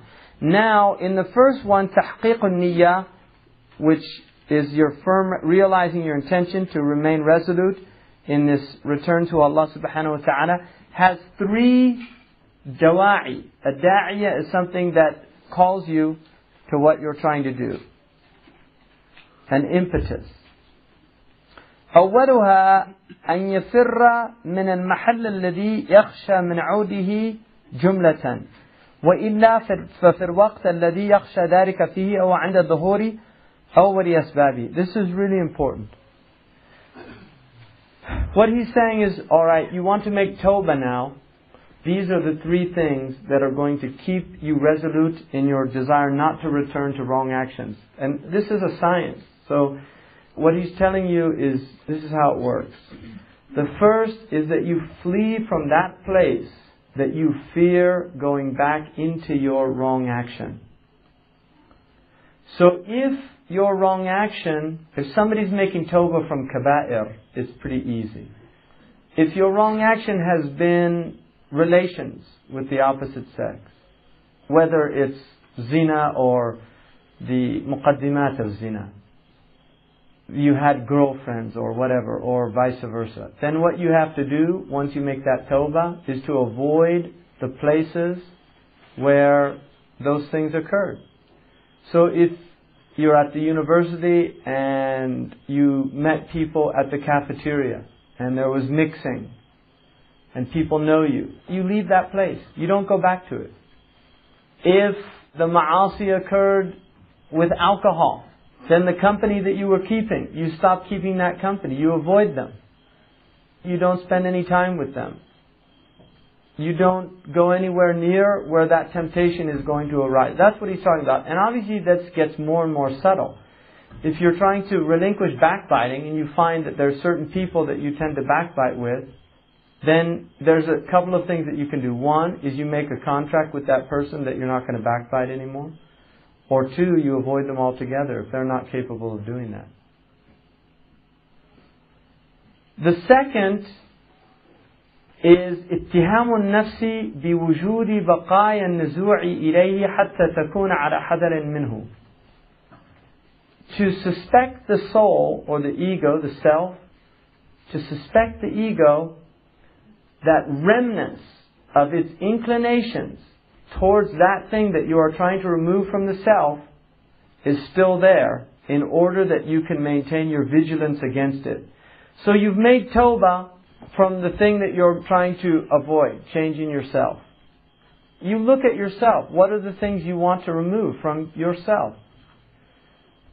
What he's saying is, you feel contempt towards those things, but they're appetites, because that's the nature of wrong actions. They're appetites, or we wouldn't keep doing them. People have appetites towards these things. What he's saying is, suspect yourself. Even though you've made tawbah, still consider yourself that it has inclinations towards these things. Don't say, Alhamdulillah, I made tawbah, I'm not worried about that anymore. No, he's saying, don't trust the self. Suspect the self. Ittihamun nafs بوجود بقايا النزوع إليه حتى تكون على حذر منه وإلا وقعت فيه قبل الشعور بسببه أو وقته or else the same thing's going to happen and you won't even be prepared for it. It might even happen without your being aware of it because you've gone back into your heedlessness or the time that you did it. الثالث, so that's the second thing. الثالث إشغال النفس عنه بما يقابله حسا في الحسيات ومعنى في المعنويات دون تعريج عليه لأن الوجه الذي خرج عنه لأجله أولى من الوجه الذي خرج عليه ولذلك قيل يتعين عليه كلما ذكر ذنبه تجديد الندم عليه فليفهم فافهم So the third one is to preoccupy yourself from those things. In other words, what you're trying to remove, occupy yourself with other things. If it's his, if it's a sensory thing that you're trying to remove, then do it with other sensory things. If it's a meaning, do it with other meaningful things. And this should be without doing this in stages or steps. Because the means by which you get out of something, in order to get out of it, this precedes what you're getting out of. In other words, that thing that you're trying to get out of, once you're out of it, that's the most important thing, to be completely out of it. That should be your priority. And for that reason, it's an obligation that every time you remember your wrong action, to renew your remorse about it. To renew your remorse about it. So understand this. And then he says, The reasons that you fall back into wrong actions are three. We're not into the second qutb yet. This is still part of the first, which is tahqiq niyyah. The reason that you return to wrong actions are three. Al-ghaflatu anil nadam. That you forget your nadama, your remorse. You go into a heedlessness about your remorse. أو التندم عند تذكاره or you forget to recollect when you're thinking about what you did wrong, you forget to renew that remorse. So he says, because of that, the wrong action will actually, the picture, that form of that wrong action will become fixed in the self. ترتسم صورته في النفس حتى تجد خلصة من الغفلة لتمكينه عند اشتغال القلب بما هو مستغرق له في العلوم والأعمال. What happens here is that this form of this wrong action will get fixed in the self and then it will sneak in through heedlessness because of its deeply rooted nature in the heart, the heart's preoccupation with it. And certainly with many things, these are rooted in the self. A lot of the wrongs that we do are rooted in the self, like envy. Envy is very common in human beings. Ujub. It's very common in human beings. Kibr. Ghiba is very common amongst human beings. Lust is very common. These things are all part of human nature. So what he's saying is because of the fixed nature of many of these things in yourself, if you're not resolute about this, it creeps back in. It creeps back in and we're not even aware of it. And then he said the second reason, here the second da'iyah, is المسامحة بإعادة الطرف لمحله أو سببه أو وقته ولو في لحظة وإن كانت على وجه من الاعتبار إلا مع تكرار الندم وتحقيق الأنفة وهي أتم من الندم He's saying that the second reason is that you you you in,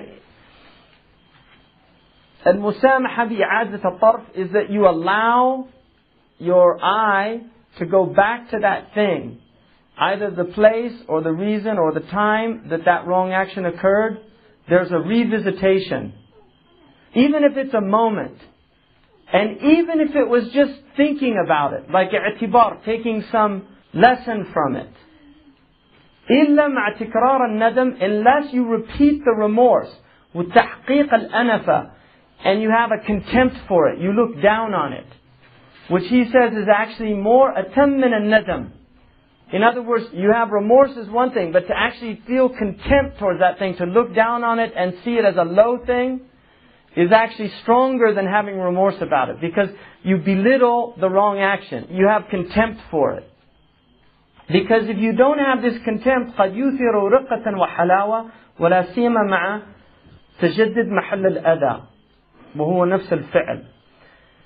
If, if you don't have that contempt for it, you might actually remember it with pleasure, with some kind of sweetness. There's a sweet memory to it. If it was an experience that was pleasurable at the time, which is why you might have done it, then in not having this anafa, when you look at it, then you feel some sweetness, especially if it's in the same place where it occurred and the same action. الثالث الثقة بالناس في عزمها وحسن الظن بها في حالها ومراجعة محل السبب لاختبارها. The third reason, he's telling you the reasons why you go back to wrong actions. The third reason is trusting the soul in its resolution to not go back to wrong actions. And also having a good opinion of the soul in the state that you're in now. So you've made tawbah and now you're feeling good about yourself. You're in a better state that you were in before. And also going back to the same place that caused it as a way, in a sense, of testing the self. So you say to yourself, I can handle this now.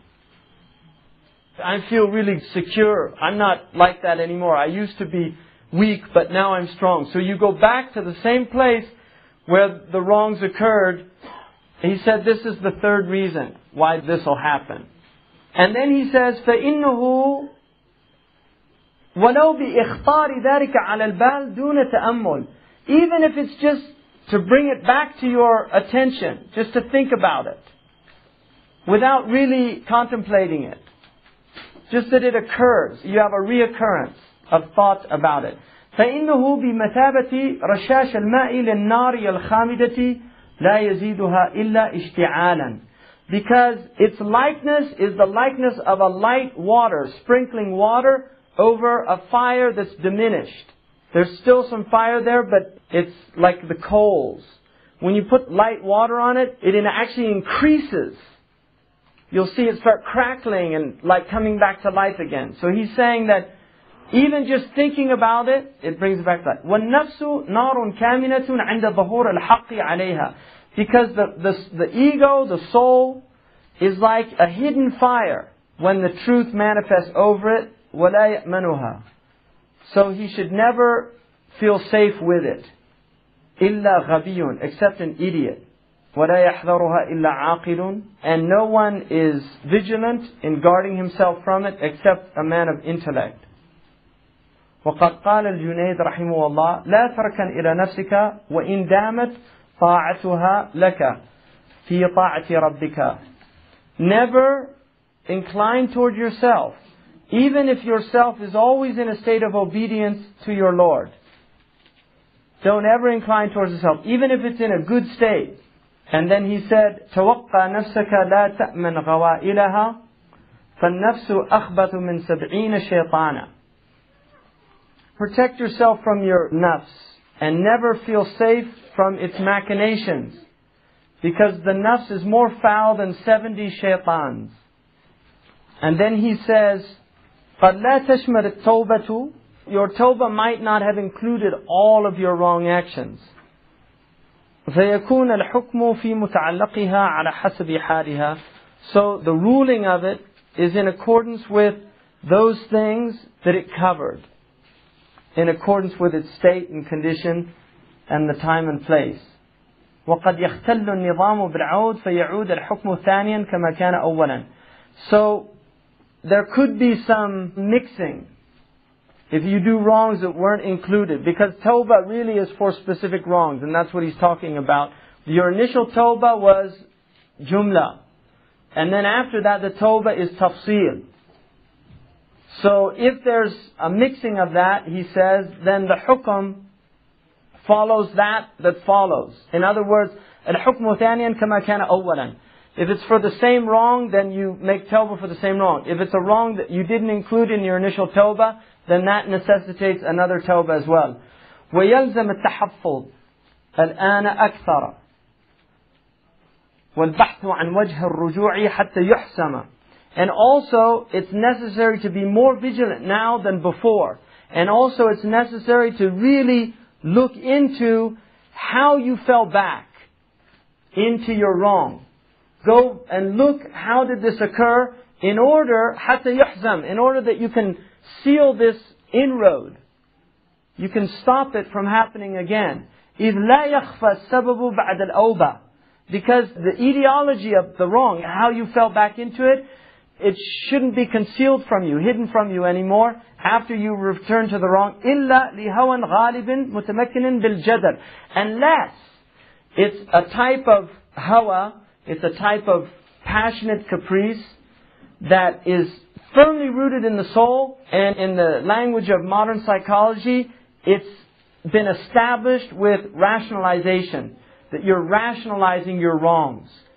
Because once you go into rationalization of wrongs, then it's difficult for you to see the reasons because you've rationalized them. It's what they call cognitive dissonance. People will begin to actually justify, it's called justification or rationalization, you begin to justify your wrong. So he's saying that if you've entered in, because this thing is so deeply rooted in you, this hawa, this caprice, it's so deeply rooted in you, you've rationalized it to the point where you can't even see that what you're doing is wrong. And then he says, فإن عرض الشيطان بقوله أي فائدة لتوبة يعقبها عود so if shaitan objects and says to you, tell me, what's the benefit of a, a that's followed by returning to the wrong you just made tawbah from? Because this is what shaitan will do. He'll try to make the nafs feel, I can't do this. I keep going back. And shaitan will say, just give up. You're hopeless. I mean, this is what the sadiq will hear when he's trying to remove these things from his soul. You're hopeless. You can't do it. You're always doing this. So he says, قيل له كما اتخذنا العود إلى الذنب حرفة نتخذ التوبة حرفة. Just like we took the wrong action as our profession or our occupation, we take our tawbah as our occupation. In other words, just as we keep going back to our wrong actions, we keep going back to our tawbah. ولعل الموت يأتي والصدفة تصادف and perhaps the, the, the death comes and you're in a good situation. In other words, it, it occurs at the time when you're in a state of tawbah and not in the time when you're in a state of wrong action. فإذا علل بوهن العزم رد بأن المطلوب وجود الصور لا ما ليس في مقدور البشر. So if he uses the excuse that your resolution is too weak, he's refuted by saying what is sought after us is the manifestations of these devotional forms, not what's impossible for human beings to perform. In other words, this is a devotional act. Tawbah is a devotional act. كلكم خطاؤون وخير الخطائين التوابون. All of you make mistakes, and the best of those who make mistakes are those who make tawbah to Allah subhanahu wa ta'ala. So he's saying that if it said to you, your resolution's weak, then you have to respond, what's sought after me is that I'm in this state of devotion to Allah subhanahu wa ta'ala, not what's not within my capacity, which is to free myself completely from wrongs. فَإِنْ قَابَلَ بِأَنَّهُ مَقْدُورٌ فَأَعْرَضْ عَنْهُ And if he says to you, no, you're just making excuses for yourself. Indeed, it's possible, leave him. Just turn away from that type of talk. لِوُجُودَ الْعَمَلِ Because you have to act. And this type of internal conversation with the self, it just takes somebody to despair. So you have the ability to act. عملا على قول سفيان ترك الذنوب أيسر من طلب التوبة Leaving wrong actions is easier than seeking tawbah. So just keep leaving your wrong actions. والله أعلم. تتميم. القلب محل عجز البشر. The heart is the place of human weakness. The heart is the place of human weakness. فلا أعون عليه من دوام اللجوء إلى الله في طهارته أولا ثم في, في ثباته آخرا. So he's saying that the heart is the place of human weakness and there's nothing more helpful to the heart than continuously seeking refuge in Allah subhanahu wa ta'ala in its purification. Allah is mutahhir al-qulub in reality. Naqi qulubana. Allah subhanahu wa ta'ala is the one that purifies the hearts. And the heart is really, it's the place of human weakness. So the best thing for the heart, the most helpful thing to you is to seek refuge in Allah subhanahu wa ta'ala, in purifying it first and foremost, and then in the steadfastness of it towards the end of the affair. When you've gone through the takhliyah and entered into the tahliyah. You've gone through the removal of, of the foul aspects and qualities of the self, and you're moving into the ornamentation of the self. Then you have steadfastness. So in the beginning, you're purifying. Once you reach a stage of purification, then it's to maintain the purity. And we do that through seeking refuge in Allah subhanahu wa ta'ala. فَلِذَلِكَ كَانَ عَلَيْهِ السَّلَامُ يكثر من قوله يا مقلب القلوب ثبت قلبي على دينك and for that reason upon him be praise and peace used to make much mention of his statement O turner over of the hearts revolver of the hearts make steadfast my heart upon your deen Allah is muqallib al-qulub and so we're asking for Allah subhanahu wa ta'ala to help us be steadfast in our hearts. وهو ذكر هذا القطب ودعاؤه. And this first qutb that he's talking about, right? If we remember back when he started this, which is تحقيق التوبة بالتحقيق. This one is تحقيق النية. He's saying that this is the dhikr of this stage in your path of suluk. To do much of saying, يا مقلب القلوب ثبت قلبي على دينك doing much remembrance of it وهو ذكر هذا القطب ودعاؤه وكذلك لا إله إلا أنت سبحانك إني كنت من الظالمين to do much remembrance of this وتكرر وترا بآخر كل سجدة and this should be done in an odd number of times repeated in an odd number of times at the end of every sajda وكذا عند الاستغفار and also when you make istighfar with Allah وبالله التوفيق وهو حسبنا ونعم الوكيل. So he's giving, this is dawa. He's giving us medicine that he's saying here that if we want to realize this first qutb, we have to have isti'ana billah, seeking help from Allah, and the dhikr of this stage is Ya Muqallib al-Qulub, ثبت قلبي على دينك, and then لا إله إلا أنت سبحانك إني كنت من الظالمين and to repeat that in an odd number of times at the end of every sajda, and also when you're doing istighfar, and with Allah's tawfiq, He's enough for us and the best of help. The qutb al-thani fi al-mawqif al-awwal. Now he's in the second qutb. So we did the first qutb. Remember, if we go back here, this is the first mawqif. Al-mawqif al-awwal. And this is tahqiq al-tawbah bil-tahqiq. Realizing tawbah with realization, through realization. And there's three aqtab for this. The first one is تحقيق النية بالتصميم العزمي على عدم العود. So it's to realize the intention and the resolution not to return to wrong. The second one is رد المظالم واستدراك ما This is returning those things that you wronged others with and also redressing what was lost in the first place. ما ضُعِيَ أول. وهو واجب لتحقيق العزيمة. And this is an obligation in order to realize your resolution. وَرَدُّ الْهَزِيمَةِ And also in order to, to repel this defeat of the self. In other words, so that you have your resolution and also that you stop this losing battle with the self in order to overcome the self. ومرجعه النظر فيما فرط. And the recourse in this is reflection about those things that you were lax in. باعتبار ما ثبت منه أو سقط. By reflecting on those things that you were, that there was resolution in and steadfastness in and other things that there wasn't. فاعلم أن الواقع من المآثم دائر بين ثلاثة أوجه ومعالم. So know that what occurs from the wrongs revolves around three aspects or three milestones. أولها سيئات مجردة من التضييع والظلمات. The first is simply wrongs as a result of things that we caused to be lost and also wrongs done. ولا كفارة لها إلا العزم. And there's no expiation of this except in this resoluteness والندم على ما فات والحزم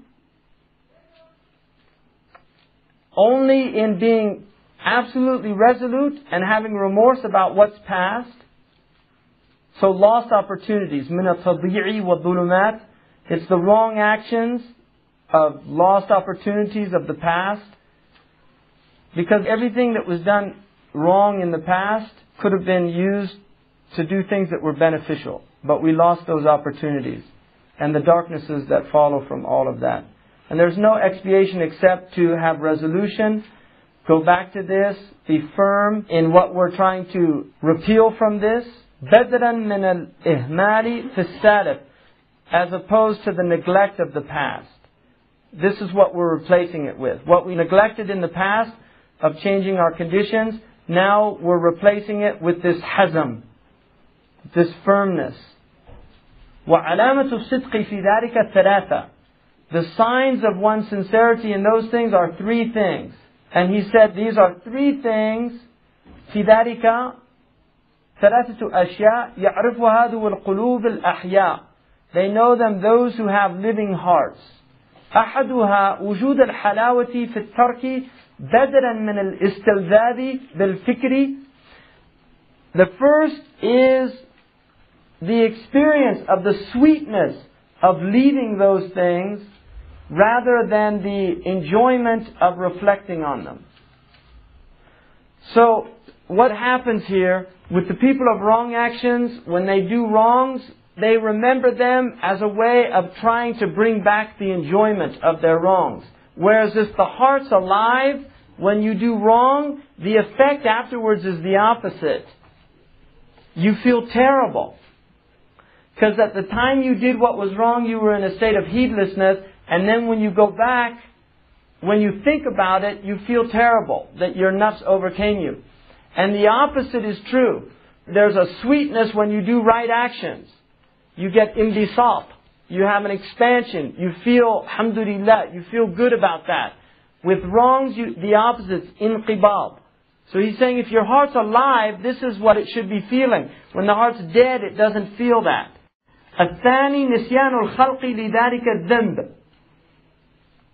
And the second is that forgetting creation because of that wrong action. وتسخيرهم أو تسليطهم تذكيرا بمنة الرب. And also their subjugation as a reminder of the blessings of the Lord. Allah subhanahu wa ta'ala's minna. الثالث الأمر في أسباب الثبات. And the third thing is actions in accordance with those things that engender steadfastness in this path. والتحفظ من النقص بكل الجهات. And also being vigilant about regressing from all these different directions. وعلامة بقاياه في النفس ثلاثة. And the signs of these remnants in the self from this is three. منها يدخل الرجوع واللبس. And in this way, regression and the reason that you fall back are three reasons. أحدها الاستئناس بذكره. One of them is gaining some type of intimate joy with remembering. ولو على سبيل الذم والتنفير. Even if it's for the sake of blaming and تنفير. ينفروا. الثاني منافرة النفس في مقاماته أو نتائجه تسويفا ولو بالسماح في أول خاطر أو هاجس ثقيلا كان أو خفيفا The second is this uncomfortable state with the stations of the self and their results as a way of procrastinating, putting off what you're supposed to be doing in realizing ta'ah to Allah subhanahu wa ta'ala. So you put it off. You're avoiding these things that you're meant to do. ولو بالسماح في أول خاطر أو هاجس ثقيل كان أو خفيفا even if it's just being a little bit forgiving in allowing a thought about a wrong to reoccur or a hajis there's different types of hadith nafs you have like khatir you have hajis you have hadith nafs you have qasd you have azima there's different levels and, and hajis it's stronger than a khatir. A khatir is something that occurs fleeting. A hajis, it's a little stronger. And then a hadith al-nafs is stronger. So he's saying, even if it's allowing some passing thought about your wrong to come to you, whether it was light or heavy. الثالث التشوف لمن بلي به ولو بترحم. And the third is seeking out those who have the same tribulation even if it's to feel compassion towards them. Because if you do that, if you see other people that have the same tribulation, it, you're going to feel more comfortable with it. If you look out for people that have the same tribulation that you do in this sickness, then you feel a little more comfortable. Well, he's got the same problem as I do. So it'll engender more compassion towards the self. والتوقف عند دواعي النظر فيه دون تقحم. And also that when you need to reflect on these things, that you don't reflect on them. You don't continue. And then he says, ميراث هذا الترك ثلاثة أشياء.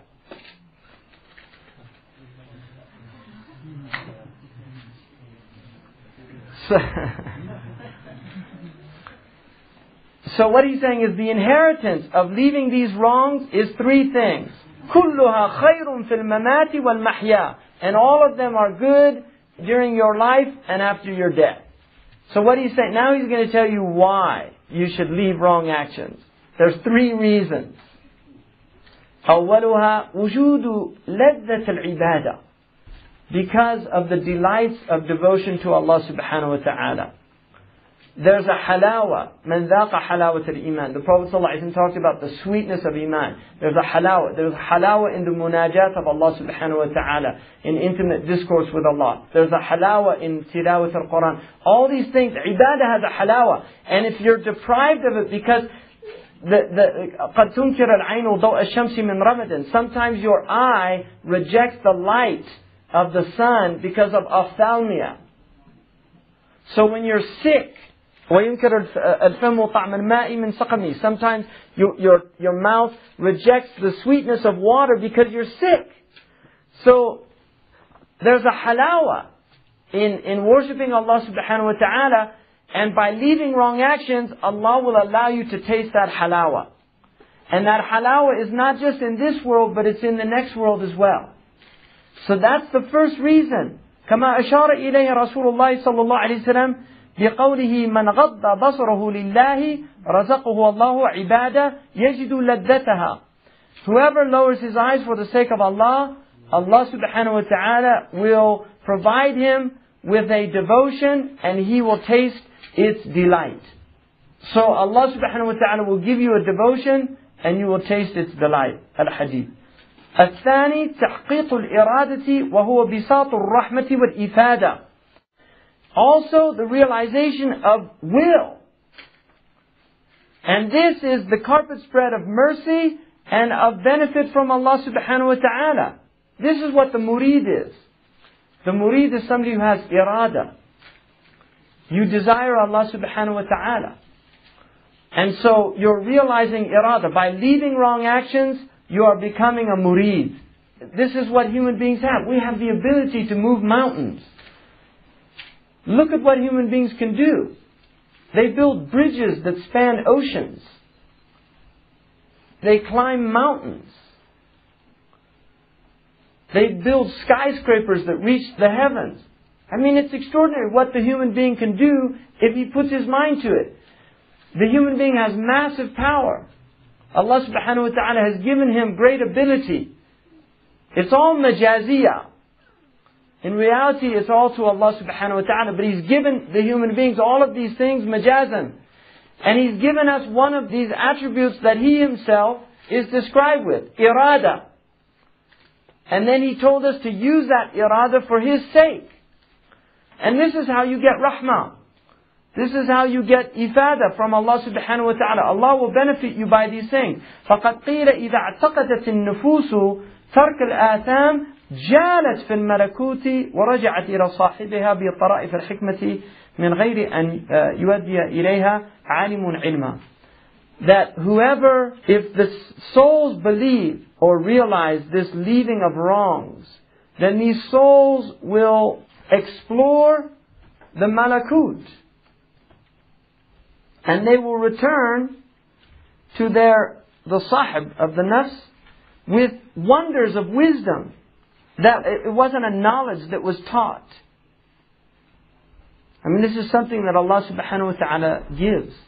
من علم بما من عمل بما علم أورثه الله علم ما لم يعلم. If you act according to what you know, Allah gives you knowledges that you didn't know. And He says, وهو عجيب. And this is one of the wonders. And the third one, and we'll finish here. The third one is وجود النجاة. The existence of salvation and مصحوب بطيب الحياة that is accompanied by a good life. قال الله تعالى ومن يتق الله يجعل له مخرجا ويرزقه من حيث لا يحتسب ومن يتق الله يجعل له مخرجا Whoever has taqwa of Allah, Allah will give him a way out and will provide him from where he wasn't expecting. إلى غير ذلك من الآيات. So what he's saying is if you do this, you're going to have a good life. You're going to have salvation in the next world and you're going to have a good life in this world.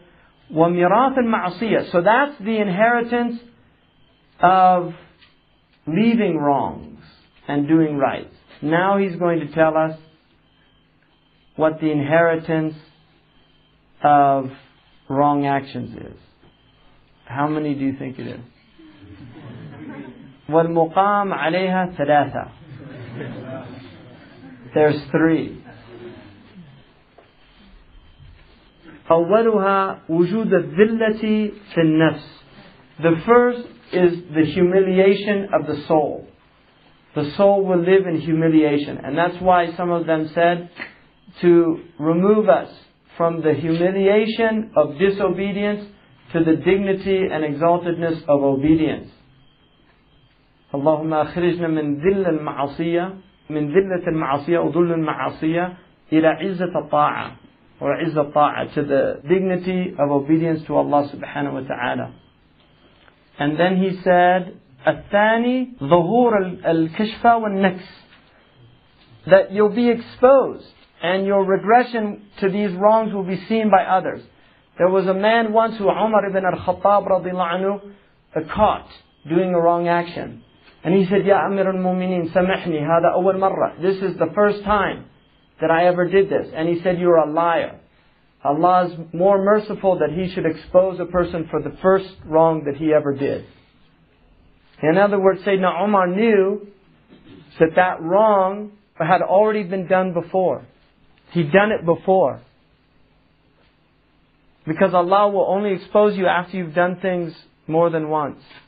The first time Allah subhanahu wa ta'ala will veil you. And that's what He's saying. This is one of the mirath of ma'asiyah. Is that you'll be exposed. الثالث بخس الحظ That you'll have a small portion of good. وقد نبه الحق على ذلك في كتاب العزيز ذي الحكمة البالغة واللفظ الوجيز فقال تعالى إنه لا يفلح الظالمون Allah subhanahu wa ta'ala said wrongdoers will never succeed خلاص so you won't have success وقال عز من قائل من لم يتوب فأولئك هم الظالمون Whoever doesn't make tawbah, those they are the wrongdoers.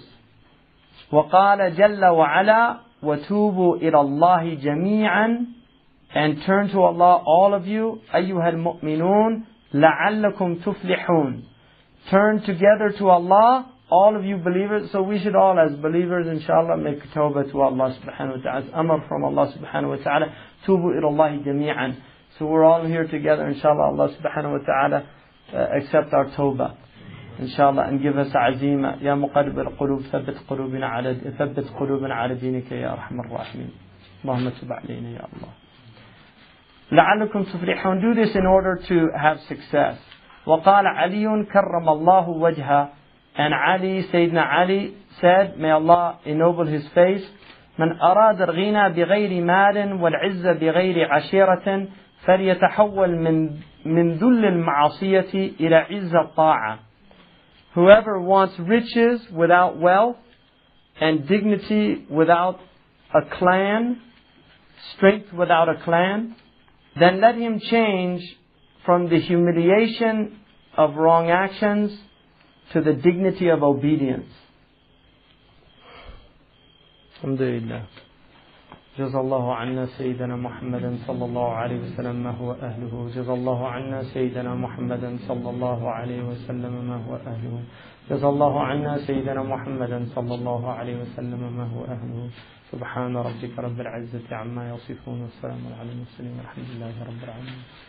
جزا الله عنا سيدنا محمدا صلى الله عليه وسلم ما هو أهله. جزا الله عنا سيدنا محمدا صلى الله عليه وسلم ما هو أهله.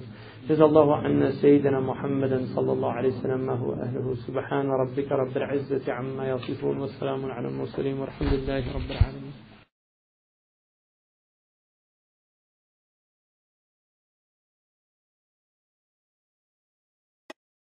بسم الله الرحمن الرحيم. بالله من الشيطان الرجيم. بسم الله الرحمن الرحيم. الصلاة والسلام على أشرف الأنبياء والمرسلين وعلى آله وصحابته ومن تبعهم بإحسان إلى يوم الدين. اللهم لا علم إلا ما علمتنا إنك أنت العليم الحكيم. اللهم علمنا ما ينفعنا وانفعنا بما علمتنا وزدنا علما. اللهم افتح علينا حكمتك وانشر علينا رحمتك يا ذا الجلال والإكرام. وصل اللهم على سيدنا محمد وعلى آله الكرام. ولا حول ولا قوة إلا بالله العلي العظيم ولا حول ولا قوة إلا بالله العلي العظيم ولا حول ولا قوة إلا بالله العلي العظيم We've looked at the three types of hearts, and then the sick heart, the three types of sick hearts, and then the three reasons or the three ways that we can come to understand why a heart is sick, or if a heart's sick.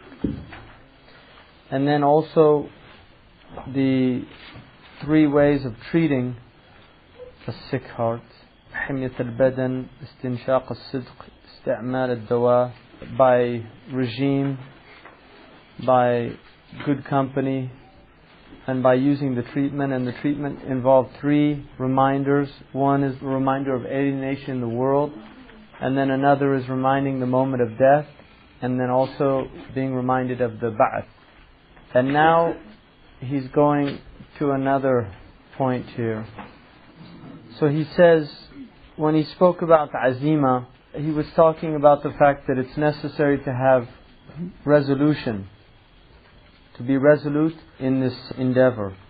And so he said that the way to realize resolution in your actions and also to utilize the means by which you realize your goal is done through three mawaqif. This is going to be a little longer, and the first of these is the rank of taqwa, and the last of it is the carpet spread of the revealings of knowledge. So the first one, al-mawqif al-awwal, which is uh, the rank of taqwa, al-mawqif al-awwal من مواقف الطريق تحقيق التوبة بالتحقيق to realize tawbah through realization وهو دائر على ثلاثة أقطاب and it revolves around three axes so the first mawqif which is the first station in a sense the station that you're arriving at is to realize tawbah through realization. And this revolves around three axes. وهي الكرعمد والأبواب. And it's like the pole holding up and the doors into it. So the first one of these three أقطاب is أحدها تحقيق النية بتصميم العزم على عدم العود لما خرج عنه جملة عند الابتداء وتفصيلا في الدوام the first one is that you realize it is realization of the intention with absolute resolution to never return to what you're leaving behind in its totality at the outset. What he's saying is that at the outset of your tawbah, you make a tawbah from the past. In other words, when you're beginning your suluk to Allah subhanahu wa ta'ala, you make a tawbah from the past. Because generally, people are in a state of ghafla. And when you set out on this path, it's the path of وَأَنَّ إِلَىٰ رَبِّكَ الْمُنْتَهَى And to your Lord is your end. It's the realization that we're all going back to Allah subhanahu wa ta'ala. And once, if you're aqal, I mean that's the definition of an intelligent person, is somebody who realizes that. Idiotic people are people that waste their lives away in vain endeavors. Idiots' tales. This is what the world is. The world is darul fana, you're here for a short moment in time. And once you realize that, that life can be taken from you in any moment, then if you're intelligent, you'll start preparing for infinity instead of always preparing for what is finite and really what is intangible. Because the word in Arabic for dunya is from a root word which means to be close, but when you reach out to get it, it moves farther away. Dunya is really a type of wahm, it's an illusion. The world is not an illusion. The alam is not an illusion. If you walk out here on this pathway and you look at this mountain like Tughra, there were people 800 years ago, Muslims, that spoke Arabic, that used to live in this village or in these areas, and they looked out just like you are looking, they saw the same mountain. The mountain is still there, but all those people are gone. The mountain is alam. That's the world. Hayat dunya is our experience of the world. The world stays here until Yom Qiyamah. These mountains have been here for millennia, and maybe they'll go on for millennia. Allah Ta'ala alam. But we pass through, and it's a brief time. So if you have intellect, you begin to realize that. Now this would be, uh, just to strike an analogy, if a real estate agent, you decide you want a house, and a real estate agent tells you, I've got two types of houses. This house over here, it looks very nice, and I can sell it to you right now for a cheap price. But the only problem with this house is, it can disappear at any moment, and I can't guarantee you that even right after we make the contract, it disappears. But it could stick around maybe 50, 60, 70 years. This other house is very expensive, but I guarantee you it's a permanent house. It's a permanent structure. It's not built on sand, and it'll be with you for infinity. Now, anybody who has intellect is going to obviously choose the second one, hopefully. If you chose the first one, you were a fool. And that's why the Prophet ﷺ said, الدنيا دار لمن لا دار له ويجمع له لمن لا عقل له Dunya is an abode for the one who's homeless. And the one who gathers for it has no intellect. You have no intellect if you're wasting your time on dunya. You're ahmaq. And that's why the Prophet ﷺ said, الكيس من دان نفسه وعمل لما بعد الموت. The man of intelligence is the one who disciplines his self, his soul, and works for what comes after death. والأحمق and the idiot, and in a riwayah al-ajizu, the incapacitated one, is the one من أتبع نفسه هواها وتمنى على الله الأماني. He lets his nafs follow its caprice, whatever it wants, and he has vain hopes about Allah subhanahu wa ta'ala. This is what he's saying. Once you really realize this, in a deep, deep way, you make a tawbah. And that tawbah is not like saying astaghfirullah. This is a tawbah that I'm turning away from the path of dunya and I'm setting out for the path of akhirah. And this is a choice that the intelligent person will make once in their life. This is a path. That's what he's saying. It's a path. This is the path to Allah subhanahu wa ta'ala. If you decide to make that choice, then at its outset, the first thing that you do is you make tawbah for the past. Jumlatan. In its totality. You don't need to go through every single thing you did because it would be too difficult. You were in ghafla for a long, long time. And it would be too difficult to do that. So you just make tawbah from the past. But he said, thereafter, you have to make muhasabah. Because setting out on this path means now that you are going to rectify your soul by the power of Allah subhanahu wa ta'ala. And therefore you have to discipline your soul. That's idanatun nafs. Mandana nafsuhu. So you have to discipline the soul. And that means after you've made this tawbah, you begin to actually take the soul to account. And so he's saying, إذ لا يلزم عند بدء التوبة تذكار تفاصيل تفاصيل ما وقعت أو تفاصيل ما وقعت التوبة منه لمشقته. So at the outset of Tawbah, you don't have to remember all the details because of the difficulty of that. لكن, but after that, you look in to all of them with تفاصيل. دواعي الثبات في هذا العزم ثلاثة أشياء. Then he says, those things that engender this firm resolution and this steadfastness, or this steadfastness in your resolution, are three things. So we're, all, we're still in the mawqif al-awwal, and the mawqif al-awwal has three aqtab. تحقيق النية is the first one. تحقيق التوبة بالتحقيق. And he says this has three أقطاب. And the first is تحقيق النية. We haven't got to the second yet. We're still in the first one. Now, in the first one, تحقيق النية, which is your firm realizing your intention to remain resolute in this return to Allah subhanahu wa ta'ala, has three dawa'i. A da'iyah is something that calls you to what you're trying to do. An impetus. أولها أن يفر من المحل الذي يخشى من عوده جملة وإلا ففي الوقت الذي يخشى ذلك فيه أو عند ظهور أول أسبابه This is really important. What he's saying is, alright, you want to make Tawbah now. these are the three things that are going to keep you resolute in your desire not to return to wrong actions. And this is a science. So, what he's telling you is this is how it works. The first is that you flee from that place that you fear going back into your wrong action. So if your wrong action, if somebody's making tawbah from kaba'ir, it's pretty easy. If your wrong action has been relations with the opposite sex, whether it's zina or the muqaddimat of zina, you had girlfriends or whatever, or vice versa, then what you have to do once you make that tawbah is to avoid the places where those things occurred. So if you're at the university and you met people at the cafeteria and there was mixing and people know you, you leave that place. You don't go back to it.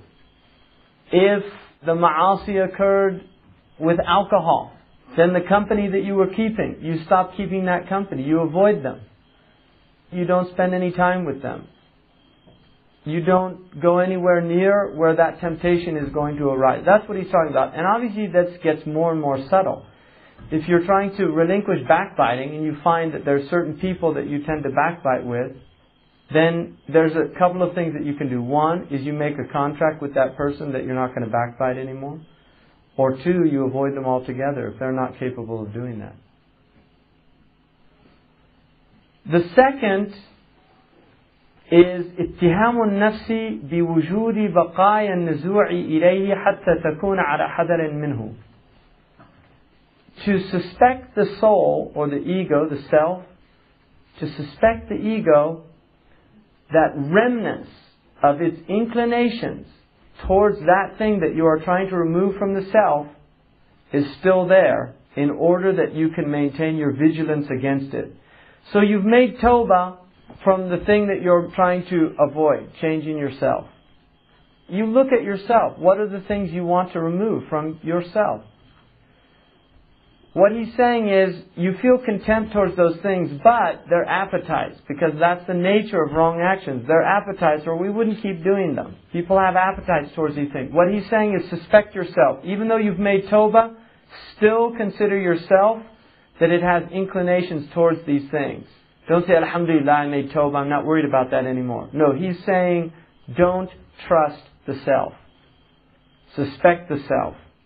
Ittihamun nafs بوجود بقايا النزوع إليه حتى تكون على حذر منه وإلا وقعت فيه قبل الشعور بسببه أو وقته or else the same thing's going to happen and you won't even be prepared for it.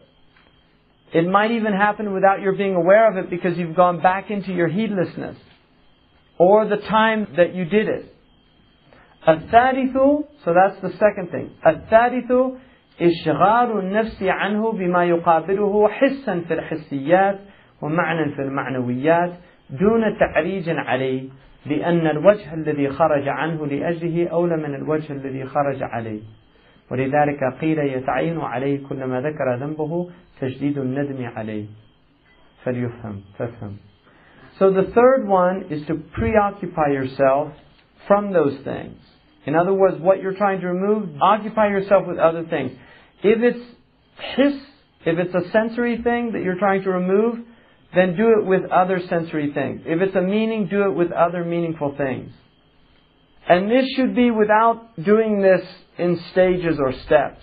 Because the means by which you get out of something, in order to get out of it, this precedes what you're getting out of. In other words, that thing that you're trying to get out of, once you're out of it, that's the most important thing, to be completely out of it. That should be your priority. And for that reason, it's an obligation that every time you remember your wrong action, to renew your remorse about it. To renew your remorse about it. So understand this. And then he says, The reasons that you fall back into wrong actions are three. We're not into the second qutb yet. This is still part of the first, which is تحقيق النية. The reason that you return to wrong actions are three. الغفلة عن الندم. That you forget your nadama, your remorse. You go into a heedlessness about your remorse. أو التندم عند تذكاره. Or you forget to recollect when you're thinking about what you did wrong, you forget to renew that remorse. So he says because of that, the wrong action will actually, the picture, that form of that wrong action will become fixed in the self. ترتسم صورته في النفس حتى تجد خلسة من الغفلة لتمكينه عند اشتغال القلب بما هو مستغرق له في العلوم والأعمال. What happens here is that this form of this wrong action will get fixed in the self and then it will sneak in through heedlessness because of its deeply rooted nature in the heart, the heart's preoccupation with it. And certainly with many things, these are rooted in the self. A lot of the wrongs that we do are rooted in the self, like envy. Envy is very common in human beings. Ujub. It's very common in human beings. Kibr. Ghiba is very common amongst human beings. Lust is very common. These things are all part of human nature. So what he's saying is because of the fixed nature of many of these things in yourself, if you're not resolute about this, it creeps back in.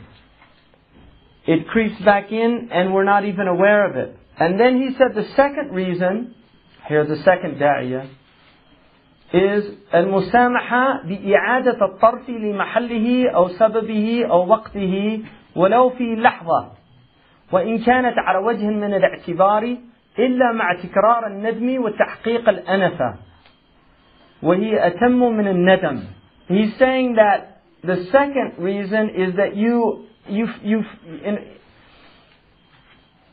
المسامحة بإعادة الطرف is that you allow your eye to go back to that thing, either the place or the reason or the time that that wrong action occurred, there's a revisitation. Even if it's a moment. And even if it was just thinking about it, like i'tibar, taking some lesson from it. إلا مع تكرار الندم unless you repeat the remorse وتحقيق الأنفة and you have a contempt for it, you look down on it which he says is actually more atam min nadam. In other words, you have remorse is one thing, but to actually feel contempt towards that thing, to look down on it and see it as a low thing, is actually stronger than having remorse about it because you belittle the wrong action. You have contempt for it. Because if you don't have this contempt, قد يثير رقة وحلاوة ولا سيما مع تجدد محل الأذى وهو نفس الفعل. If, if you don't have that contempt for it, you might actually remember it with pleasure, with some kind of sweetness. There's a sweet memory to it. If it was an experience that was pleasurable at the time, which is why you might have done it, then in not having this anafa, when you look at it, then you feel some sweetness, especially if it's in the same place where it occurred and the same action. الثالث الثقة بالناس في عزمها وحسن الظن بها في حالها ومراجعة محل السبب لاختبارها. The third reason, he's telling you the reasons why you go back to wrong actions. The third reason is trusting the soul in its resolution to not go back to wrong actions. And also having a good opinion of the soul in the state that you're in now. So you've made tawbah and now you're feeling good about yourself. You're in a better state that you were in before. And also going back to the same place that caused it as a way, in a sense, of testing the self. So you say to yourself, I can handle this now. I feel really secure. I'm not like that anymore. I used to be weak, but now I'm strong. So you go back to the same place where the wrongs occurred. He said this is the third reason why this will happen. And then he says, فإنه ولو بإخطار ذلك على البال دون تأمل. Even if it's just to bring it back to your attention, just to think about it, without really contemplating it. Just that it occurs. You have a reoccurrence of thought about it. فإنه بمثابة رشاش الماء للنار الخامدة لا يزيدها إلا اشتعالا because its likeness is the likeness of a light water, sprinkling water over a fire that's diminished. There's still some fire there, but it's like the coals. When you put light water on it, it actually increases you'll see it start crackling and like coming back to life again. So he's saying that even just thinking about it, it brings it back to life. وَالنَّفْسُ نَارٌ كَامِنَةٌ عِنْدَ ظَهُورِ الْحَقِّ عَلَيْهَا Because the, the, the ego, the soul, is like a hidden fire when the truth manifests over it. وَلَا يَأْمَنُهَا So he should never feel safe with it. إِلَّا غَبِيٌّ Except an idiot. وَلَا يَحْذَرُهَا إِلَّا عَاقِلٌ And no one is vigilant in guarding himself from it except a man of intellect. وقد قال الجنيد رحمه الله لا تركن إلى نفسك وإن دامت طاعتها لك في طاعة ربك Never incline toward yourself, even if yourself is always in a state of obedience to your Lord. Don't ever incline towards yourself, even if it's in a good state. And then he said, توقع نفسك لا تأمن غوائلها فالنفس أخبث من سبعين شيطانا Protect yourself from your nafs and never feel safe from its machinations. Because the nafs is more foul than 70 shaitans. And then he says, قَدْ لَا تَشْمَرِ التَّوْبَةُ Your tawbah might not have included all of your wrong actions. فيكون الحكم في متعلقها على حسب حالها. So the ruling of it is in accordance with those things that it covered in accordance with its state and condition and the time and place. وقد يختل النظام بالعود فيعود الحكم ثانيا كما كان أولا.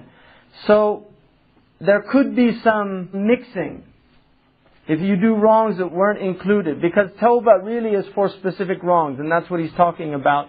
Your initial tawbah was jumla, and then after that the tawbah is tafsil.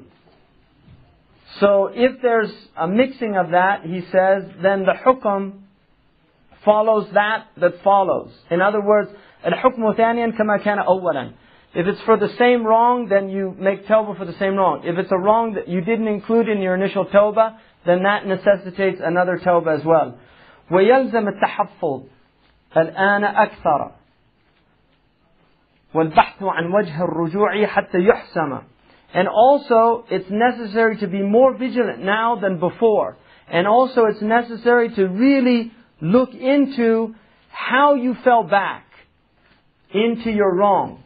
Go and look how did this occur in order, حتى يحزم, in order that you can seal this inroad. You can stop it from happening again. إذ لا يخفى السبب بعد الأوبة. Because the etiology of the wrong, how you fell back into it, it shouldn't be concealed from you, hidden from you anymore after you return to the wrong. إلا لهوى غالب متمكن بالجدل. Unless it's a type of hawa it's a type of passionate caprice that is firmly rooted in the soul and in the language of modern psychology, it's been established with rationalization. That you're rationalizing your wrongs. Because once you go into rationalization of wrongs, then it's difficult for you to see the reasons because you've rationalized them. It's what they call cognitive dissonance. People will begin to actually justify, it's called justification or rationalization, you begin to justify your wrong. So he's saying that if you've entered in, because this thing is so deeply rooted in you, this hawa, this caprice, it's so deeply rooted in you, you've rationalized it to the point where you can't even see that what you're doing is wrong. And then he says, فإن عرض الشيطان بقوله أي فائدة لتوبة يعقبها عود so if shaitan objects and says to you, tell me, what's the benefit of a, a that's followed by returning to the wrong you just made tawbah from? Because this is what shaitan will do. He'll try to make the nafs feel, I can't do this. I keep going back. And shaitan will say, just give up. You're hopeless. I mean, this is what the sadiq will hear when he's trying to remove these things from his soul. You're hopeless. You can't do it. You're always doing this. So he says, قيل له كما اتخذنا العود إلى الذنب حرفة نتخذ التوبة حرفة. Just like we took the wrong action as our profession or our occupation, we take our tawbah as our occupation. In other words, just as we keep going back to our wrong actions, we keep going back to our tawbah. ولعل الموت يأتي والصدفة تصادف and perhaps the, the, the death comes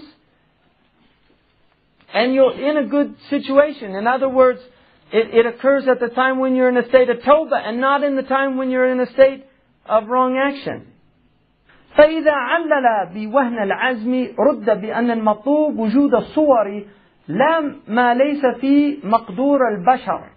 So if he uses the excuse that your resolution is too weak, he's refuted by saying what is sought after us is the manifestations of these devotional forms, not what's impossible for human beings to perform. In other words, this is a devotional act. Tawbah is a devotional act. كلكم خطاؤون وخير الخطائين التوابون. All of you make mistakes, and the best of those who make mistakes are those who make tawbah to Allah subhanahu wa ta'ala. So he's saying that if it said to you, your resolution's weak, then you have to respond, what's sought after me is that I'm in this state of devotion to Allah subhanahu wa ta'ala, not what's not within my capacity, which is to free myself completely from wrongs. فإن قابل بأنه مقدور فأعرض عنه. And if he says to you, no, you're just making excuses for yourself. Indeed, it's possible, leave him. Just turn away from that type of talk. لوجود العمل. Because you have to act. And this type of internal conversation with the self, it just takes somebody to despair. So you have the ability to act. عملا على قول سفيان ترك الذنوب أيسر من طلب التوبة Leaving wrong actions is easier than seeking tawbah. So just keep leaving your wrong actions. والله أعلم تتميم القلب محل عجز البشر The heart is the place of human weakness. The heart is the place of human weakness. فلا أعون عليه من دوام اللجوء إلى الله في طهارته أولا ثم في, في ثباته آخرا. So he's saying that the heart is the place of human weakness and there's nothing more helpful to the heart than continuously seeking refuge in Allah subhanahu wa ta'ala in its purification. Allah is mutahhir al-qulub in reality. Naqi qulubana. Allah subhanahu wa ta'ala is the one that purifies the hearts. And the heart is really, it's the place of human weakness. So the best thing for the heart, the most helpful thing to you is to seek refuge in Allah subhanahu wa ta'ala in purifying it first and foremost, and then in the steadfastness of it towards the end of the affair. When you've gone through the takhliyah and entered into the tahliyah, you've gone through the removal of, of the foul aspects and qualities of the self, and you're moving into the ornamentation of the self, then you have steadfastness. So in the beginning, you're purifying. Once you reach a stage of purification, then it's to maintain the purity.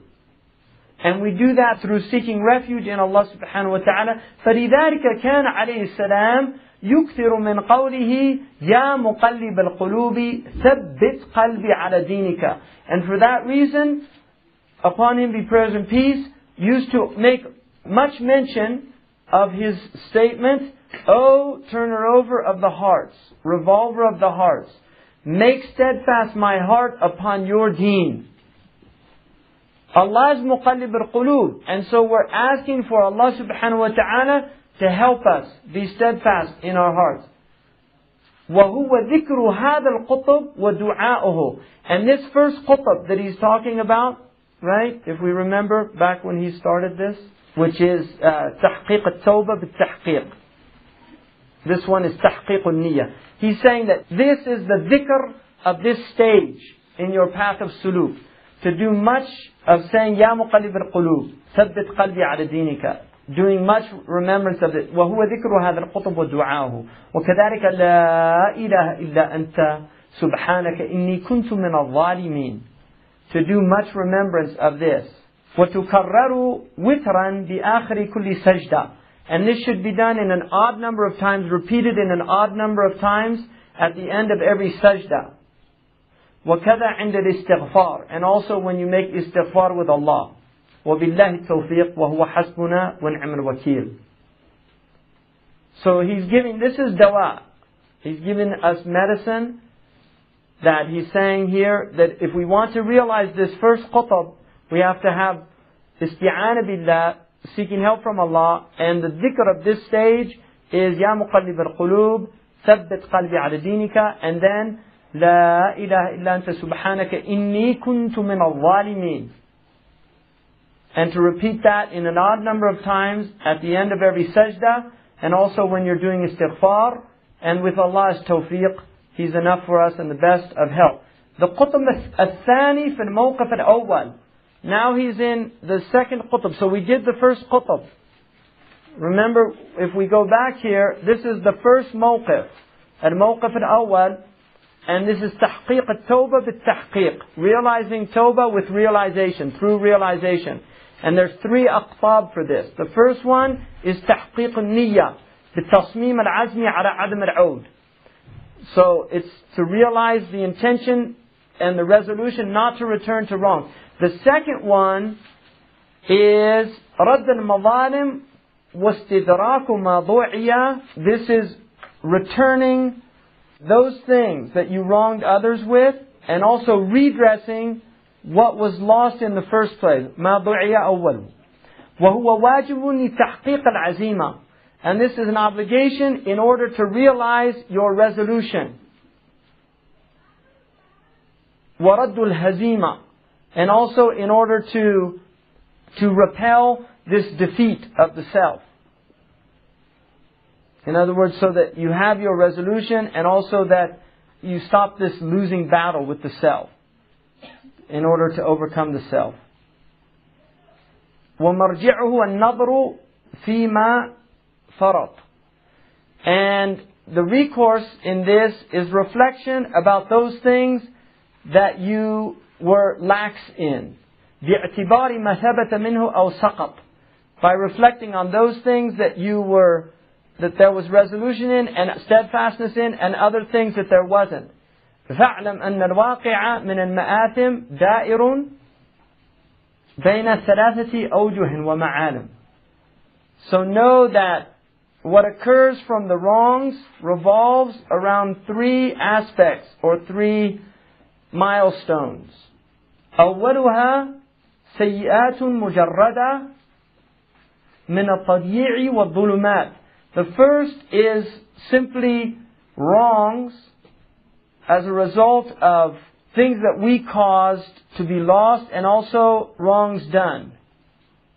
ولا كفارة لها إلا العزم. And there's no expiation of this except in this resoluteness والندم على ما فات والحزم only in being absolutely resolute and having remorse about what's past. so lost opportunities, wa it's the wrong actions of lost opportunities of the past. Because everything that was done wrong in the past could have been used to do things that were beneficial. But we lost those opportunities and the darknesses that follow from all of that. And there's no expiation except to have resolution, go back to this, be firm in what we're trying to repeal from this, بدلا من الإهمال في السالف as opposed to the neglect of the past. This is what we're replacing it with. What we neglected in the past of changing our conditions, now we're replacing it with this hazm, this firmness. وعلامة الصدق في ذلك الثلاثة. The signs of one's sincerity in those things are three things. And he said these are three things في ذلك ثلاثة أشياء يعرفها ذو القلوب الأحياء. They know them those who have living hearts. أحدها وجود الحلاوة في الترك بدلا من الاستلذاذ بالفكر. The first is the experience of the sweetness of leaving those things rather than the enjoyment of reflecting on them. So, what happens here with the people of wrong actions, when they do wrongs, they remember them as a way of trying to bring back the enjoyment of their wrongs. Whereas if the heart's alive, when you do wrong, the effect afterwards is the opposite. You feel terrible. Because at the time you did what was wrong, you were in a state of heedlessness, and then when you go back, when you think about it, you feel terrible that your nafs overcame you. And the opposite is true. There's a sweetness when you do right actions. You get imbisat. You have an expansion. You feel, alhamdulillah, you feel good about that. With wrongs, you, the opposite, is inqibad. So he's saying if your heart's alive, this is what it should be feeling. When the heart's dead, it doesn't feel that. الثاني نسيان الخلق لذلك الذنب. And the second is that forgetting creation because of that wrong action. وتسخيرهم أو تسليطهم تذكيرا بمنة الرب and also their subjugation as a reminder of the blessings of the Lord. Allah subhanahu wa ta'ala's minna. الثالث الأمر في أسباب الثبات and the third thing is actions in accordance with those things that engender steadfastness in this path. وَالتَّحَفَّظُ مِنَ النَّقْصِ بِكُلِّ الْجِهَادِ And also being vigilant about regressing from all these different directions. وعلامة بقاياه في النفس ثلاثة. And the signs of these remnants in the self from this is three. منها يدخل الرجوع واللبس. And in this way, regression and the reason that you fall back are three reasons. أحدها الاستئناس بذكره. One of them is gaining some type of intimate joy with remembering. ولو على السبيل الذم والتنفير. Even if it's for the sake of blaming and تنفير. ينفروا. الثاني منافرة النفس في مقاماته أو نتائجه تسويفا ولو بالسماح في أول خاطر أو هاجس ثقيلا كان أو خفيفا The second is this uncomfortable state with the stations of the self and their results as a way of procrastinating, putting off what you're supposed to be doing in realizing ta'ah to Allah subhanahu wa ta'ala. So you put it off. You're avoiding these things that you're meant to do. ولو بالسماح في أول خاطر أو هاجس ثقيلا كان أو خفيفا even if it's just being a little bit forgiving in allowing a thought about a wrong to reoccur or a hajis there's different types of hadith nafs you have like khatir you have hajis you have hadith nafs you have qasd you have azima there's different levels and, and hajis it's stronger than a khatir. A khatir is something that occurs fleeting. A hajis, it's a little stronger. And then a hadith al-nafs is stronger. So he's saying, even if it's allowing some passing thought about your wrong to come to you, whether it was light or heavy. الثالث التشوف لمن بلي به ولو بترحم. And the third is seeking out those who have the same tribulation even if it's to feel compassion towards them. Because if you do that, if you see other people that have the same tribulation, it, you're going to feel more comfortable with it. If you look out for people that have the same tribulation that you do in this sickness, then you feel a little more comfortable. Well, he's got the same problem as I do. So it'll engender more compassion towards the self. والتوقف عند دواعي النظر فيه دون تقحم. And also that when you need to reflect on these things, that you don't reflect on them. You don't continue. And then he says, مِرَاتُ هَذَا التَّرْكِ ثَلَاثَةُ أَشْيَاء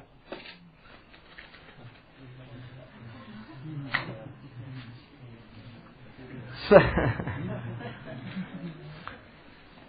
so what he's saying is the inheritance of leaving these wrongs is three things.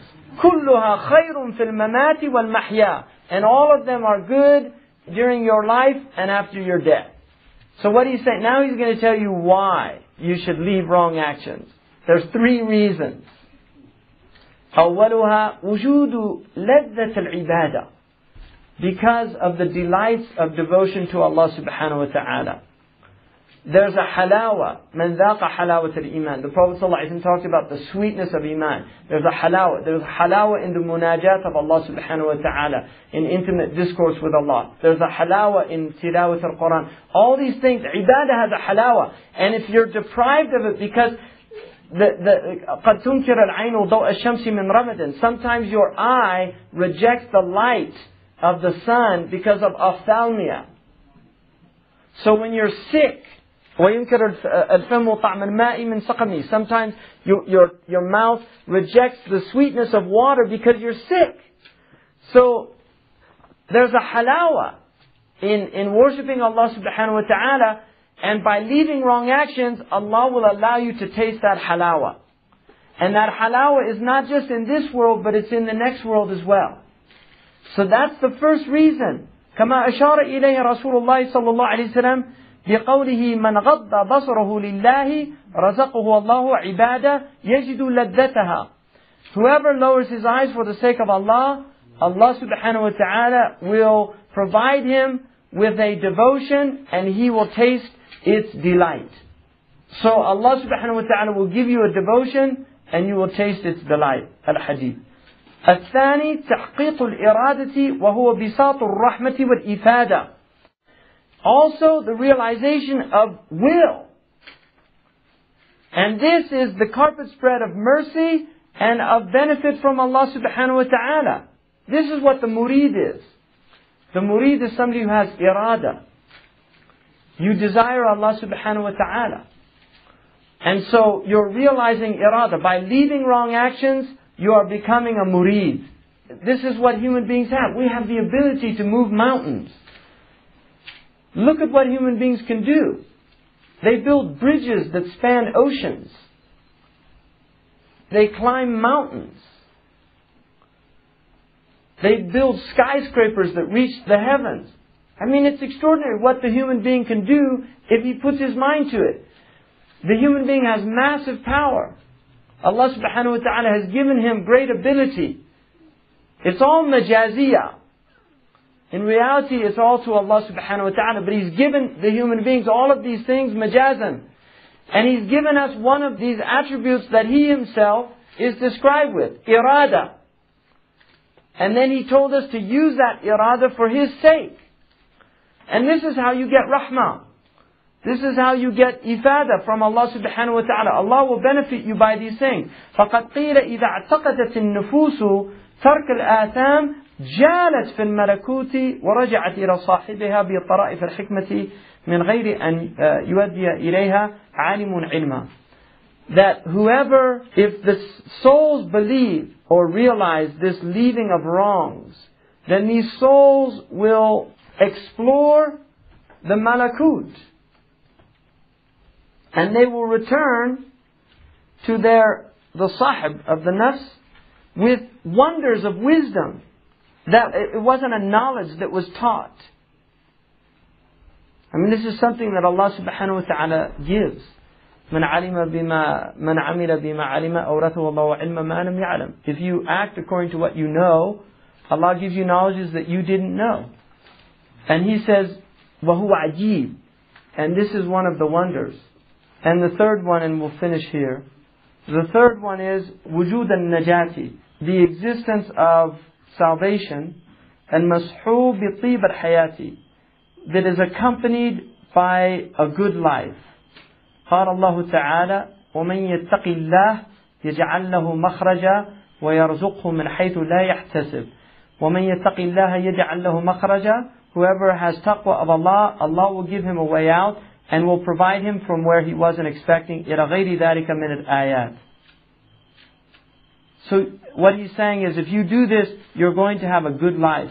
You're going to have salvation in the next world and you're going to have a good life in this world. وَمِرَاث الْمَعْصِيَةِ So that's the inheritance of leaving wrongs and doing right. Now he's going to tell us what the inheritance of wrong actions is. How many do you think it is? والمقام عليها ثلاثة. There's three. أولها وجود الذلة في النفس. The first is the humiliation of the soul. The soul will live in humiliation. And that's why some of them said to remove us from the humiliation of disobedience to the dignity and exaltedness of obedience. اللهم أخرجنا من ذل المعصية من ذلة المعصية وذل المعصية إلى عزة الطاعة or عزة الطاعة to the dignity of obedience to Allah subhanahu wa ta'ala. And then he said, الثاني ظهور الكشفة والنكس that you'll be exposed and your regression to these wrongs will be seen by others. There was a man once who Umar ibn al-Khattab radiallahu anhu caught doing a wrong action. And he said, Ya Amir al-Mu'mineen, samihni, hada awal marra. This is the first time that I ever did this. And he said, you're a liar. Allah is more merciful that He should expose a person for the first wrong that he ever did. In other words, Sayyidina Umar knew that that wrong had already been done before. He'd done it before. Because Allah will only expose you after you've done things more than once. The first time Allah subhanahu wa ta'ala will veil you. And that's what He's saying. This is one of the mirath of ma'asiyah. Is that you'll be exposed. الثالث بخس الحظ That you'll have a small portion of good.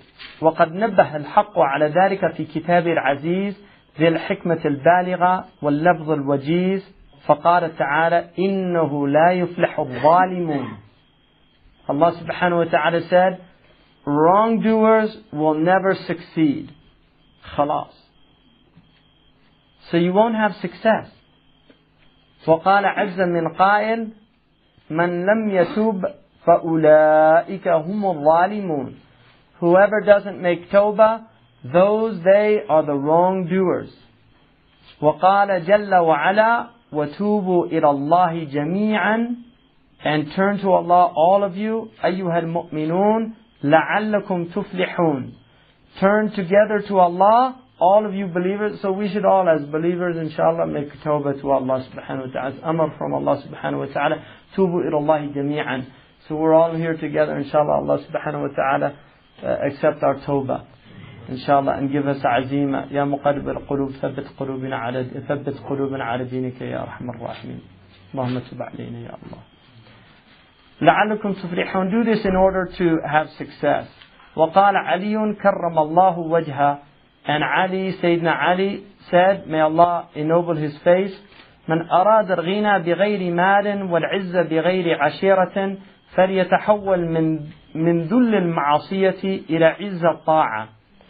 Whoever wants riches without wealth and dignity without a clan, strength without a clan, then let him change from the humiliation of wrong actions to the dignity of obedience.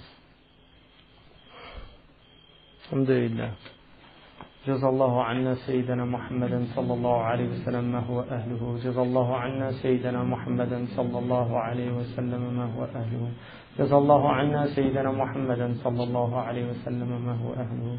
سبحان ربك رب العزة عما يصفون والسلام على المرسلين والحمد لله رب العالمين. جزا الله عنا سيدنا محمدا صلى الله عليه وسلم ما هو أهله. جزا الله عنا سيدنا محمدا صلى الله عليه وسلم ما هو أهله.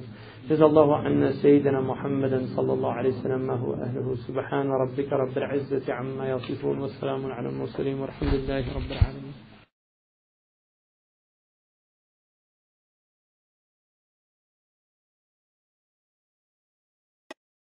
بسم الله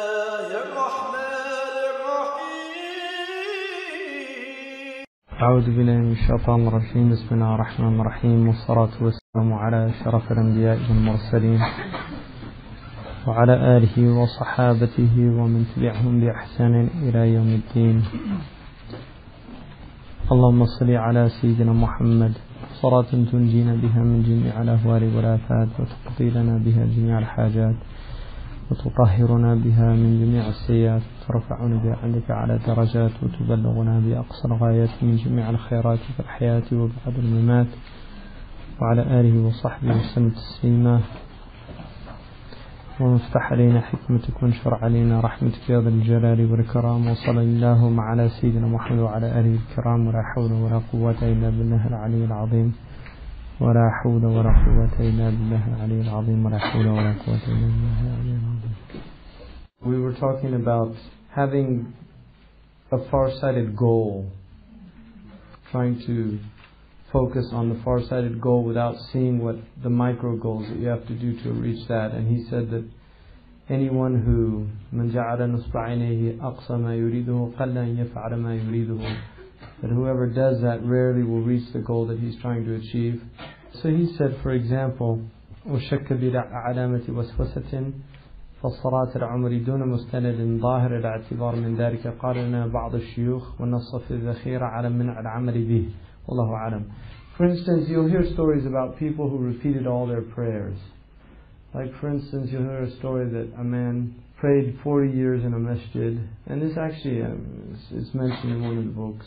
He prayed 40 years in a masjid, and he prayed every prayer, he was in the first line.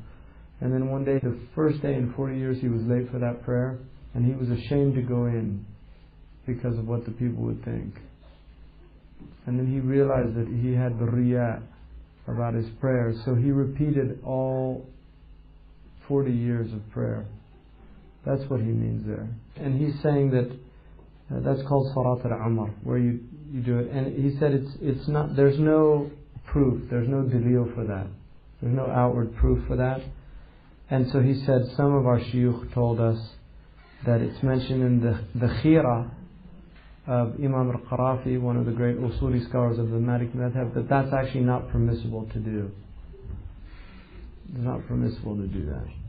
So then he says the third one, الحقوق المالية كالحقوق البدنية He's talking obviously about rights that you've transgressed in, rights of Allah and then rights of the creation of Allah. And he was talking more about the حقوق البدنية, like prayer and the ibadat, hajj. Now he said الحقوق المالية كالحقوق البدنية بل أعظم. The rights related to those things that deal with money are similar to the rights related to those things that are rights of your body. Indeed, they're even greater. فواجب الزكاة والكفارة لازم والتحري فيه أهم من التحري في البدنيات. That the obligation of zakat and also expiating that is not only an obligation, but to fervently seek that out is more important than being vigilant about those things that relate to your badaniyat. You have badaniyat and madiyat, those things that relate to your body, like prayer. Uh, and what he's saying, because zakat obviously doesn't just affect you, it affects other people. So not only have you deprived your own self, but you've also deprived other people. There's mazlumin. So that's why you should be more concerned about that because if you don't pay your zakat, there's poor people out there that are entitled to it that you've oppressed. So that's what he means. It's not, don't try to put them in a scale and say, oh, well, this is more important than that. He's just saying that your concern should not be light about that. It should actually, in a sense, be greater than the other, which is not diminishing your concern about the other in any way. لتسلط النفس على القيام بالأول وتكاسله عن الأخير. And the reason for this is that the nafs by its nature finds it easy to do the first, but is more lazy about the second. It actually finds it easier to do its prayers, make up the prayers and things like that, but making up zakat and things like that, it will tend to be lazier about that. ولذلك كان أكثر ورع السلف في المال. And for that reason, the Salaf were more scrupulous in matters concerning wealth. And then he said, أكثر من الماء الله والله أعلم. Perhaps he meant more than the, the wudu. Allah alam. But the point is that they were more scrupulous about their matters of wealth. And that's well known. The Sahaba were more concerned about where they got their money than they were about, say, for instance, night prayers and things like that. Because if your money's haram, the food you eat's haram. If the food you eat's haram, you're not going to be able to do anything with any continuity of your ibadah. It'd be very difficult. So then he says, الرابع the fourth one لا يجوز عتق من أحاط الدين بماله الدين بماله It's not permissible to free a slave if you owe debt, if you have debt. So you can't do things with your wealth when you have obligations binding on them. ولا يقبل الله نافلة ممن عليه فريضة. Allah doesn't accept nafila, extra acts, if there's obligatory acts that are binding on you.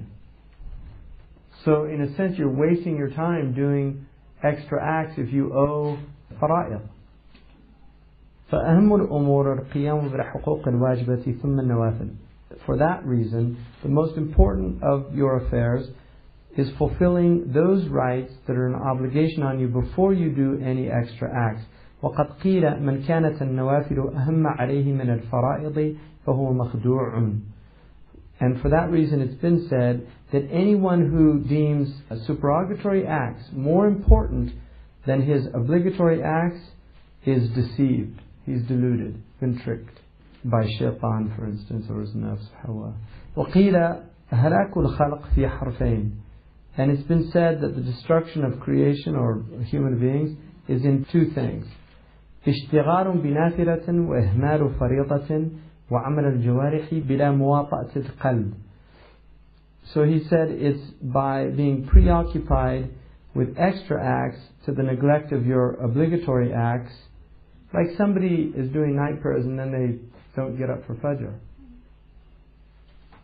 Their night prayers are a waste of time. Fajr, it's better you sleep the whole night and pray Fajr on time than that you stay up the whole night in Nafila and then right before Fajr fall asleep until the sun goes up. And then he's saying, and also the actions of the jawarih, the limbs, بلا مواطأة القلب. The heart is not in sync with the limbs, so there's no intention behind your actions. You're just doing the outward form, but the heart's not there. So there's people that pray it's just the outward form. The heart's not present. It's not hadir. So he's saying those two things destroy people. وفي الحكم من علامات اتباع الهوى المسارعة إلى نوافل الخيرات عن القيام بحقوق الواجبات. And he said in the Hikam of Ibn Ata'illah radiallahu from the signs of following the caprice the hawa is to hasten to extra acts of good and to be lazy about implementing the obligatory rights that are upon you. So that's a sign of ittiba' al-hawa that there's musara'a lil khairat and nawafil and then there's takasur an al-fara'id. انتهى وهو دار عضال فلا يكون منك له إغفال That's all he has to say about that. And then he says, this is da'un udal. It's a disease that is impossible to remove. I mean, it's a, it's a very serious disease, he's saying. So don't be neglectful about this. Don't be heedless about this fact because it's fooled a lot of people. And there's a lot of Muslims, for instance, in Ramadan they do Qiyam al-Layl. This is a really good example. There's a lot of Muslims in Ramadan they do Qiyam al-Layl, the Taraweeh prayers, and they didn't pray all year long. So they have fawa'it, they have prayers that they should have been praying. Some of them don't even pray the five prayers. But they'll go and do taraweeh because it's a social event. It's, it's a waste of time. الخامس حصر العدد في القضاء معين عليه. The other is also that you know, the fifth one is that you know the number in terms of qada, when you're redressing some haqq, some right of Allah subhanahu wa ta'ala or His creation, you're redressing it, it's an obligatory to know the number. And one of the wisdoms of that, لِتَشَوُّفَ النَّفْسِ لِمَا يُنْتَهَى إِلَيْهِ It's because the nature of the self desires, it has a natural inclination to things that come to an end. In other words, if you're working and there's no end in sight, you get overwhelmed. Whereas if you really can see a job has an end in sight, it gives you more himma. There's more energy to do that thing. You have to know what you owe. It's important to know what you owe so you don't just, I'll never get this done. Because the nafs will get futur, it'll get weak and وجعله موقوفا على وجه واحد يقضي بسآمته بسآمتها فيه. And then he said that by making what you do by doing it in only one way, it will lead to boredom. Ennui will result from that. So he says, فليكن القيام فليكن القيام بعدد أدنى ثم وسط ثم أعلى لتجول فيما تقتديه وتجد الراحة بالتطوير والزيادة والقوة على التحسين والإجادة. So he says here, what you do is you should vary. When you're trying to fulfill something, you vary it. For instance, you do the least amount initially, and then you increase it a little bit to a middle, a moderate, and then you increase it to uh, its highest number, and this is in order for the nafs to benefit from it تجول فيما تقتديه وتجد الراحة and it gets some repose from this by these changes and by these increases and also it gains a strength in being able to perfect and to embellish uh, what it's doing in other words the devotional practices the sixth one السادس ضعف الباعث يدعو لتكاسل النفس عن الانبعاث if you have a weak incentive, the ba'ath is the incentive. Ma. It's, it's, it's what inspires you to do something. So for instance, most people work because they get a paycheck. So the paycheck is their ba'ath. It's really what's making them do something. If you want the ghufran of Allah, that's a powerful ba'ath to seek the forgiveness of Allah subhanahu wa ta'ala. So he says that the weakness of the incentive it will end up engendering in you a laziness in rising up to do what you need to do وتقاصرها عن الدوام والثبات and also it will result in your relinquishing or diminishing the continuation of that and your steadfastness in it فإذا وجدت ذلك ولا معين if you find that and you don't find any help in changing that فذكرها وعظها Remind the self. وَذَكِّرْ فَإِنَّ ذِكْرَ تَنْفَعَ الْمُؤْمِنِينَ Remind the self and give wa'z to the self. And you actually exhort yourself. Abu Bakr as-Siddiq radiallahu anhu, كان يوبخ نفسه. Sayyidina Umar you يوبخ نفسه. The Sahaba, it came down that they used to exhort themselves.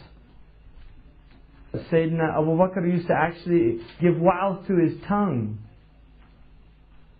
One of the things that I found my teacher, Murabit al-Hajj, that he would give wa'z to himself at night with prayers and also with poetry.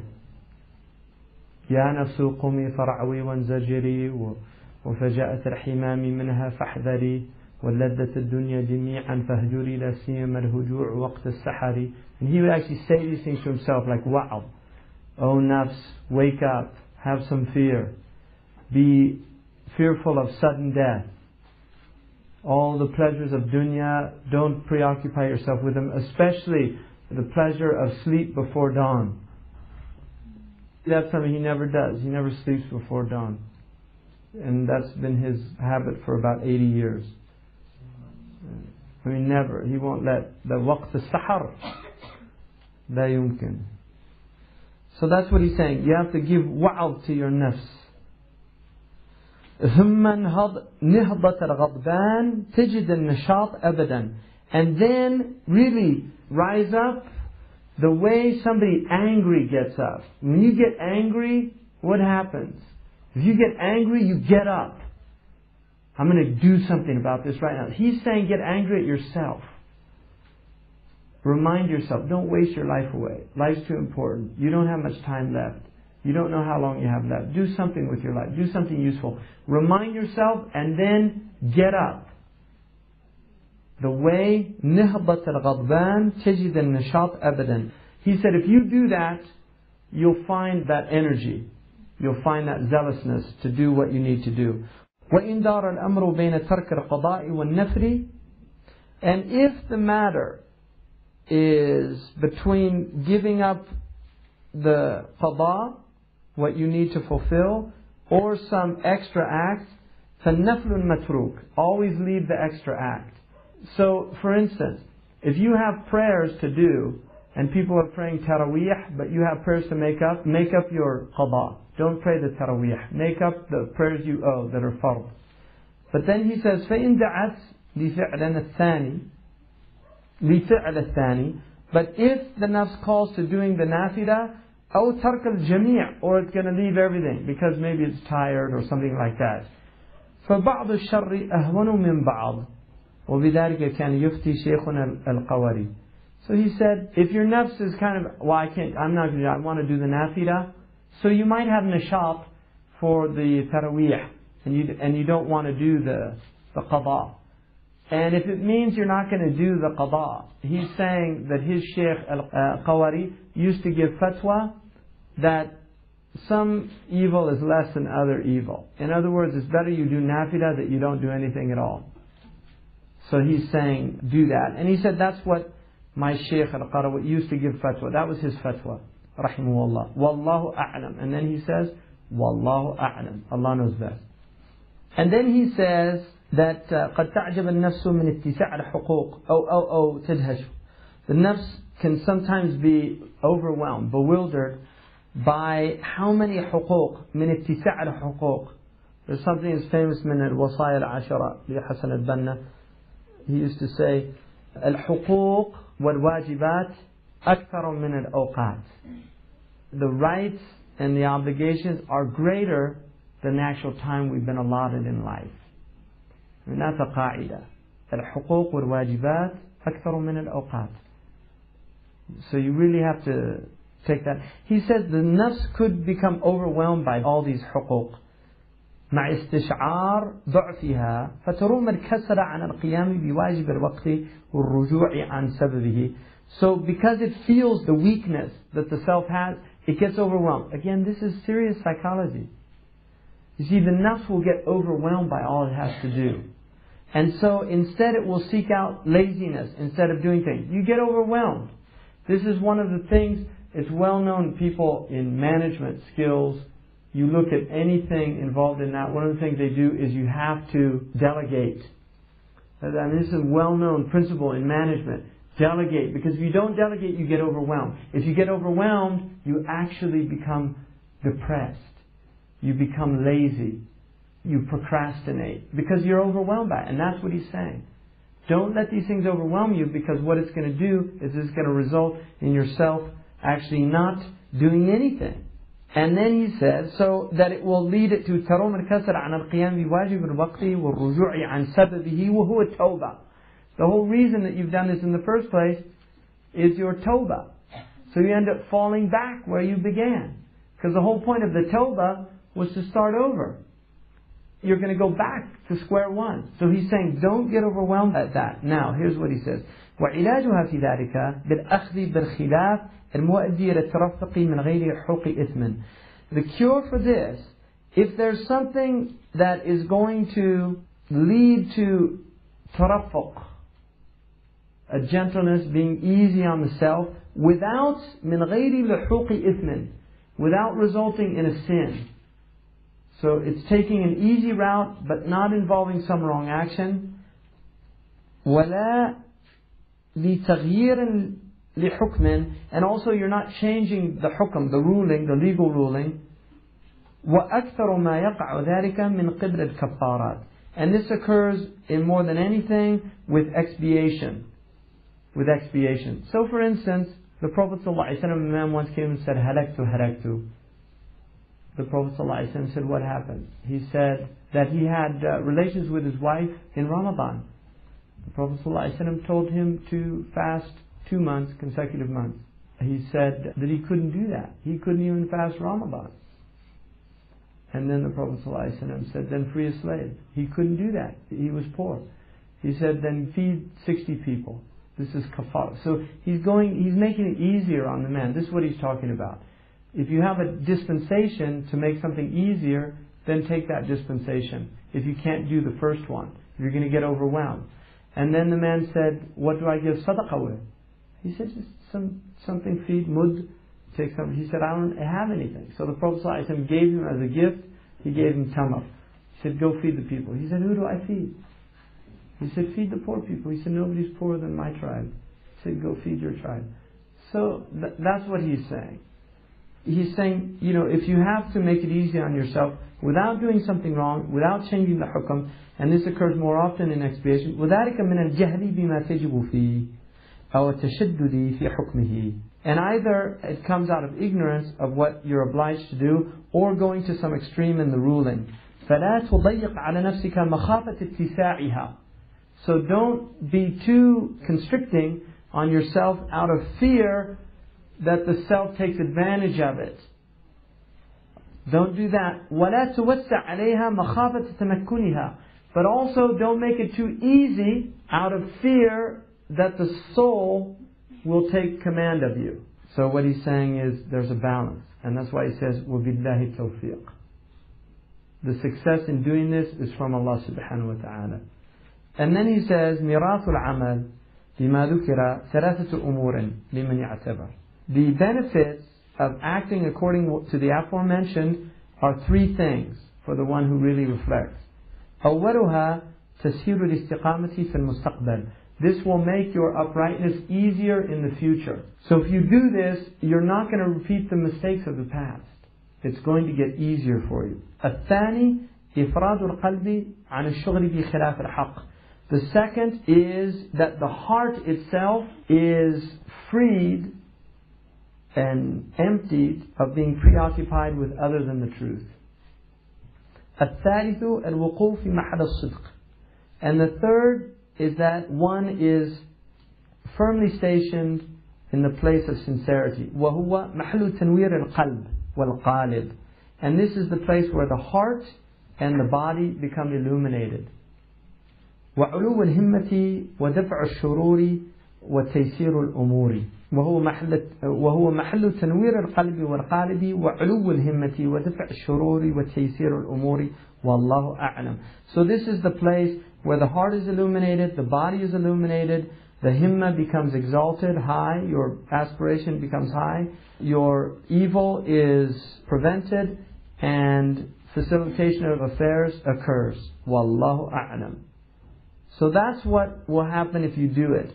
Miratu ihmalihi, the results of neglecting this is qusur al-qalbi an kamalihi, the shortcomings of the heart in reaching perfection. ورجوع البدن لحاله and that your body returns to the original condition, the neglect, the laziness, the overeating. وفقدان الصدق والحلاوة في أعماله and you lose sincerity and the sweetness, the taste of the sweetness of actions that are obedience to Allah. ومفاتيح الإخلال به ثلاثة عن كل منتبه. And the keys to losing these, to falling short in these, are three for everyone who is awakened to this truth. أولها الميل إلى الرخص المتعلقة بأحكامه. The inclination to dispensations that are connected to these legal rulings. So you'll incline to finding the easiest way. If you neglect this, you'll always be looking for dispensations. And he's meaning going to ta'wilat, doing things. He's not talking about because before he was talking about dispensations in the qada. That's another thing. When you owe something, if it's going to facilitate it, then use the dispensation. But in normal types of situations, the azima is better than the dispensation. So he's saying that you're going to seek out dispensation in those. الثاني التشديد في إقامته على أتم نظامه. That it's going to be very difficult for him to be steadfast in the best way. In other words, in what he's trying to prioritize, organize in his life, uh, he's not going to be able to do that. الثالث الإكثار والاستعجال. The third is doing too much and doing it too hastily. وبه أساس الكسل والإبطال. And that leads to laziness and to nullifying your acts altogether. ومواد القيام عليه والأخذ بما يقيمه ويودي إليه. the way to do it is by taking those things that help you and keep you to getting to that place, which is like uh, the second one, tashdeed. Wal-azmu, wal-iqtisadu, wal-hazmu. Having resolution, being moderate, and also having steadfastness, firmness, that you don't allow loose interpretations to come in so that you find excuses constantly, nor do you allow the other thing to occur, which is that you get so overwhelmed you go into this state of petrification. You're petrified. It's like a freeze, fight, flight, or freeze. The, the deer in the headlights. You can't move.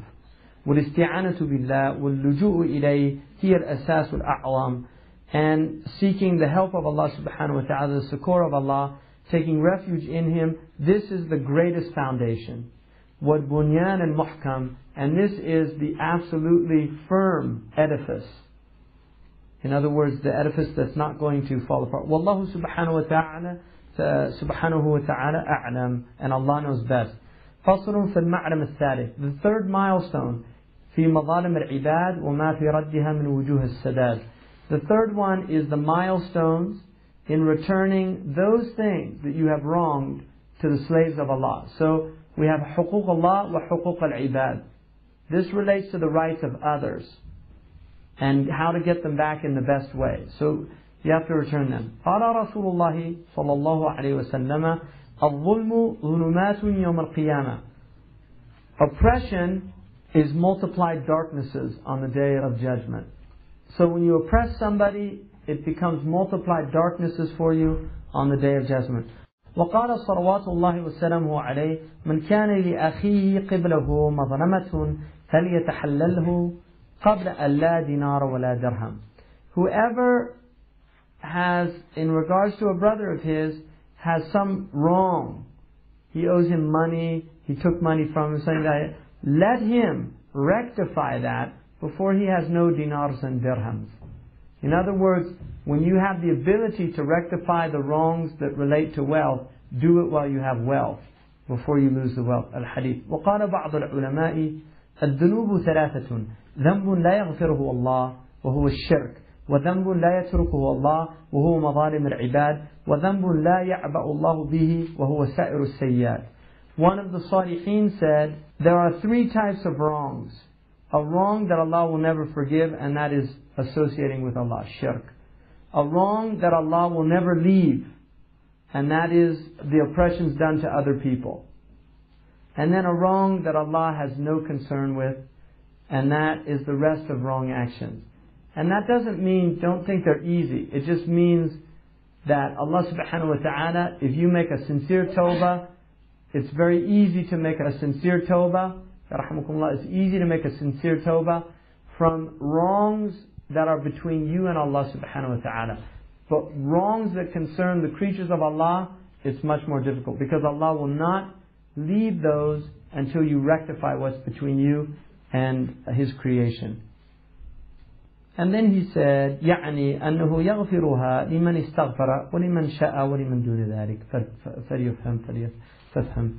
He says what that means is Allah will forgive them to the, whoever asks for forgiveness or anyone else, whoever he wants, in the mashi'a, because he can forgive things in the mashi'a, whether you ask forgiveness or not.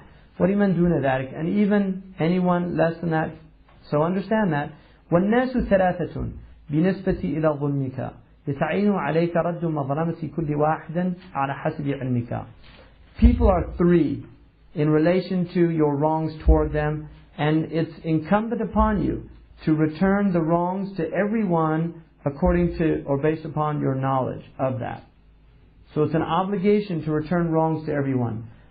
رجل ظلمته في نفسه بقتل أو جراح. Somebody who you have oppressed in his self by killing him or wounds. Now, as you know, there's qisas in these things. وحقق التعريض بالقصاص وترك الجناح فإن عزت النفس ولم تهن وإن عدم ولي الأمر ولم يكن فخزائن الكرم مملوءة مملوءة واللجوء إلى الله في إرضائه من وجوه القوة لا سيما مع التسبب في الوداد تعريض النفس للمتلفات في الله كالجهاد what he's saying here is if you've oppressed somebody by killing them or harming them, what you have to do is fulfill the qisas, which means your life or the blood money, if they'll accept that. So if the soul is too precious, and by its nature it's not a cheap thing, or there's no wali dam, wali al-amr here means wali dam. There's no person who has the blood money in his hand.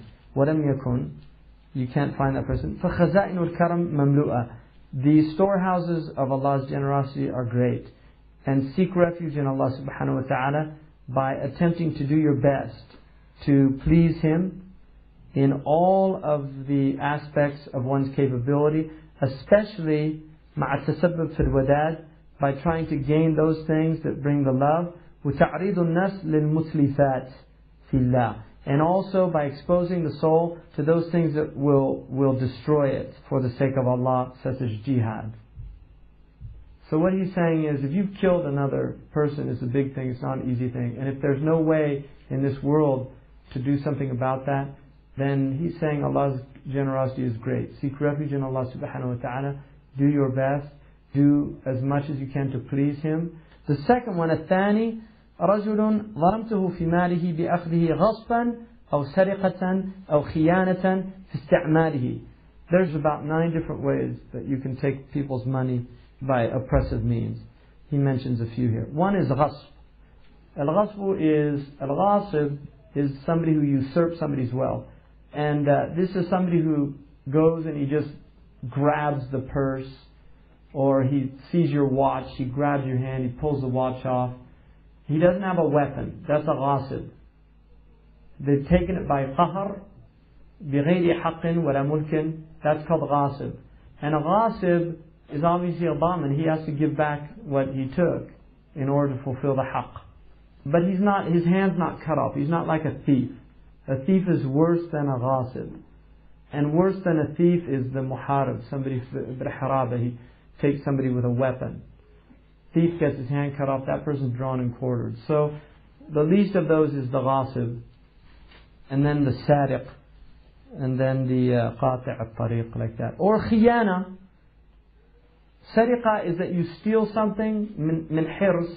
In Sharia, in order for it to be stealing, it has to be left in a place that's recognized to be private. Like somebody's room, even if it was unlocked, if you went into somebody's room and stole, that's sariqa. Whereas if the person left it out on the street, it's not considered uh, sariqa. I mean, you're not supposed to take it unless you want to take it to authority or something if people steal. Generally, you're supposed to leave things where you find it. And then khiyana, there's a lot of different ways. Like, if somebody has a wadi'ah, they leave something with you, and then you takhunuhum fiha. Somebody leaves money with you and you just use it for something else. And they didn't give you permission to do that.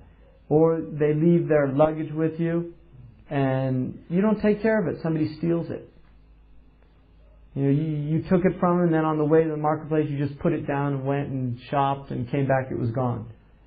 I mean, that's khiyana because when, when, when you entrust somebody, they're supposed to be trustworthy. That's another way of oppressing. So the first one is you kill him or you harm him physically. The second is you've oppressed him in his wealth. What you owe is to return the likes of what you took. In wajetta, if you're able. If you can't do that, you have to go and ask them, please forgive me. You know, I took this from you and I want you to forgive. In amkana, والرجوع إلى Allah, and also returning to Allah, making tawbah to Allah subhanahu wa ta'ala. In faqadta, if you can't find what it takes to make tawbah, if you don't have what it takes to return to the person, make tawbah to Allah, and then, uh, in faqadta, بإعمال أسباب إرضائه من خدمته واحترامه وإعطائه and then that person you should attempt to make them pleased by serving them, showing them respect, uh, giving them something in return. فإن فات أو لم يتعين if you weren't able to do that, say they died. Or لم يتعين it wasn't an obligation for you to do that, like serve them or something like that.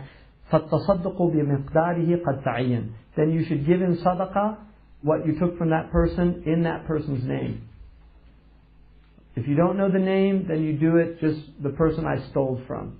I'm giving it for that person. والاحتياط في التقدير ها هنا أهم and being cautious about the amount uh, at this point is very important. والأخذ بالاحتياط أحسن وأتم and to take the more cautious position is better and more complete. الثالث, the third one, رجل ظلمته في عرضه بإلحاق ما يقتضي وجود نقصه وغمطه فلا يخلو الواقع وصادر من ثلاثة أوجه ومصادر. So So he says the third is a man who you've oppressed in his honor by causing something that leads to detraction from him, his good name, or contempt, غمطه. You show contempt to him. فلا يخلو الواقع والصادر من ثلاثة أوجه. So the thing that you did that has emanated from you will be one of three things. أحدها أن يكون ذلك مما يلحق, يلحق ضررا كالسعاية والنميمة. One of them is something that causes harm to come to him, like si'aya. Si'aya is what they now call in modern Arabic mukhabarat, the intelligence. These are people that spy on other people and then they go tell on them. And he also said, uh, and Sidi Ahmed Zarruq was an amazing human being, but he also did a study.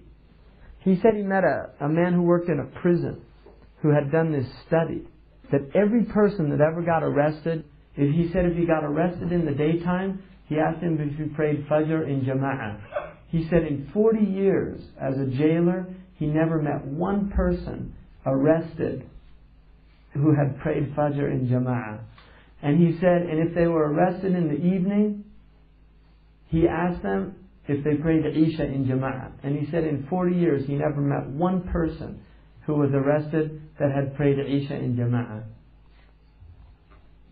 So Si'aya is like mukhabarat. Namima لا يدخل الجنة القتات. And Namam is somebody who dissembles. He'll come to you and he'll say, Do you know what so and so said about you? And all he wants to do is make you hate that person. The Prophet ﷺ said, This type of person does not enter paradise. And the ulama say it means لا يدخل مع السابقين. He won't enter amongst the first people that enter paradise. Because it's kabira. ظلمته is a ظلم في عرضه So now what he's talking about here is the third type. This is عِرْض, a person's good name. It's one of the كُلِيَّاتِ الخَمْس, right? Nafs, ad-din, nafs, mal, aql. It's one of the things the Sharia came to preserve. One of these five things. One of them is عِرْض, your good name, or نَسْب, if you want to take six, the sixth one. The, the ird and nasab are similar. So, so what he's saying here now is what happens here. وَالشَّهَادَةِ عَلَيْهِ بِصِفَةٍ ذَمِيمَةٍ Or testifying against him in some foul way. فيتعين عليك تكذيب نفسك عند من قدس له ذلك. So it becomes an obligation to you to go and tell the person who you said that, even if it was true. If you said it with the intention of separating between them and there was no good, you have to go and say, I lied to you. It's not true what I told you about that person. He didn't say that about you. It's a lie. والرجوع عن الشهادة. And also, if you testified, you have to go and say, I bore false testimony.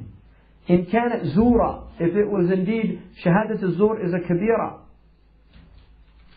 Or اليمين الغموس. I mean, these are كبائر. To swear an oath and it's a lie, or you don't know it really happened. To, uh, to testify against somebody. إذ ليس لحوق الوصم به بأولى منك. Because this shameful thing, this blameworthy quality, even if it was true about him, it's worse about you for doing it. ولا وجه للسماح فيما صدر في ذلك عنك. And there's no, there's no room for forgiveness in what has come from you, what's emanated from in doing this. There's no place to say, you know, I forgive you, because these are really serious things. These affect societies. هذا مع استحلاله مما فعلت and this is also after you've asked for forgiveness from that person for وإظهارك الرجوع عما قدت ونقلت and also that you have brought forth this display that you in fact no longer believe or agree with what you said or transmitted to anybody else الثاني أن يكون ذلك مما يلحق معرة كالزنا ولو مرة وهذه بلية The third one has to do that أن يكون ذلك مما يلحق معرة كالزنا بوليته So this is in a person that you have fornicated with their wife. Right? I mean, this is a, a really bad. ولو مرة, even if it was one time. وهذه بلية. This is a great tribulation. الله أولى بالعذر فيها. And really, you should be making excuses to Allah subhanahu wa ta'ala. وواجبك تصحيح العزم في التنصل منها and your obligation is to rectify your absolute determination to free yourself completely from this act لأن إعلامه قذف بالمزني بها if you tell people then this is qadf in the one that you fornicated with which is haram because there has to be four witnesses all this so you, you can't tell anybody وفضيحة لنفسك في ذنبها and also it's a fadiha I mean this is something that's total dishonoring to the soul for this wrong action وتعريض له للإذاية إن سكت and this is also exposing yourself to serious harm from this person if he was silent you tell him he might not do anything but he's planning to get revenge. There's people that will do that. They might not do something initially. أو إهلاكه إن أغار وما ثبت. Or he destroys you, he kills you. If he becomes so jealous and enraged that he's not able to, to hold himself back. وكل ذلك حرام. All of that is haram. ومخل بوجود النظام. And it will destroy society. It'll break down society. مع وجود الخلاف في الزنا because there's a khilaf about zina. Is zina حق الله or حق العباد? Does it relate to the rights of Allah or the rights of creation? Because obviously there's more people than one involved. So there's a khilaf amongst the ulama. That's why it's a real problem. Because you can't go and get istihlal. You can't go to the husband and say, please forgive me, I fornicated with your wife.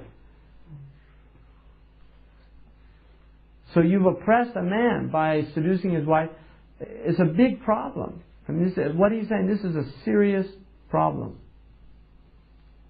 So that's وثالثها الفرج المملوك من العباد. One way of dealing with this last one is a servant, which I mean we don't have these anymore, bondsman or bondswoman. من العباد فيعجل زانيه بما عسى أن يكون كفارة له even though there's no kafara for this. He's saying that some of the ulama have said what you do is you free a slave because there's a hadith قال رسول الله صلى الله عليه وسلم من أعتق نسمة أعتق الله بكل عضو منها عضوا منه حتى الفرج بالفرج the hadith the hadith says Whoever frees a soul, Allah will free for him every member of his body from the fire. Udwan minhu. Right? Bikulli udwan minha, from that woman that you freed, udwan minhu. You get something freed from you. Hatta al-farj bil-farj. Even their private part for your private part. So what he's saying is some of the ulama have said that that's one way of dealing with this problem. That's how serious it is because zina is a major problem on the Yom Qiyamah. It's one of the mubiqat. So that was the second one, and that that was a way of dealing with that. And then the third here is أن يكون ذلك بوجود الغيبة وذكر ما فيه تنقيص أو ريبة فتحلل فيه واجب وإن لم تلحق به منه ضرورة وإلا فإبداله بالثناء والاستغفار والخدمة فعلة مشكورة. وقد قيل إن التحلل منه غير جائز كالتحليل. وقيل مباح إذ تعلق بأمر وقيل إن ذكرها بنقلها للبهتان مع اشتراط التعيين والبيان فصحح عقدك وجدد عهدك وأكثر من الاستغفار وتحفظ جهدك. ثم الله أولى بالعذر في ذلك والكافي لما هنالك والسلام So he says in the third one, if there's ghiba involved, or you've mentioned something about him that involves detracting from him, or doubt, doubtful matters, there has to be tahallul. You have to free yourself from it through him. It's an obligation. إِن لَمْ تَلْحَقْ بِهِ مِنْهُ ضَرُورَةٌ As long as there's not something that's going to come from him that necessitates otherwise. وإلا فإبداله بالثناء والاستغفار والخدمة. If there is, so if this person is somebody you know is going to get really angry, then what he's saying is instead of going to them and saying, I spoke ill of you, akhtabtuka, something like that, what you do is you have to praise him, you make thana, so you start telling people, if you used to backbite about him, you say, so and so is a very good person, he did this for me, something like that. And also, al-istighfar wal-khidma. So asking forgiveness for him, and also obviously for yourself, and then khidma, doing something of service to him, of benefit to him. All those are actions that are rewarded. وقد قيل إن التحلل منه غير جائز كالتحريم. And some of them have said, which is weak, have said that to try to ask forgiveness from this person is actually not is not permissible because of the problems that will occur now. I mean that's an opinion. And some said that it's permissible to do it, in other words, not an obligation, if it involves something that warrants that. In If he mentioned it by transmitting it for buhtan, مع اشتراط التعيين والبيان so if you mentioned it for buhtan there's two things you can look at ghiba as saying something behind the back and buhtan is saying it to their face buhtan also can mean that it's a lie so al-bahat has two meanings but generally it means it's a lie that you say it to a person's face so they get shocked, you know, how you could say that to their face. Another one is that you say it behind their back, but it's a lie. It's buhtan. And that is مع اشتراط التعيين والبيان. But that is conditioned or contingent upon you expressly mentioning that person's name. If you don't mention their name and it's ambiguous, it's not clear, if everybody's going to know who it was, like you say, you know, the president of Libya, I mean, everybody knows who the president of Libya is. All right, so that's على القول أن في غيبة في الفاسق. I mean, there's khilaf about that. But if you say everybody's going to know it, then that's ghiba. If you say, for instance, I saw a man, I was in Mecca, and such and such, nobody's going to know who that person is. And you're using it to teach somebody something, then it's not considered ghiba. If there's no benefit in it, it's still not ghiba, but there's no benefit in it. So it's kalam. هذا And then he said, فصحح عقدك. Renew your contract here. وجدد عهدك. Make sound this aqd that you have, this resolution. Renew your contract. وأكثر من الاستغفار. Start over again. Do more istighfar. وتحفظ جهدك. And also guard yourself to the best of your ability. ثم لا أولى بالعذر في ذلك. You should be making excuses to Allah. He's more worthy than any of His creation To make excuses to. وَالْكَافِرِ مَا هُنَالِكَ And He's the one that really can fix everything. جزا الله عنا سيدنا محمدا صلى الله عليه وسلم ما هو أهله جزا الله عنا سيدنا محمدا صلى الله عليه وسلم ما هو أهله جزا الله عنا سيدنا محمدا صلى الله عليه وسلم ما هو أهله سبحان ربك رب العزة عما يصفون وسلام على المرسلين الحمد لله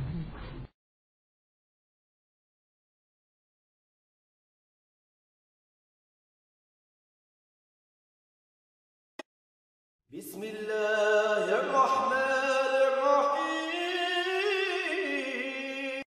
أعوذ بالله من الشيطان الرجيم. بسم الله الرحمن الرحيم. والصلاة والسلام على أشرف الأنبياء والمرسلين على سيدنا وحبيبنا محمد وعلى آله وصحبه أجمعين. اللهم لا علم إلا ما علمتنا إنك أنت العليم الحكيم. اللهم علمنا ما ينفعنا وانفعنا بما علمتنا وزدنا علما. اللهم افتح علينا حكمتك وانشر علينا رحمتك يا ذا الجلال والإكرام وصل اللهم على سيدنا محمد وعلى آله الكرام. ولا حول ولا قوة إلا بالله العلي العظيم. ولا حول ولا قوة إلا بالله العلي العظيم. ولا حول ولا قوة إلا بالله العلي العظيم. قال المصنف رحمه الله تعالى ونفعنا الله به وبكم. أولها في الحلية عن ميمون ابن مهران. أحد فضلاء أكابر التابعين so one of the great tabi'in whose name was Maymun ibn Mihran in the Hilya of Abu Nu'aym and he was one of the great and virtuous of the tabi'in أن من استغفر لمظلومه دبر كل صلاة خمس مرات فقد أدم عليه this is one of the tabi'een and he was well known. He studied with the Sahaba. So this is not a hadith. It's a statement, but inshallah, it probably came from one of the Sahaba. And Allahu alam if it goes back. It doesn't have what's called hukum al-rafa'. It doesn't go back to the Prophet ﷺ. But generally, when trustworthy people say things like this, there's generally some foundation for it. All right. He said, whoever has wronged somebody and asked forgiveness for him after every prayer at least five times. So for five prayers, he has done what he's obliged to do towards that person. وهذا في باب الغيبة. لا في ما له عين. Sidi Ahmed Zarruq says this is in that which concerns backbiting. This is not something that you actually owe them something. عين something tangible. والله أعلم and Allah knows best. الثانية اختلف في جواز الإحلال ممن له حق. There's a difference of opinion in the permissibility of somebody from relinquishing his right. In other words, if somebody owes you a right, there's a difference of opinion. Do you have a right to relinquish that if it concerns dhulm, oppression, if somebody's wronged you? فقيل مندوب some say that it's recommended. وَرَجَّحُهُ جَمَاعَةٌ And one group of ulama preferred this opinion. وَعَلَيْهِ الْعَمَلُ لِحَدِيث أَبِي ضَمْضَمْ Because of the hadith of Abu Damdam, the Prophet ﷺ said, أَيَعْجِزُ أَحَدُكُمْ أَنْ يَكُونَ كَأَبِي ضَمْضَمْ Is one of you incapable of being like Abu Damdam? He was a man who used to go out in the morning and he would say, اللهم تصدقت بعرضي على الناس I've given my good name as sadaqah to people. In other words, if people backbite against him, he gave it as sadaqah back to those people. Because, as you know, when you backbite, the hasanat of the person speaking ill of you, on the Yom Qiyamah, his hasanat go to you. And if he doesn't have enough hasanat to give you, then he takes your sayyat. So, what Abu Damdam was doing was he was giving back those hasanat as sadaqah to people who backbite. It's a hadith. So he's saying for that reason some of them preferred this opinion. وَعَلَيْهِ الْعَمَلِ This is in accordance with the action today. And then he said, وَقِيلَ لَا مُطْلَقًا And some of them say no, absolutely not. لِتَعْلُقِ حَقِّ اللَّهِ بِهِ Because there's a haqq of Allah. Allah has a right in this. In other words, this person has done a wrong action. There's a ma'asiyah involved. And you don't have the authority to remove the wrongs of others. Only Allah subhanahu wa ta'ala can do that, or a prophet by revelation.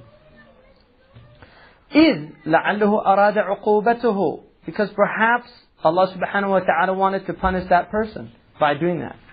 فيكون إحلالك اختيارا وثالثها قول مالك The third opinion is so you're doing this ihlal, it's not from the authority of Allah subhanahu wa ta'ala, except obviously because of this hadith. So this is ta'arud al-adilla shwaya. That's why there's a difference of opinion.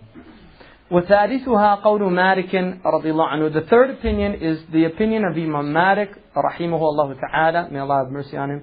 إن كان حقا لا ظلم فيه جاز if it's a right in which there is no oppression in it. In other words, if they didn't go dissembling, like slandering you to other people, if they said something that was true about you, and they didn't do it as a namima, it wasn't dissembling, it wasn't something like that. In something like that, Imam Malik radiallahu said it was permissible. وَإِن كَانَ عَنْ ظُلْمٍ فَلَا But if there's oppression, it's not something you can forgive. Wallahu a'lam. And Allah knows best.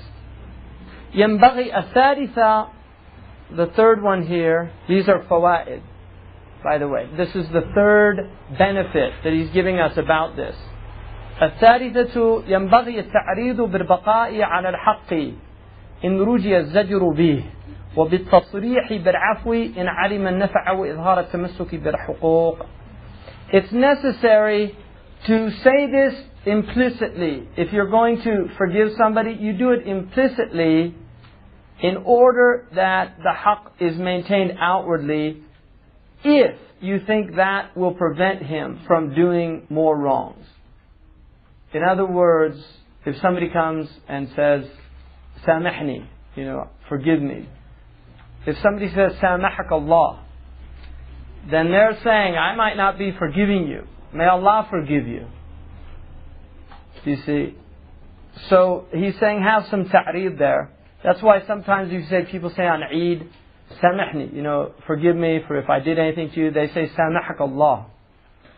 Whereas if somebody says, Astaghfirullah ya akhi, anta marhaban bikum, something like that, it's Whereas if you leave it a little ambiguous, it might cause that person a little bit of fear, prevent him from doing something else. وَبِالتَّصْرِيحِ بِالْعَفْوِ Whereas you can explicitly say, عَفَوْتُ عَنْكَ I forgive you, I pardon you. إِنْ عَرِمَ النَّفْعَ وَإِظْهَارَ التَّمَسِّكِ بِالْحُقُوقِ If you think that there's benefit, that person will benefit by that, and also that they will continue to maintain the rights that are incumbent upon them. وإن كان العفو في نفس الأمر أبقى للحرمة وزجرا لمن يزجره ذلك. And this is if pardoning in that matter maintains the sanctity more and prevents this person from doing it again. Because they'll feel bad. So if there's a benefit like that. وقد قال رجل لابن سيرين قد أخطبتك فاجعلني في حل I spoke ill of you. Ibn Sirin was one of the great tabi'een. He was a, one of the teachers in Medina. He has the famous book on dream interpretation. And somebody once said to him, I have spoken ill of you, so فَجْعَلْنِي فِي حِلٍّ Remove this wrong from me. Make what I did that was haram, make it halal. This is called istihlal. It's making what was haram halal. Ibn Sirin said to him, ما يكون لابن سيرين أن يحل شيئا حرمه الله. It's not for Ibn Sirin to make anything halal, permissible, that Allah made haram. In other words, he's saying, I'm, I'm not going to make what you did tell you that was okay to backbite. وما في حديث أبي ضمضم شيء بينه وبين ربه. As for the hadith of Abu Damdam, it's what's between a man and his Lord. قالوا ولا يكون إلا على الماضي إذا لا يملك المستقبل and it only concerns the past not the future so if you forgive people you forgive them from the past والله أعلم you don't forgive them in the future because it's like putting yourself your ird your good name out there for anybody to slander so you don't do that but the past you can say I forgive whoever spoke ill of me الرابعة the fifth one الوالد والوالدة في الحقوق أجانب your father and your mother, in what concerns rights, are like foreigners. In other words, just because they're your family members, don't consider that you don't owe them. If you borrow money from your parents, don't think, oh, it's my father, it's my mother, I'm not going to worry about it. He said, in rights, they're just like foreign people. فما أخذ لهم الولد وجب عليه فيه ما يجب في مال الأجانب. So whatever a son or a daughter takes from them, it's binding upon him to fulfill his obligation just as it's binding upon the wealth of people who are not relatives. إن لم يظهر منه ما يدل على الرضا as long as there's no indication from them that they're content. Like if they say, don't worry about that loan, then that's علامة الرضا. الخامسة إفشاء السر خيانة تتنزل منزلة الغيبة في محل ومنزلة النميمة في محل ومنزلة القذف في محل وقد قال رسول الله صلى الله عليه وسلم إذا حدثك الرجل ثم التفت فهي أمانة الحديث This is a really important faida and I hope everybody understands this one because more trouble has been caused in the Muslim Ummah because of people not adhering to this principle. Spreading secrets is a type of treachery that sometimes has the rank of backbiting in certain circumstances. In other circumstances, it has the rank of dissembling. And in other circumstances, it has the rank of calumny and slander. And the Messenger of Allah sallallahu alaihi wasallam said, if a man speaks to you and he looks around, and in a riwayah, التفتوا يمين وشمال. He looks yamin wa shimal. He looks right and left. فهي أمانة. That means this is a trust that he's giving you. And also there's a hadith, al-majalisu bil amanat, that when you're in private gatherings, there's a trust. And you should not breach that trust because people, we have public and private discourse. Just like we have public and private persona. People don't behave the same way with their family, their immediate relatives, that they behave with other people. And this is not hypocrisy. This is part of human nature. And the, dignity of human beings necessitates that in certain circumstances you act in certain ways and in others. Modern people want to make it all leveling. You burp in public, you spit, you do whatever you want. This is the modern world. There's no sense of propriety. Muslims have a deep sense of propriety. So this is really important to understand this. If somebody speaks to you in a private gathering, you shouldn't go and speak this to other people. You know, لا تنابزوا بالألقاب. You're not supposed to call each other names. The point is, people say things in private they don't want publicly spilt to other people. Now, traditionally, journalists actually did have a sense of discretion. Believe it or not. There used to be a time when journalists would actually not. It was called off the record. But now there's no propriety. Any scoop that they can get, any sensational item that they can publish, anything that's going to sell papers that day, even at the cost of a man's reputation, even at the cost of a man's good name. So the man made a mistake. But nowadays, a mistake can destroy a person because of mass media. Really. It's very different times. So people have to recognize that. There's a hadith, and Allahu Alam, I personally believe that it's about the internet. It says, يحدث الرجل بالكذب فيبلغ الآفاق. In the end of time, a man will tell a lie and it will reach the corners of the earth. It will spread afaq. It'll go everywhere. Now people literally, they put on a internet and then push a button and then that lie goes all over the world. All over the world. And people don't care. They have no sense of amana. And everything is going to be answerable. Every single thing they say, it's going to be answerable. And you have an obligation as Muslims to not believe things like the internet, to not believe things like newspapers. You have an obligation as a Muslim not to believe those things. You have to find out, and we have conditions of when something is trustworthy information and when it's not. The same thing for a Sahih Hadith applies to any type of information. Allah subhanahu wa ta'ala warned us about إن جاءكم فاسق بنبأ فتبينوا فتثبتوا. If a fasiq, somebody who's not a strong practicing Muslim comes to you with some news, you better find out whether it's true or not. أن تصيبوا قوما بجهالة فتصبحوا على ما فعلتم نادمين. That you will say things about a people or a person that's not true, and then later you regret it, either in the dunya or the akhirah or both. So that fifth one is really important. People should realize that. I mean, Imam Shafi'i said, if somebody spills your secret, don't blame him. Because the same thing that forced it out of you forced it out of him. we were just reading, there's a proverb today. If there's a secret between three, it's only safe if two of them are dead. so learn your lesson early on. Don't ever be shocked. If you told a secret to somebody, I don't care who he is or who she is, don't be shocked if it comes back to you. Best thing to do, like Sidi Ahmed Zarruq said, the safest place for your secrets is your own heart. But the point is, it's still onus on you as a practicing Muslim. If somebody speaks in a private gathering, if somebody looks or lowers his voice, people will do this even because al-judran laha adhan. Walls have ears. People will do this in a private room. They'll suddenly drop their voice to tell you something. That means it's an amana, and you're not supposed to ever spread that. And it's even worse when they say, please don't tell anybody this. It's even worse. They do that. But you should know by ishara. That's the point of the hadith.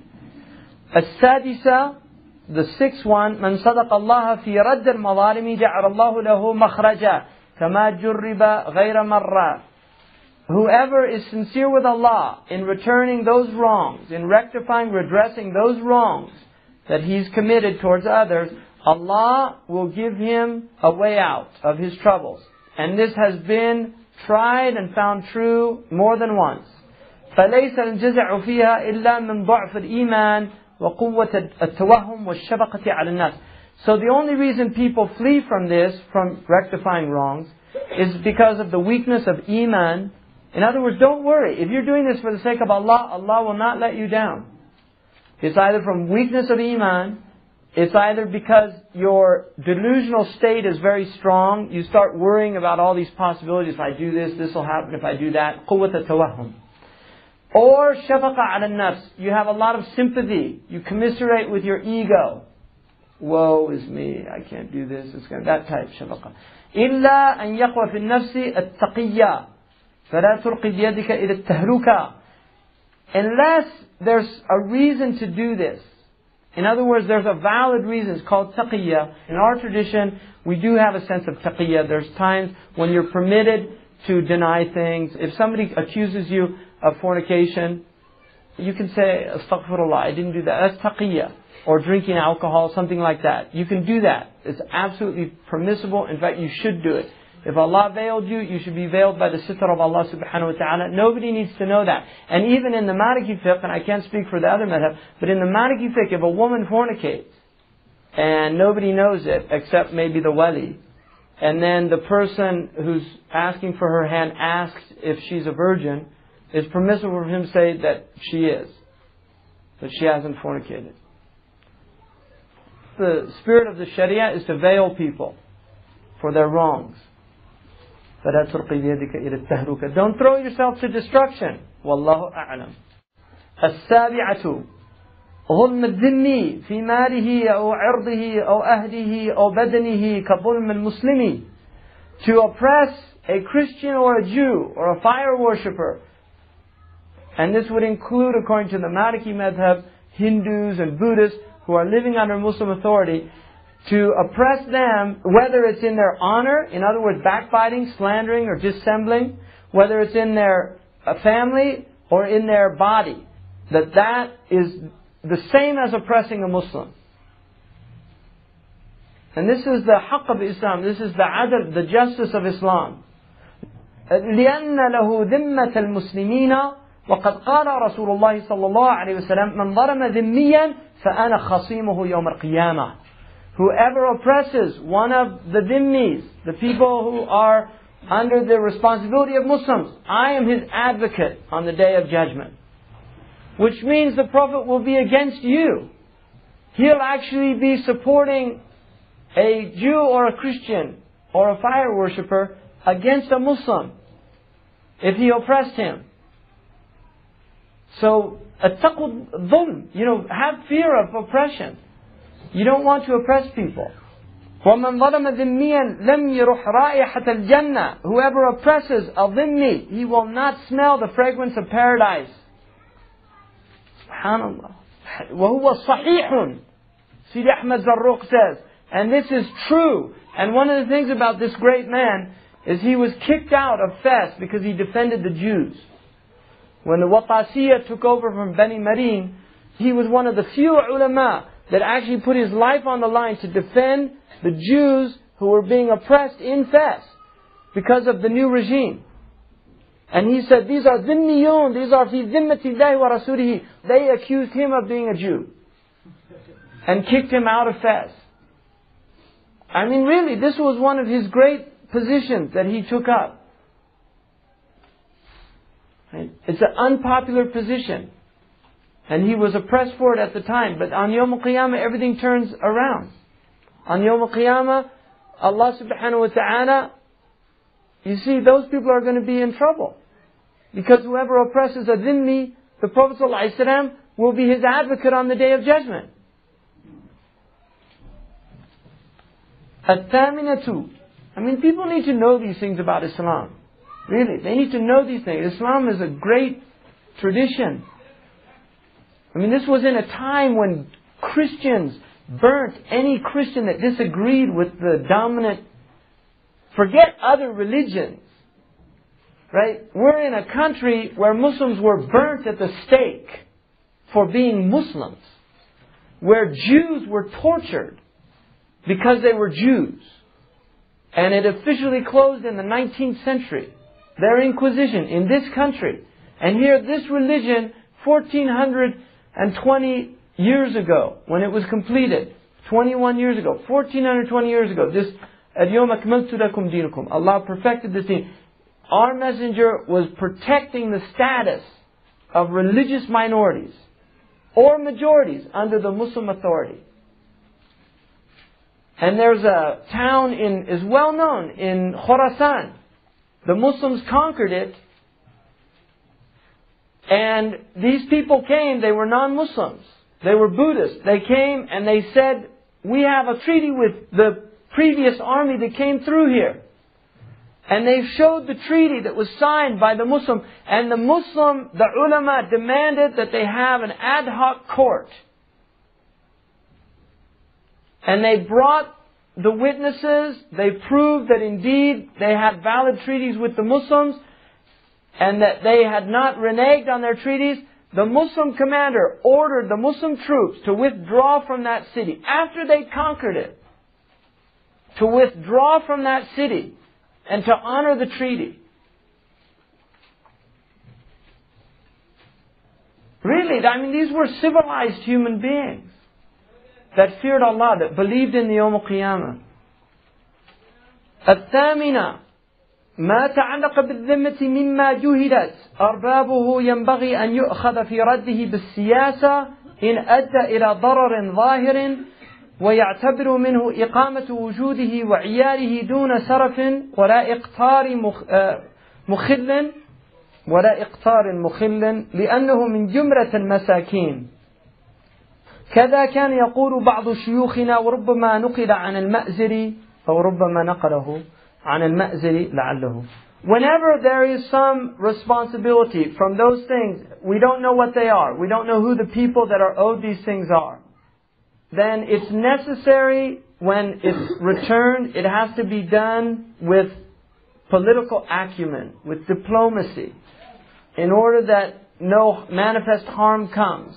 And you also have to look concerning this at who this person is, the dependents, and do this without any extravagance or without stinting that infringes on the rights if he's amongst the لأنه جمرة المساكين So if it's somebody who doesn't have any authority, they don't have any way of really getting back their rights, something like that, then you have to really look and not stint on this because it's easy to oppress weak people, poor people. And this is what has been related from some of our shuyukh and perhaps they took it from Imam al-Ma'ziri, the great Tunisian scholar. التاسعة البغي ونحوها إذا تابت وبيدها مال من رجل بعينه قيل ترده له لأنه خرج في غير حق وقيل لا لأنه أخرجه في باطل فيتصدق به أو فيتصدق به وثالثتها إن كان عن عشق ردته له لأنه مغلوب وإن كان لغير ذلك فلا So he says, as for a prostitute, somebody who takes pay for fornication, or similar to that, in other words, like a loose woman who's made tawbah, and she has some money from a man, Now this is either it's money that he gave her for actual sexual act or it's money that might have come to him as a gift, something like that to her. There's difference of opinion. Some say that she should return it to him because it came without any right to her. Others say no, because he gave it in batil. What he did, it was batil. فَيُتَصَدَّقُ بِي So you should give it in charity, not back to him, because he doesn't deserve it. وَثَالِثَتُهَا إِن كَانَ عَنْ عِشْقٍ And the third one is, if this was from ishq, in other words, if he was somebody who was in a state of ishq, which is passionate love. It's like a maddening love. رَدَّتْهُ لَهُ لِأَنَّهُ مَغْلُوب She should give it back to him and not give it a sadaqah because he was in an overwhelming state. Right? And now, I mean, ishq is not really known anymore, I don't think, personally. I mean, the Arabs are a qawm ashiq, you know, they, they had a lot of ishq. They had people that went crazy because they saw a woman's face. And they would just fall in love and write poems and wander off into the desert. And Layla and Majnun, everybody knows about Majnun. He only saw Layla once. And he never got to ever meet her, and he died. He just starved to death. رأى المجنون في البيداء كذبا فجر له من الإحسان ذيلا. One day Majnun saw a dog in the desert, so he started doing all these kind things to the dog. So all these people, they looked at him, لاموه وعنفوه وقالوا كم أنت للكلب نيلا. You know, how many times are you going to give this dog all these wonderful things? They found fault in him and they said harsh words to him. What are you giving this dog? He said, دعوا الملامة فإن عيني رأته مرة في حي ليلة. Leave your blaming because wallahi one day my eye fell upon this dog in the vicinity of Layla. So he just saw the dog around Layla. ألم تسأل بعارمة الديار عن الحي المفرق أين صار بلس سألت وعيت جوابه كيف أسائر الدم القفار أمر بديار ديار ليلى أقبل ذا الجدار وذا الجدار وما حب الديار شغفنا قلبي ولكن حب من سكن الديار They asked me, haven't you asked where the traces of these people have gone? Oh, how many times I've asked and no reply comes. I'm looking at these remnants of their tents and no reply comes. I keep passing by the neighborhood of Layla and I kiss this wall and I kiss that wall. But it's not the walls that have enraptured my heart, but the one living between the walls. I mean, he, he was in, he was in love, you know. even أحب لسودها السواد حتى أحب لحبها سود الكلاب she was dark skinned, and he said, I love the black. Because of her blackness, I even love black dogs. Anything black. Anyway, that's ishq. So he's saying if that was the man's state and something happened, it's almost an excuse, but don't take that as a principle. Right? العاشرة متى أمكن الستر في رد المظلمة وتصور وصوله دون إلحاق وصم بالعبد فلا يحل إظهار الأمر لأنه لا يحل له أن يلحق الوصم بنفسه ولا يشيع الذنب على نفسه. ولذلك قيل من أذنب سرا تاب سرا ومن أذنب جهرا تاب جهرا ليذهب الآخر بالأول والله أعلم. Whenever it's possible to veil yourself in terms of removing, returning or redressing a wrong, and it's possible you can conceptualize fulfilling your obligation without causing any blemish or blame or censure or undignified situation to occur for the servant, then it's not permissible in that case to declare or make known the matter. Because it's not permissible for you to cause yourself to be disgraced. And it's not permissible for you to talk about wrong actions that you've done in the past that other people don't know about. You should never tell people, even your close friends, things that you did in the past. I mean, obviously in Jahiliyyah, the Sahaba would sit around and talk about their Jahili days sometimes. Jahiliyyah is different because they had no hidayah. But if you're a Muslim, you should never talk about wrongs that you've done once you come into Islam. If you talk about what you did before Islam, that's another matter. But once you're in Islam, you should never tell people, oh, I did this, or I drank alcohol, or I did this one time, ever.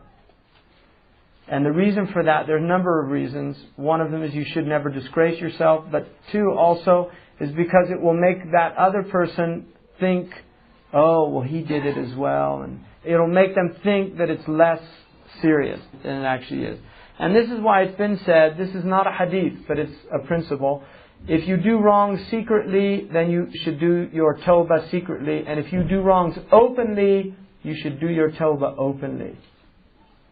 So if you did kaba'ir openly, then when you make tawbah, you should do that openly. You should tell people, Astaghfirullah, you used to see me drink, I made tawbah, I don't drink anymore. So people can know. Because al mujahir bil fisq, it's fasiq, and he has a different hukum, whereas when you make tawbah, you can restore your honor and good name. And for that reason, you're able to remove the former state with the latter state.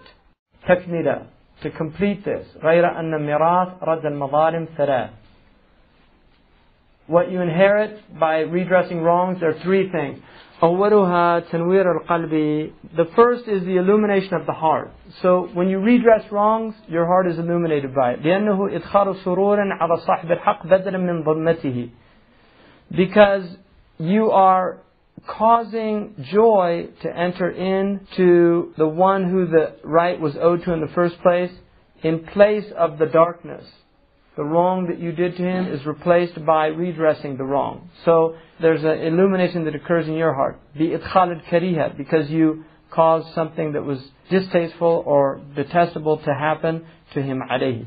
ودوامها في الجملة and because it continues on until it's rectified. الثاني تحقيق القصد في التوبة بطرح النفس واطرح هواها لله. The second is realizing the goal through tawbah by literally knocking aside your ego and by removing that hawa, your affections, your caprice, for the sake of Allah subhanahu wa ta'ala. وهو مبادئ الصدق الموصلة الموصلة إلى الله تعالى. And these are the foundations of truthfulness that will take you to Allah subhanahu wa ta'ala. الفاتحة لطريقه فليفهم.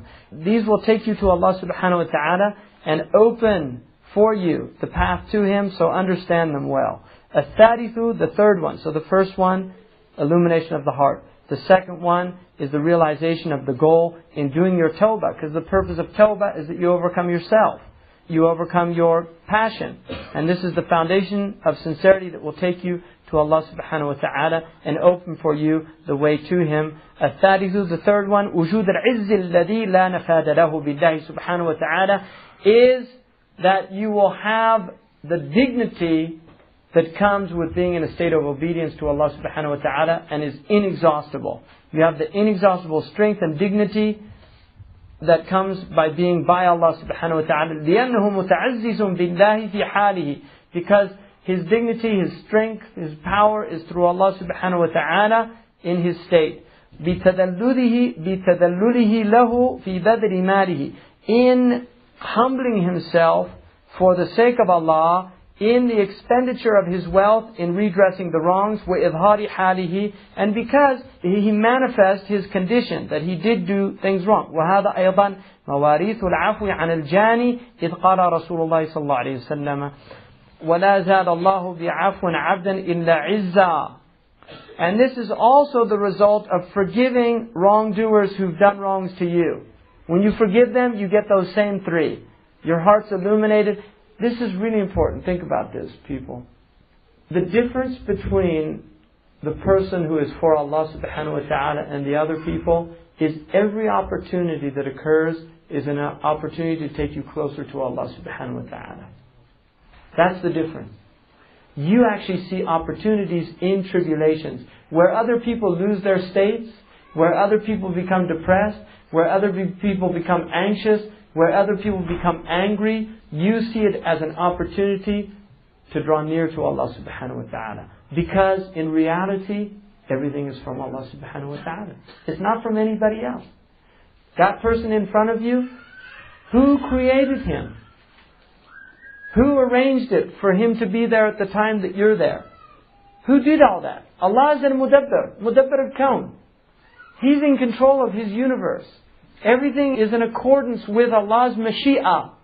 وَمَا تَشَاءُونَ إِلَّا يَشَاءَ اللَّهُ وَالَّذِي خَلَقَكُمْ وَمَا تَعْمَلُونَ He created you and what you do. So just see everybody as a tribulation from Allah. Either a tribulation by a blessing or a tribulation by a tribulation. And it's easy to see normal tribulation, but blessings are also tribulations. So see everything as an opportunity. If you're angry at your family, who cares if they're right? Or you're right? Really. If you're for Allah subhanahu wa ta'ala and you know you're right, forget it. Give up your right. For the sake of Allah subhanahu wa ta'ala. Rectify between them. If it just means going low, being humble, who cares? Because on Yom Qiyamah, the moment you go into your grave, you're going to wish you did all those things. You're going to wish you took those opportunities. And that's the difference. And the more the inner eye gets open to those things, the more you see it. And that's why the Messenger of Allah sallallahu alaihi wasallam, when they were asking him to curse the, I mean, these people were doing the most horrific things to him. They were asking him, curse them. Ya Rasulullah, il'anhum. Just say, la'anahum Allah. He wouldn't do it. Ma bu'ithu la'ana. I wasn't sent to curse people. I was sent to take these people from this stupidity and teach them how to be human beings. And he actually said about these people, and it's from the Ishkarat of the ulama, Allahumma gfir lahum. Allah forgive them. فَإِنَّهُمْ لَا يَعْلَمُونَ They don't know what they're doing. Now, it says that Allah will not increase a servant by pardoning others, except in exalting him. If you forgive others, Allah is going to raise you up. The real afu is when you're able to get your revenge. I mean, it's one thing when you don't have any power, you say, mm, I forgive him. Big deal. What are you going to do otherwise? Just be angry. But the person that can really get revenge, and he does that, that's, Allah gives a big reward for that. Now that obviously doesn't mean that you become this wishy-washy character that lets everybody push him around. But we're talking about Muslims, your brother Muslims. ميراث التمسك بالمظالم ثلاث. The results of holding on to the wrongs and not redressing them and therefore letting go of them are three. أحدها تمكن الظلمة في القلب. The first is that darkness becomes firmly rooted in the heart. الثاني زيادة الجرأة في المستقبل. The second is the increase of one's audacity or audacity in the future in doing wrongs. So the person becomes more audacious, more intrepid in doing wrong. الثالث نقص التوبة وعدم استفادتها في بساط في بساط الفتح. And the third is that the tawbah is diminished, it's deficient, which means that if you make a tawbah, one of the conditions of tawbah, there are four conditions of tawbah. The first is nadama, you have to feel remorse. The second is al-azmu alla ta'ud, that you're resolute in that you will not return to the wrong. And the third is that you leave the tawbah immediately. وَإِن كُنْتَ مُتَرَبِّسَ بِهَا The المعصية, you leave the معصية. أن تهجر المعصية وإن كنت متلبسا بها في الحين. You abandon it immediately. And the fourth one is رد المظالم redressing wrongs. So what he's saying here, if you don't do that, then your tawbah, your repentance is deficient. وعدم استفادتها في بساط الفتح. And the fact that you will not benefit from it in terms of the openings that come from Allah subhanahu wa ta'ala as a result of tawbah. ولذا قالوا من تقاصر عن رد المظالم في التوبة زلت قدمه ولم يفتح له. Whoever refrains from removing wrongs or redressing his wrongs when he repents, his foot has slipped and he will not have unveilings or openings from Allah subhanahu wa ta'ala. لأن الحقوق الشرعية عصمة أو كلاما هذا معناه. Because the sacred and legal rights in sacred law are a protection for the human being or something along these lines. This is what was said. لذا قالوا, the ulama, the ulama have stated this, or something along these lines. So he's saying that by upholding the huquq and not infringing on other people's rights, and the huquq obviously are those, we don't believe in human rights, we believe in sacred rights. Human beings have rights not because they're human, it's a secular concept, human rights, huquq al-insan. We have al-huquq al-shar'iyah, they're divine rights that Allah subhanahu wa ta'ala has given as a gift to His creation, without which we would be like the social Darwinists view us, animals, and might makes right. So if you have the ability to enforce law, that's the law, and the law is arbitrary. So we say that alcohol is legal, but marijuana is illegal. There's no philosophy behind that, that idea. Because in Sharia, things are haram because of one of five things. And alcohol and drugs are haram because they harm the intellect. That's one of the kulliyat al-khams. They harm the intellect. So when the kuffar say you can't take cocaine but you can drink alcohol, who made that decision? It's an arbitrary decision. There's no law, there's nothing in stone that says alcohol is okay and cocaine is not. It's an arbitrary law. Marijuana is less harmful than alcohol. And nobody could argue that it's not. Because it's just not feasible. And the law is arbitrary. Point is, is that huquq are from Allah. They're not from any other place From Allah subhanahu wa ta'ala. And that's what we have to tell people. You have a right from God to be treated with dignity. Because He created you. He's the only one that can give you that right. Now, وداعية التمسك بالمظالم ثلاث. There's three reasons why people will not give up their wrongs. أولها الكبر وعزة النفس عن المظلوم. The first is arrogance and the ego's pride and false sense of dignity concerning the one he's oppressed. He's got pride, kibr. Usually people tend to oppress people they see as less than them. وإن لم يتقي من الرج شيئا وإلا فالتقي حكم يخصها This is if he's not fearful in returning it anything. Because sometimes a person could be genuinely, if he returns it, there could be some serious repercussions. And in that case, it has different rulings. كما تقدم, as was mentioned before. الثاني البخل والتأويل. The second is miserliness and false interpretations. He makes interpretations in order to justify his doing what he did. وهما قاصمان للديانة في كل مقام. And these two things will destroy spirituality in any station. The qasim means it'll break the back of your spirituality. Justification. It's basically the mind's rationalizing what it's done. It justifies it. Well, he deserved it. He had it coming to him. He stole the money anyway. Or he's not going to miss it, whatever. الثالث the third التوهم والتخير في عدم الإسعاف عند التحلل وعدم القبول عند التوجه ولا براءة من ذلك إلا بظن غالب بعلامة تنزله منزلة القطع so he says the third one is imagining and deluding oneself into believing that no help will come by doing that. There won't be any benefit in it. Or that it won't be accepted in any case if he does decide to do it. No one can be freed from that situation except by strong conviction and a sign that he treats as if it's absolute certainty. وكل هذه نتيجة ضعف الهمة في تحقيق التوبة وتبرية الذمة والله أعلم. All of these result from weak spiritual aspiration in realizing one's tawbah and freeing oneself from these burdens or responsibilities. والله أعلم. Allah knows best. وداعية تتحامل على ردها ثلاث. The incentives for taking on this responsibility or this burden of redressing the wrongs are three. أولها احتقار النفس وحطها جاها that you have contempt for the ego, the nafs, and you put it in its place. الثاني الثقة بالله في القبول وإجبار ما يختل بسبب ذلك من الحال.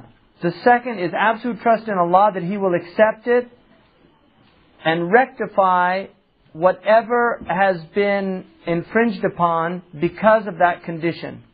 So whatever infractions that have occurred, a belief that Allah subhanahu wa ta'ala will rectify those.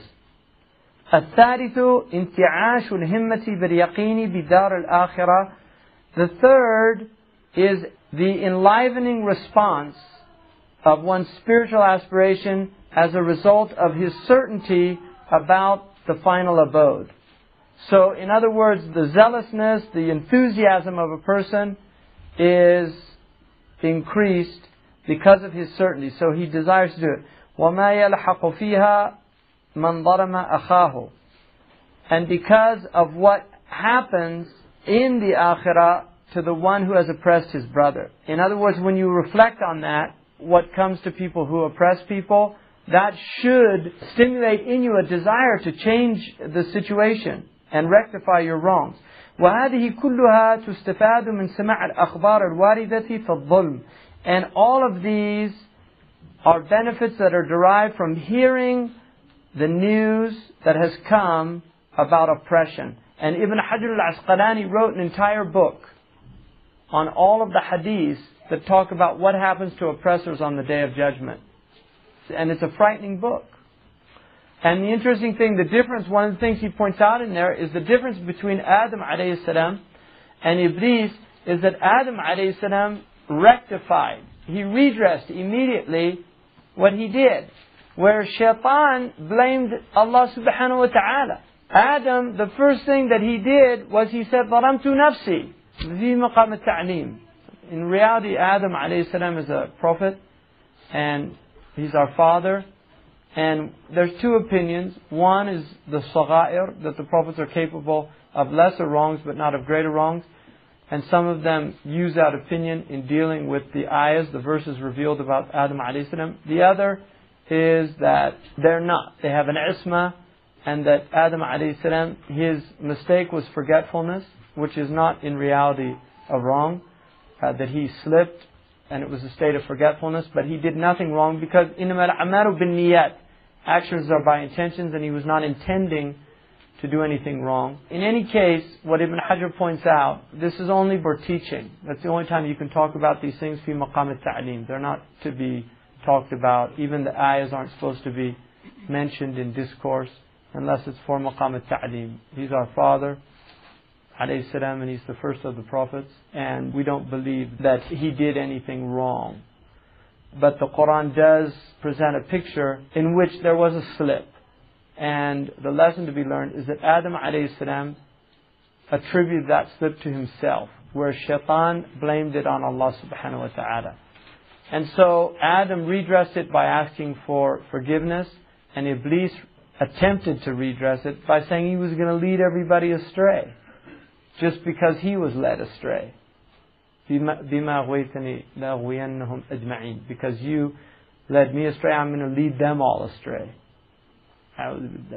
so it's very different so that's what he's saying that once you realize about oppression and what the rewards are this should cause you to do something to redress it والحكايات الواقعة بسببه والآفات اللاحقة منه and also those stories that have happened in the past as a result of oppression and all of the faults and wrongs that come that are consequence of oppression. Wallahu a'lam. And Allah knows best. خاتمة. ميراك الأمر كله الاستعانة بالله ومظهرها إنما هو اللجوء إلى الله. So what he's saying now is that the foundation of this affair, all of it, the way in which you can possess it, arrive at it is through isti'ana billah. That you actually seek in ista'ant, fasta'in billah. You seek help, seek help from Allah subhanahu wa ta'ala. إِيَّاكَ wa وَإِيَّاكَ نَسْتَعِينَ Which does not mean that you don't take the asbab. Doesn't mean that you don't take the asbab. You take the asbab. But you understand that Allah subhanahu wa ta'ala is the musabbib al-asbab. He is the one that created the means. He is the one that the means are in His hand. And so, it's still isti'ana billah. You don't see other than Allah subhanahu wa ta'ala when you use the means. وَمَظْهَرُهَا إِنَّمَا هُوَ اللُّجُوء إِلَى اللَّهِ And its place of manifestation is by fleeing to Allah subhanahu wa ta'ala. وَأَسَاسُهَا الْاعْتِمَادُ عَلى اللَّهِ And its foundation is absolute trust in Allah subhanahu wa ta'ala and dependence on Allah. وَلِلْأَسْبَابِ حِكْمَةً And then he's reminding us that there's a wisdom in why Allah has given us means قد ظهر معها وجود النعمة والنقمة. With these means has manifested the existence of blessings and tribulations. They're both in the means. فإذا خطر لك خاطر نزوع إلى ذنب فضع يدك على صدرك قائلا. This is really important here. If it ever occurs to you to incline towards a wrong, put your hand on your heart قائلا and say سبحان ملك الخلاق الفعال إن يشاء يذهبكم ويأتي بخلق جديد وما ذلك على الله بعزيز So say that verse seven times ترى بركة ذلك لوقته and you will see the blessing of that at that time. So if you're inclining towards a wrong and you do that seven times, you will see the barakah of that in its time. لا سيما إذا أضفت له وجود الاستغفار. Especially if you add to that asking forgiveness. والصلاة على النبي المختار and prayers on the chosen prophet صلى الله عليه وسلم وإذا عرض لك عارض العجز عن القيام بما عليك فقل and if some obstacle presents itself that incapacitates you from doing what you need to do then say اللهم لا حول ولا قوة إلا بحولك وقوتك فهب لي حولا وقوة أستعين بهما على طاعتك. This is not ayah. The other one was an ayah.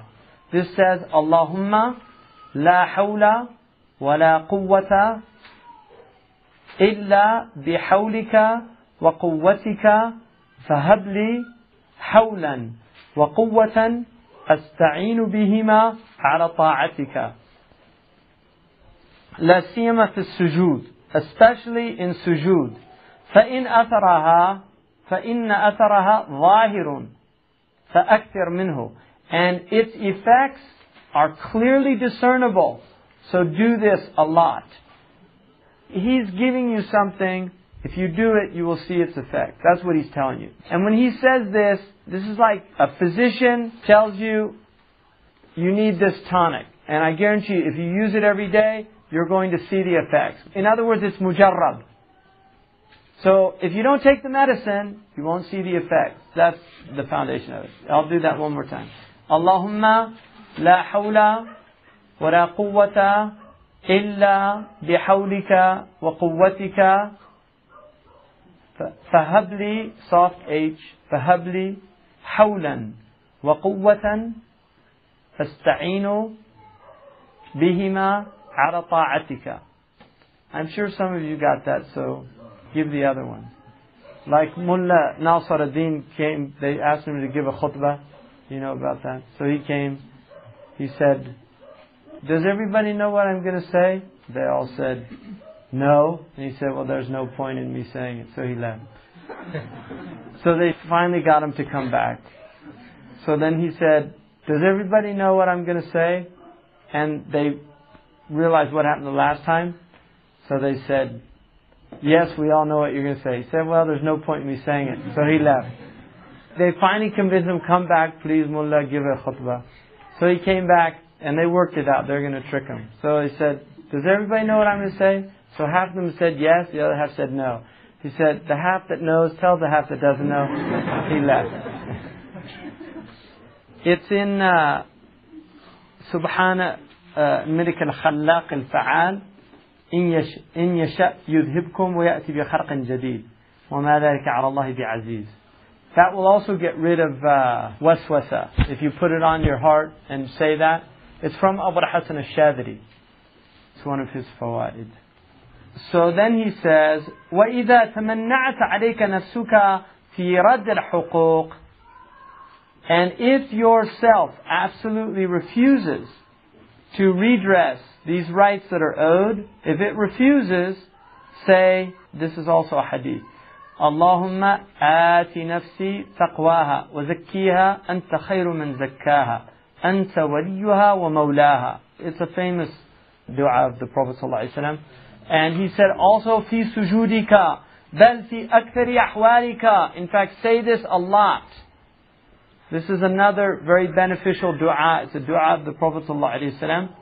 And then he said, وإن أردت التوجه لمظلومك واتقيت عدم قبوله فقل اللهم أنت العزيز الكبير وأنا عبدك الضعيف الذليل ولا حول ولا قوة إلا بالله اللهم سخر لي فلانا كما سخرت البحر لموسى ابن عمران وألن لي قلبه كما ألنت الحديد لداود عليه السلام فإنه لا ينطق إلا بإذنك ناصيته بيدك وقلبه في قبضتك تقلبهما تقلبهما أو تقلبهما كيف شئت يا رحم الراحمين What he's saying is that if you desire to return something to somebody that you've wronged and you're fearful of him not accepting from you this because of his anger, then say this dua before you do it.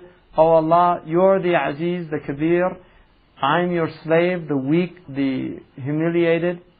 There's no strength and power except through Allah. Oh Allah, subjugate for me for this, so and so, just as you subjugated the ocean for Musa ibn Imran, because when you go over the ocean, you're afraid. So he's asking that you make this person safe for you.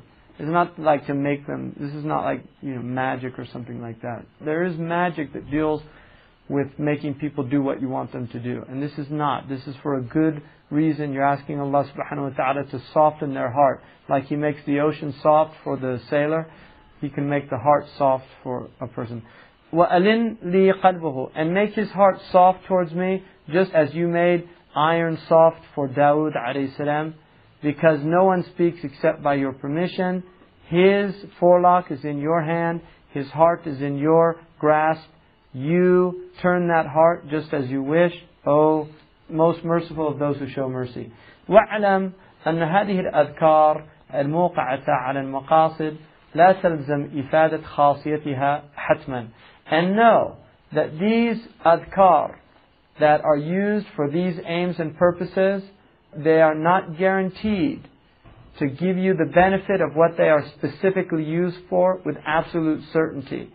Rather, the existence of their benefit is general. In other words, they're going to be beneficial, but it might not be to the specificity that you're desiring. فإن لم يكن المقصود كان اللطف في الموجود.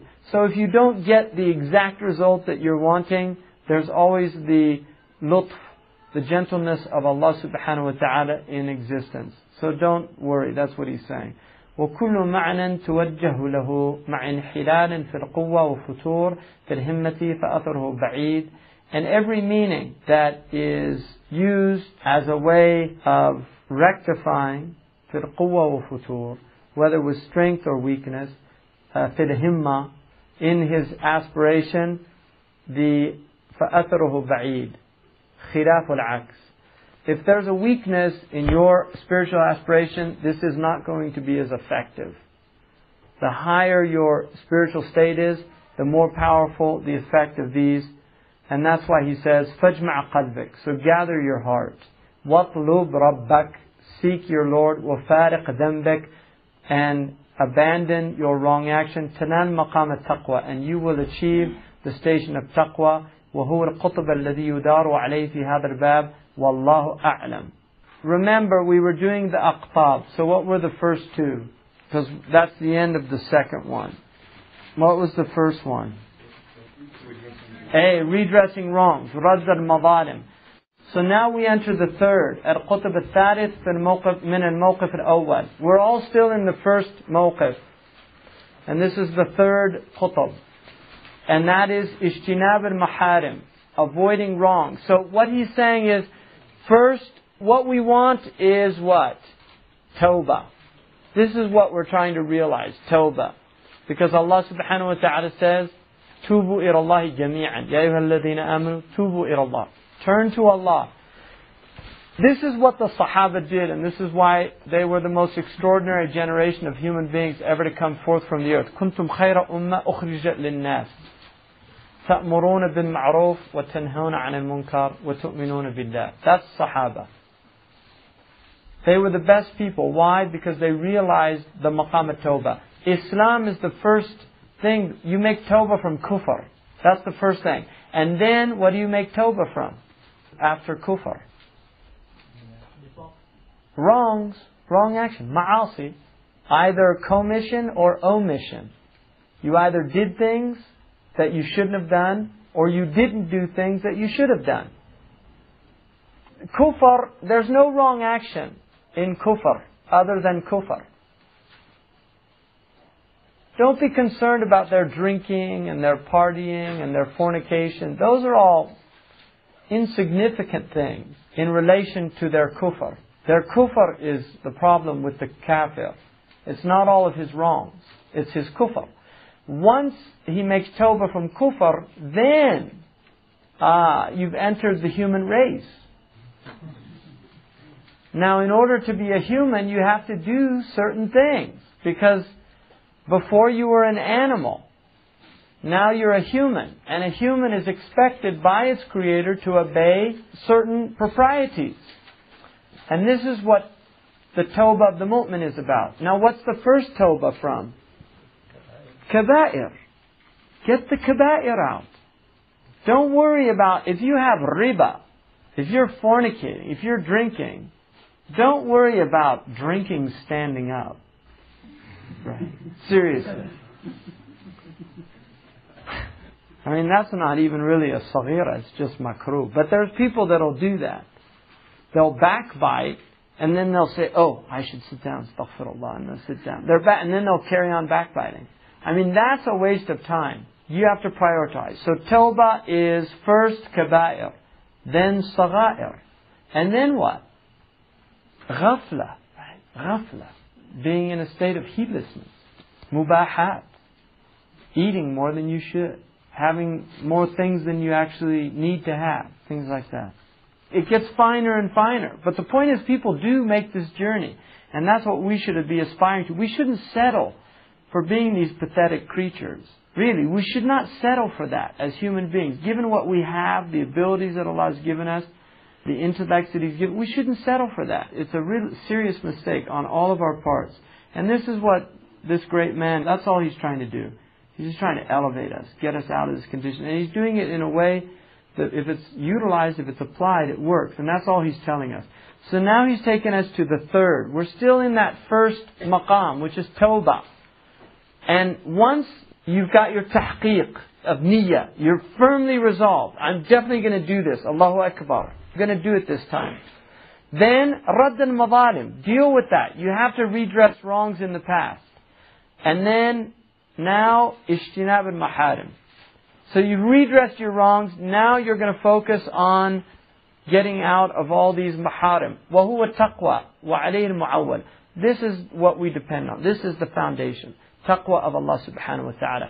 وحاصل التقوى اجتناب وامتثال بظاهر وباطن في ظاهر وباطن بذات تنام. That's taqwa. Ijtinab وامتثال. Doing what Allah said, avoiding what He told us not to, inwardly and outwardly. And this is the foundation. اتقوا الله ويعلمكم الله. يا أيها الذين آمنوا اتقوا الله وكونوا مع الصادقين. من يتق الله يجعل له مخرجا ويرزق من حيث لا يحتسب. If you want anything in the dunya, taqwa. If you want anything in the akhirah, taqwa. I mean, taqwa is the key to this whole thing. وأركانه أربعة بها يتم. Its pillars are four, and by them it's completed. أولها ركن العلم وبه ينتظم. The first is the pillar of knowledge. You have to have knowledge. You have to know what you're supposed to, to do and what you're supposed to avoid. You can't have taqwa without ilm. وأقسامه أربعة. So now in knowledge there are four aqsam. There are four different sections of knowledge. منها دائمة ومنها منقطعة. Some of them are permanent and other ones sometimes they're necessary and other times they're intermittent. القسم الأول في العلم الباعث عليها والوجه الموصل إليها. The first is the incentive to gain this knowledge and the means to do that. وهو أربعة أنواع يوجب كلها التمسك والاتباع. And this has four types. So there are four types. And each one of them necessitates being firmly clinging to it and following it firmly. الأول العلم بفضلها ولواحق الخير التي تلحق بأهلها. The first is knowledge and its virtues and all of the goods that result from knowledge and that will arrive to the people of knowledge. ويكفي في ذلك قوله تعالى والعاقبة للمتقين. It's enough to understand all of that that Allah subhanahu wa ta'ala says وَالْعَاقِبَةُ لِلْمُتَّقِينَ That's enough to understand the benefit of taqwa. That Allah subhanahu wa ta'ala says the end affair is for the people of taqwa. They're the ones that win in the end, nobody else. Al-Muttaqun. I mean, Allah subhanahu wa ta'ala says, Al-Akhilla, on the Yom Qiyamah, the friends are enemies. Friends in the dunya, on the Yom Qiyamah, are enemies. Except the people of taqwa. They actually become enemies. People that were their best friend in the dunya become their enemy in the akhirah. Except people of taqwa. والعاقبة للمتقين وقوله تعالى والعاقبة للتقوى So it said in one the muttaqeen and another taqwa itself. وقوله تعالى إن الله مع الذين اتقوا Allah is with the people of taqwa. وقوله عز وجل من يتق الله يجعل له مخرجا Whoever has taqwa of Allah, Allah will give him a way out. وقد ذكر بعض العلماء أن التقوى مذكورة في كتاب الله تعالى قريبا من 200 مرة وذلك أول دليل على عظيم قدرها ولولا ذلك ما أوصى الله تعالى بها الأولين والآخرين فقال عز وجل ولقد وصينا الذين أوتوا الكتاب من قبلكم وإياكم أن اتقوا الله He says here some of the ulama have mentioned that taqwa is mentioned in the book of Allah approximately 200 times. And that is the first dalil, the first proof of its exalted position with Allah subhanahu wa ta'ala, its exalted estimation. And had it not been for that, Allah subhanahu wa ta'ala would not have given it as the advice that He gave to the first people and the last people when He said, may He be exalted and magnified. We have advised those who were given the book before you and you yourselves that you should have taqwa of Allah.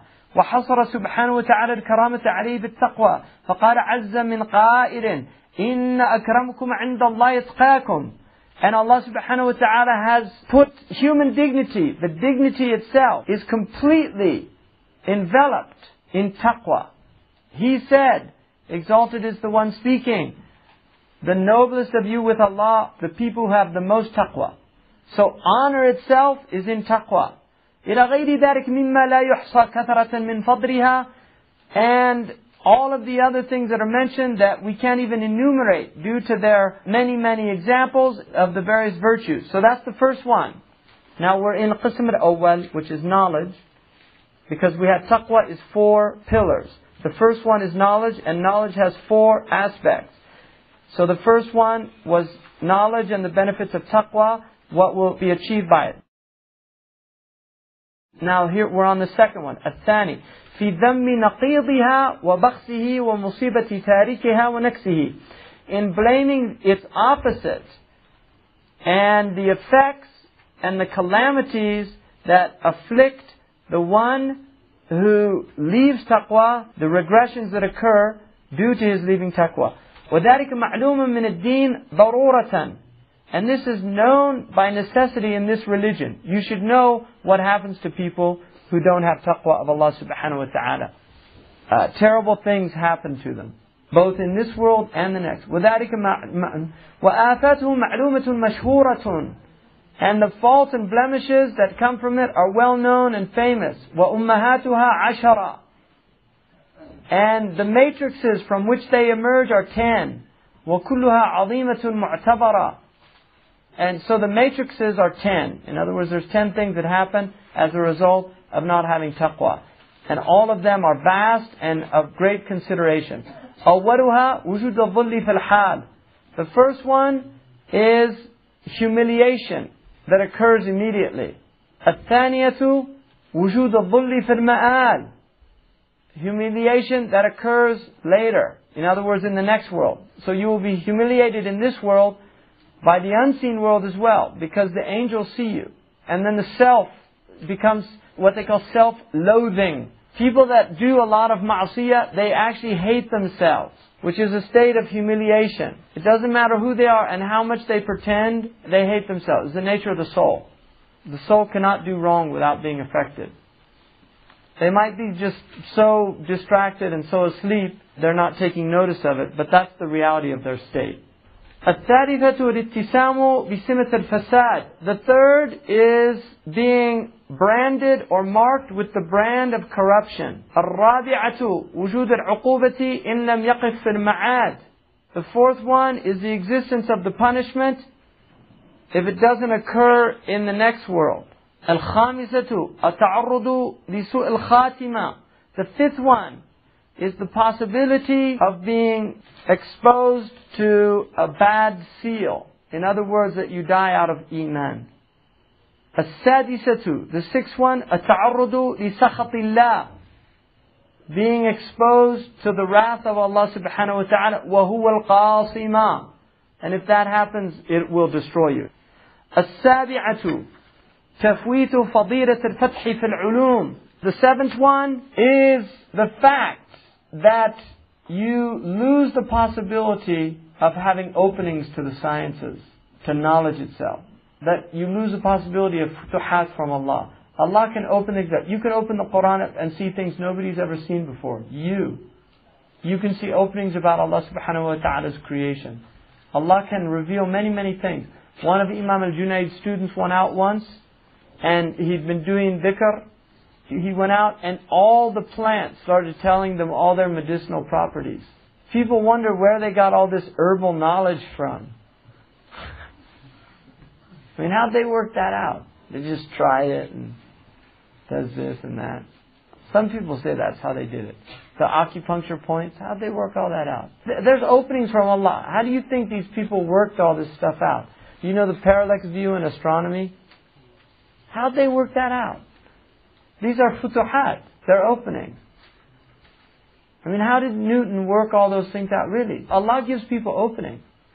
If you're in a state of corruption, you're not going to get these openings. It just darkens your heart more and more. الثامنة عدم القبول للعمل في العموم. The eighth one is that your actions generally will not be accepted by Allah subhanahu wa ta'ala. So it's like you're wasting your time. التاسعة وجود التثبيط تثبيط عن العمل. The ninth one is the fact that you will be held back from doing good works. Your fasad, your corruption will actually prevent you from doing good works. يثبطك. العاشرة حسرة فوات المقصد الأكمل. The tenth one is the grief. يا حسرة. The grief of having missed the greatest goal, the most complete goal. Because we're all going back to Allah subhanahu wa ta'ala. The point is, is to realize that in the dunya and to have knowledge of Allah. It's a wajib to have ma'rifah of Allah subhanahu wa ta'ala in the dunya. It's wajib to know Allah. فَاعْلَمْ أَنَّهُ لَا إِلَهَ إِلَّا اللَّهِ Know that there's no God but Allah.